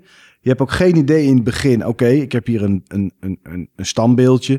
Die levert 300 credits op. Ja, hoeveel is 300 credits? Is dat veel? Is dat weinig? Ik heb Ja. geen idee. Ehm, en op een gegeven moment ben je, ben je gewoon te zwaar. Dan gaat je zuurstof sneller op als je loopt en rent.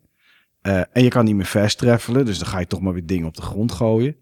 Eh, maar dat vind ik, ja, dat soort management vind ik nog wel oké, Hm. zeg maar. Weet je, dat is eh, op een gegeven moment ook in, in Fallout 3 of New Vegas of Fallout 4 had ik ook zoiets van, oké, vanaf deze value wordt het interessant, dan neem ik het mee. Ja. Eh, en dat heb, ik, dat heb ik hier nog niet, zeg maar, dat ik weet wat een beetje normale value is voor loot. Maar dat soort dingen uitpluizen en een beetje bekijken, dat vind ik wel leuk. Ik heb in Fallout New Vegas wel eens een van de heel groot gebouw gehad. Ging ik naar binnen, ging ik looten totdat ik echt te zwaar was. Maar dan kom ik nog wel terug, ging ik alles verkopen, ging ik weer terug. Ging ik de volgende kamertjes Ja, uitkammen. ja. Gewoon om, om gewoon geld te verdienen, zeg maar, als een soort werk. Eh, dat zie ik me nu niet meer doen. Maar ik moet ook zeggen dat heel veel gebouwen daar ook niet zich voor lenen. Want ook de gebouwen intern zijn echt gigantisch groot. ja. Alles is heel erg groot. Als je op een planeet komt waar alleen mining is, zeg maar, waar, gewoon een, een, waar, ze- waar ze aan het mijnen zijn, dan heb je daar buiten één of twee kantoortjes vaak. Als je dat ziet, denk je, nou, valt wel mee. Maar dan kom je binnen, zoveel kamertjes, zoveel hoekjes. Het, alles is gewoon groot. Ja.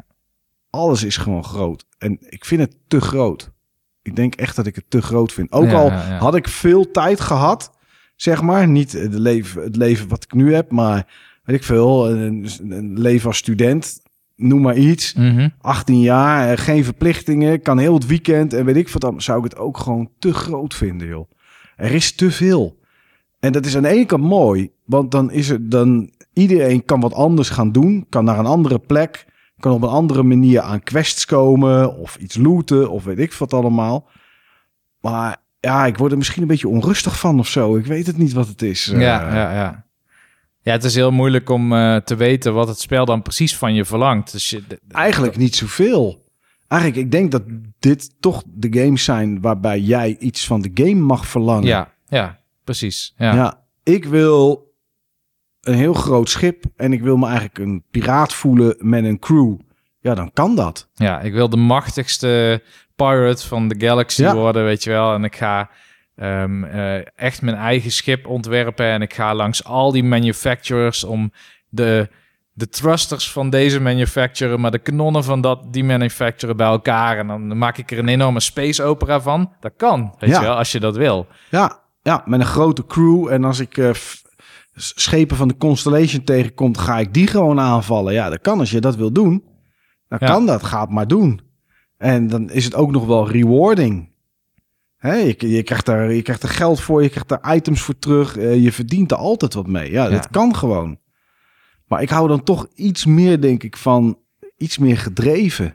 Iets meer een kant op. En dat kan ook, want je kan de main quest... Je kan zeggen, ik doe alleen maar de main quest. Ja. Ben je een uurtje of twintig verder en dan heb je de game uitgespeeld. Maar ja, dat is, daar is het de game niet voor, denk ik dan. Het Nee, is niet ja, de dan, game voor 20 uur.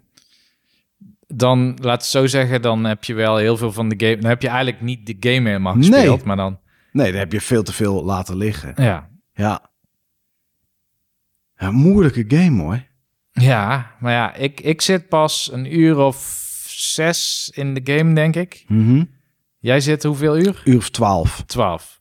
Ja, ik heb ook al. eh, Er zijn al. eh, Er is al een mechanic, zeg maar, die jij nog niet hebt. eh, die ik wel heb. Ik hoorde van dat is. Ja, dat verandert wel wat. Oké, dus ik had er misschien iets te hoge verwachting van. Ja. Ik zou heel graag iets willen zeggen nu. Eh, waarbij, ik, Volgende podcastaflevering. waarbij ik het niet vertel wat het is, maar Ah. hoe het aanvoelt. Oké. Alleen ja. als ik dat zeg en je hebt Skyrim gespeeld, dan weet je wat ik bedoel. Oké. Eh, dus dat doe ik niet. Maar ik vond het een beetje underwhelming. Ja, ja, ja. Dat ik dacht van, hmm, oké, is dit het? Ah, het biedt wel weer nieuwe mogelijkheden.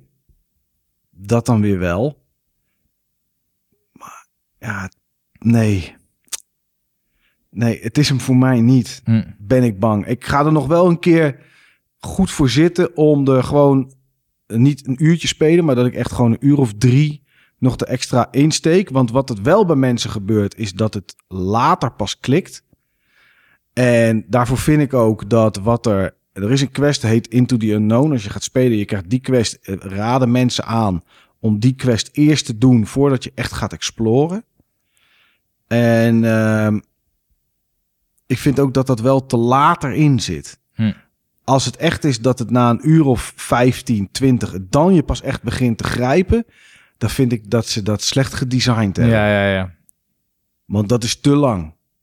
Ja. Dat is te lang. Ja, en de game doet je vermoeden, zeg maar, dat de main quest het doel is in het begin van het spel. Omdat Ja. het zo ontzettend narratief, heel cutscene heavy wordt gedaan in het begin. Ja, je wordt die kant op geduwd. Ja, en dan in één keer sta je op New Atlantis en dan is het eh, overal quests. Ja, Overal winkels en mensen en heel druk en zo. Ehm, en eigenlijk dat gedeelte van wat Starfield dan zo uniek maakt... van die, die space opera en die space exploration... al die expedities naar allemaal planeten waarvan alles te ontdekken is... dat komt erbij. Dus het voelt... Het voelt alsof dat een afleiding kan zijn van de main quest... maar het is eigenlijk onderdeel van de ervaring. eigenlijk is dat meer de game dan de main quest. Ja. Er zit veel meer van in dan main quest. Ja, daarvoor vind ik ook eigenlijk een eh, Nieuw Atlantis als st- startplek, want het is toch nadat je begint, ga je die kant op. Vind ik eigenlijk niet een hele goede keus om je daar te laten beginnen. Omdat ik hem eigenlijk te groot vind. Ja. Ik vind Nieuw-Atlantis meer een stad waar je na een uur of 15, 20 komt. En je dan in één keer denkt, oké, dit is zeg maar... Ik weet niet of het de main city is. Of dat er steden zijn die nog groter zijn. Ik hoop het niet ergens, want dan wordt het wel heel groot. Ja. Ondanks dat je ook wel redelijk door Nieuw-Atlantis heen loopt. Maar omdat er veel verticaliteit ook wel in zit, is het best een grote stad. Als ik dan kijk naar een vergelijking met bijvoorbeeld Fallout 3. Kom je uit de Vault. Dan kom je in eh, Nuketown heet het volgens mij. Ja. Ja. En in Nuketown ligt in het midden een hele grote atoombom. En daaromheen zijn wat huisjes en dingen. Maar het is niet extreem. Het is niet zo Nee. Groot als bijvoorbeeld een boot. Op een gegeven moment kom je bij Fallout 3 kom je op een boot waar wat een soort stad is. En die is echt groot. En daardoor wordt het ook behapbaar en wordt het een beetje ge, gechanneld. Het wordt een beetje bij elkaar gehouden. Ja. New Atlantis is echt heel groot. En er is zoveel aan quests te vinden dat ik hem te groot vind. En eigenlijk word je dan een beetje overweldigd. En nou ja, wat jij zei van ja, nu heb ik zoveel quests. Wat ga ik doen? Ja. Ja, ik moet nog switches overhalen. Die quest trouwens, die ik niet heb. Eh, en ik ben bijvoorbeeld bij mijn ouders langs geweest. Want je kan, als je je poppetje maakt, kan je ook nog een soort van drie perks kiezen. Die je voordelen geven, maar soms ook nadeel. Zo heb ik ouders. Daar kan ik naartoe. Dat is mijn huis. Maar die ouders kosten wel 2% van mijn inkomsten per week. Die draag ik automatisch af naar mijn ouders. Eh, heb ik ook zo gelaten. Want als je daar binnenkomt bij je ouders, kan je ook zeggen: hey, we moeten het even voor die 2% hebben. Mhm. Eh, dan denk ik, nou, laat ze maar. Hè? Mensen hebben pensioen, laat ze maar. En ik heb een perk genomen dat ik meer zuurstof volgens mij heb. En het wat langer uit kan houden als ik zonder companions. Ik heb altijd een hekel aan companions. Die lopen Oh, ja, altijd in de weg, die gaan altijd praten. Dus mijn schip, zeg maar, is ik. Oh ja. En dan zijn er mensen die zeggen: hey, ik zou wel met je mee willen, want dan kan ik je helpen. Nee, hoeft niet. Ik doe het wel alleen. Eh, dus daar kan je dan wel, weet je, ook op, op die manier kan je je speelstijl best wel aanpassen. Ja. Dus er zitten echt een hoop mogelijkheden in. Maar ja, het is niet allemaal voor mij. En daardoor eh, ja, voelt het gewoon eigenlijk zonde om het te laten liggen. Omdat ik maar... Ik heb het gevoel dat je een auto koopt die 400 km per uur kan.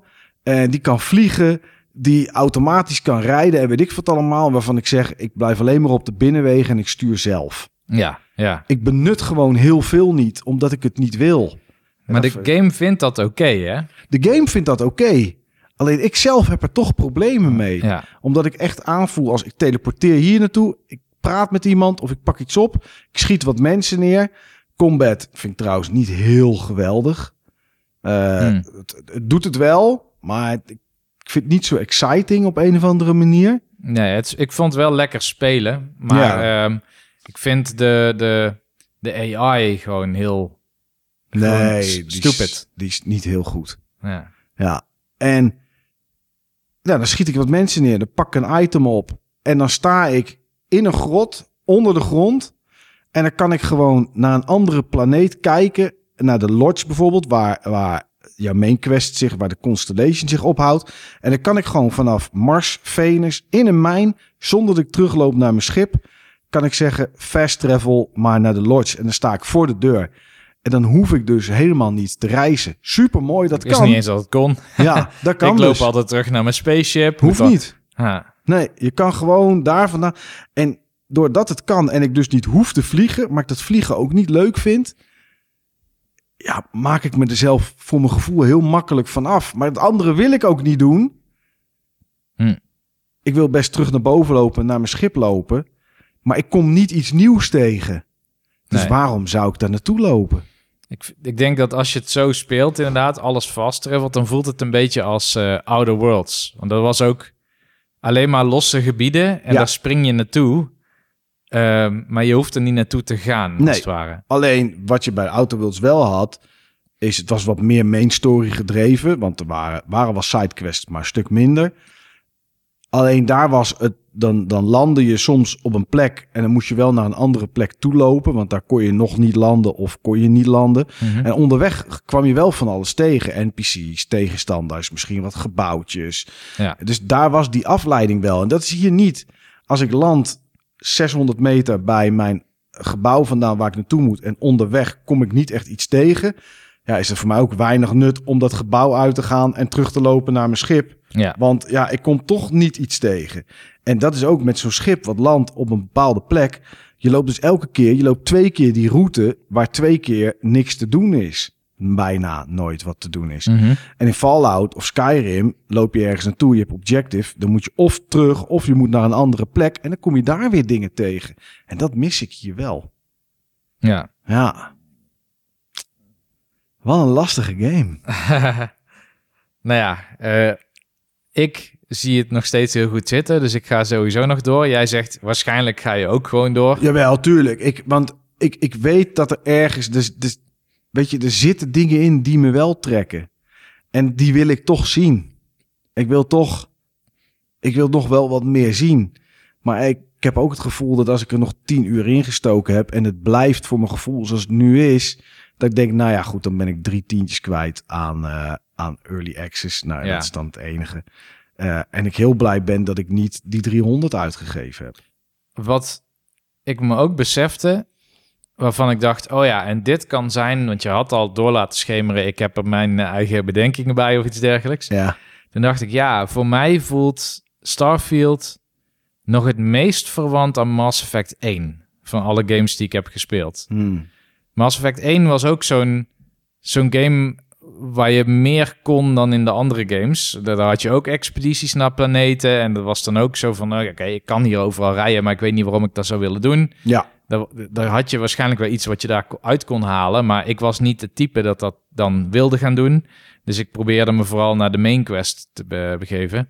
Ja, maar het is, laat zo zeggen, Mass Effect 1 met Skyrim in hoe breed met allerlei quests het gaat. Mass Effect Ja. 1 was eigenlijk heel lineair. Je had eigenlijk weinig afleiding van wat je aan het doen was. Het was altijd een beetje één kant op. En misschien heb je een hub, een, een bar of zo... en daar stuurt iemand je een kant op wat, wat je niet hoeft te doen of zo. Maar Mhm. eh, het was heel duidelijk wat de weg vooruit was. En Ja. hier gaat het... eh, ja, je komt in een stad en je voelt gewoon alsof je net bent geëmigreerd. Ja, ja, inderdaad. Ja. En dan, oké, alles is nieuw. Wat zit hier? Hier, oh, hier, koffiebar. Leuk. Wat kan ik dat doen? Ja, precies wat je denkt. Koffie bestellen. Maar waarom... Wat heb ik daar dan aan? Weet je wel? ja, niks. Ja, eh, eh, misschien hield het drie points. Ja. Ja, En dan, eh, oh, wat zit daar? Kledingwinkel. Kan ik allemaal niet kopen. Sieradenwinkel. Ja. Nou ja. Eh, oh, hier zit de ambassade. Wat kan ik dat doen? Nog niks. Want eh, ja, je hebt nog niet iemand gesproken die jou een reden geeft om naar de ambassade te gaan. En in eerste instantie was ik dus allemaal heel driftig overal door die wereld aan het lopen. En toen dacht ik, oh, wacht. Ik ga toch terug naar die gast op, bij de landingsplek. ja. Want pas als je die hebt gesproken, komt heel veel eh, op gang, zal ik maar oh, dat zeggen. had je nog niet gedaan. Nee joh, ik dacht, als hij wil, als spel wil dat ik hem ga spreken, ga ik natuurlijk niet hem spreken. Nee, ga ik andere kant op. Ja, Ja, ja. maar dan moet je het toch maar doen. Ja. ja, het is wel het beste om in het begin een stuk main quest te doen. Ja, ja, ja. Ah, balen, voor Ja. mij. Maar ik snap wel, ik snap de appeal voor mensen. Dat is het. Ik snap dat mensen het leuk vinden om, om gewoon rond te vliegen en naar een planeet te gaan en kijken wat er is. Ja, Ik denk alleen wel als mensen straks dat 100 uur gedaan hebben en die, die planeten blijven zo schaars, dat daar de lol wel snel vanaf gaat. Hm. En er zijn inmiddels 6 miljoen spelers. Komt ook door Game Pass natuurlijk. ja. Eh, ja, ik ben benieuwd hoeveel mensen het over een maand nog spelen. Want het is wel een game die, die eh, voor de lange adem, omdat Mhm. er zoveel te doen en te zien is. Maar is dit ook, het is nu nog te vroeg om te zeggen, maar dat vraag ik me dan wel af. Ja. Een game die we straks op de PlayStation 6 weer in een enhanced edition krijgen. Net zoals dat met Skyrim gebeurd is. Nou, niet, want het is een Microsoft game natuurlijk. Ja, Maar ehm, ik, ik weet niet wat ze hiermee gaan doen, weet je wel. Gaan ze nou dit zo laten? Of komen er expansions van? Of, uh... nou, er komt sowieso nog een story aan, maar die krijg je als je de duurdere editie of gekocht hebt. Oh ja. Of, de, of, de, of de, de early access in ieder geval had.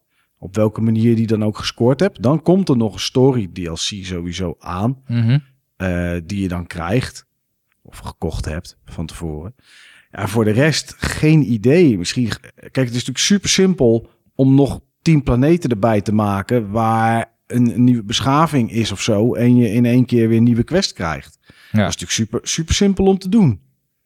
Dus dat zullen ze ook vast wel gaan doen. Want volgens mij heb ik wel ergens gelezen dat ze deze game wel voor een aantal jaar willen gaan supporten. Ja, dat kan je alleen maar doen door nieuwe content te maken. Ja. Niet alleen door bugs te fixen, die ik overigens nog steeds niet echt ben tegengekomen. Nee, nee. Ik ben nog nooit door de grond gevallen. Er is nog niks geglitcht. Nee, geen ik heb wel eens ooit dat eh, een NPC niet je aankijkt wanneer je ermee aan het praten bent. Dan Ja. kijken ze helemaal juist van je weg of zo. Ja, dat heb ik ook wel eens gehad. Eh, NPC's, wat ik net zei, die door elkaar praten. Dat je in één keer de story niet meer kan horen omdat er iemand anders doorheen tettert. Ja, oké, dat dan wel. Ja, Dat heb ik wel gehad. Eh, ik vind wel de UI, de menu, menustructuur vind ik echt gewoon niet gebruiksvriendelijk. nee. Helemaal niet als je de star map ingaat. Ik snap gewoon niet wat ik aan het doen ben. Nee, met die planeten. Ik snap het gewoon niet. Ik, ik, de- wat ik denk dat bewegen is, is geen bewegen. Dat is inzoomen of draaien. En dan zoom ik ineens op iets anders in. Dan wil ik terug. Druk je op B, gaat hij terug. Maar is één stapje. Dan kom je daarna weer. Dat is heel, heel, heel lastig. Ja, ja, ja. En wat ik ook zeg maar. Dat ik denk van oké, dit had ook wel beter gekund. Dat ben ik nu kwijt. Maar dat had ik net in mijn hoofd. Hmm, Eh, laden misschien. Nou, nee. Die laat, die laat dingen waar mensen over klagen. Weet je, ik kijk er dan toch iets technischers naar. Ja. Ik weet gewoon dat, tuurlijk, als je ruimteschip ga je binnen, je klimt omhoog en dan gaat hij laden. Ga je eh, nog een plekje omhoog, gaat hij weer laden. Ga je zitten en ga je warpen, gaat hij laden. Ja, weet je, ik heb daar niet zo'n problemen mee. Want ik Hm. weet gewoon, de- deze game is zo groot, dat kan niet naadloos. Nee. Dat gaat gewoon niet. Oké, Red Dead Redemption 2 had het wel. Dat was wel naadloos, maar daar ben je natuurlijk wat, wat meer gestuurd. Eh, dus dat vind ik niet zo'n probleem, dat dat niet zo naadloos is. Dat, daar, daar, ja, dat snap ik wel. Wat je wel ziet, is qua grafische kwaliteit, dat plekken die groot en open zijn, zijn minder mooi dan dat je in een afgeschermd stukje bent waar Hmm. die voor moet laden. Als je in de lodge komt, waar de Constellation is, vind ik alles super gedetailleerd en super mooi. Loop ik buiten in Nieuw Atlantis, dan denk ik, ja, het is allemaal wel wat koud en kil en wat minder gedetailleerd. Mhm. Dat wel. Maar ja, voor de rest heb ik daar niet zo'n eh, niet zo'n problemen mee. Maar ik weet niet meer wat ik wou zeggen eigenlijk. Ik weet niet wat het andere was. De rest is allemaal fantastisch. nou, de rest is niet allemaal fantastisch, maar eh, nee, ik weet het niet. Er was nog iets dat ik dacht, ah, oké, dit vind ik ook iets minder, maar nou ja, misschien kom ik er nog een keer op voor de volgende uitzending. Ja, Eh, precies. Dit is een game waar we nog niet over uitgesproken zijn. Dat is in ieder geval zo. Ja, het is gewoon nog, nog vroeg. Ik zit nog niet zoveel in de game. Ik heb nog heel weinig ervan gezien. Heel veel mensen hebben er nog heel weinig ervan gezien. Ehm, het zou me niks verbazen als dit wel zo'n game is... dat als je in de toekomst terug aan 2023 denkt... dan denk je Mhm. dat is Starfield. Ja, Dan, dan ben je misschien zelfs Zelda en Baldur's Gate al vergeten. Maar Starfield is dan wel, ja, dat is zo- zo'n monumentale release. Als het, als het, zeg maar, gaat klikken bij heel veel mensen ook, die Ja. in het begin dat niet hebben. ehm, dan kan ik me wel voorstellen dat dit dat is, omdat het zo'n, zo'n ontzettend ambitieuze, grote nieuwe game dat is. is het zeker. Ja, dit blijft wel, ja, ook al gaat het niet klikken, blijft deze game wel hangen, denk ik. Ja, Er is zoveel om te doen geweest. Het verhaal met Sony natuurlijk. Hè, natuurlijk dat Microsoft Bethesda heeft gekocht omdat Starfield anders een PlayStation exclusive zou worden. hm, dat wist ik niet eens. Ja, ja, er waren plannen dat het een PlayStation exclusive zou worden. En Microsoft wilde daar een stokje voor steken. En dat zou de hoofdreden zijn dat ze Bethesda hebben Ah. gekocht. Ja, dat ze dat niet wilden laten gebeuren. Ja, nu maken ze hem zelf exclusive natuurlijk. Ehm, ja, Ik, eh, ik weet het nog niet. Ik, eh, misschien is dat wel de beste conclusie. Dat ik het nog niet weet. Maar dat ik bang ben dat het hem voor mij niet gaat worden. Ja, ja, ja. Ja. Maar is ook niet erg. Gelukkig eh, zijn er nog meer games dit jaar. Ja, er is genoeg. Er is genoeg om te gamen. Dus hebben we ook nog genoeg nieuws om dit jaar over te praten. Ja, Want dat eh, heb ik me wel voorgenomen, zeg maar. Ik weet, het, het ligt eh, niet aan jouw kant qua tijd, maar meer aan de mijne. ja het was wel een drukke tijd. Maar ik, bij mij was het ontschoten dat we zo lang al niet hadden opgenomen. Ja, ja, maar goed, weet je, als afsluiter, zeg maar, eh, wil ik toch wel, ik wil wel wat meer opnemen. Ik blijf dit te leuk vinden om Eens. over games te praten gewoon. Ja, ja, dus ja. dat moeten we, moeten we doen. Ja, ik denk dat dit hem is voor dit moment. Ik weet niet, waar zitten we op? Drieënhalf uur bijna. Ja, maar daar heeft hij een stukje pauze we door laten lopen. Ja, dat is ook zo. dus hij wordt denk ik even lang als dat je gewend bent. Ja, ja, dat is. Maar hoe laat is het? Het is kwart over twaalf. Oeh, en jij moet twee uur rijden. Ik moet nog twee uur terugrijden, ja. Ja, dat is wel een mooi moment om af te sluiten dan, Mike. Eh, ja, laten we dat maar doen. Laten we dat maar doen. Ehm, bedankt voor het luisteren. tot, de volgende keer.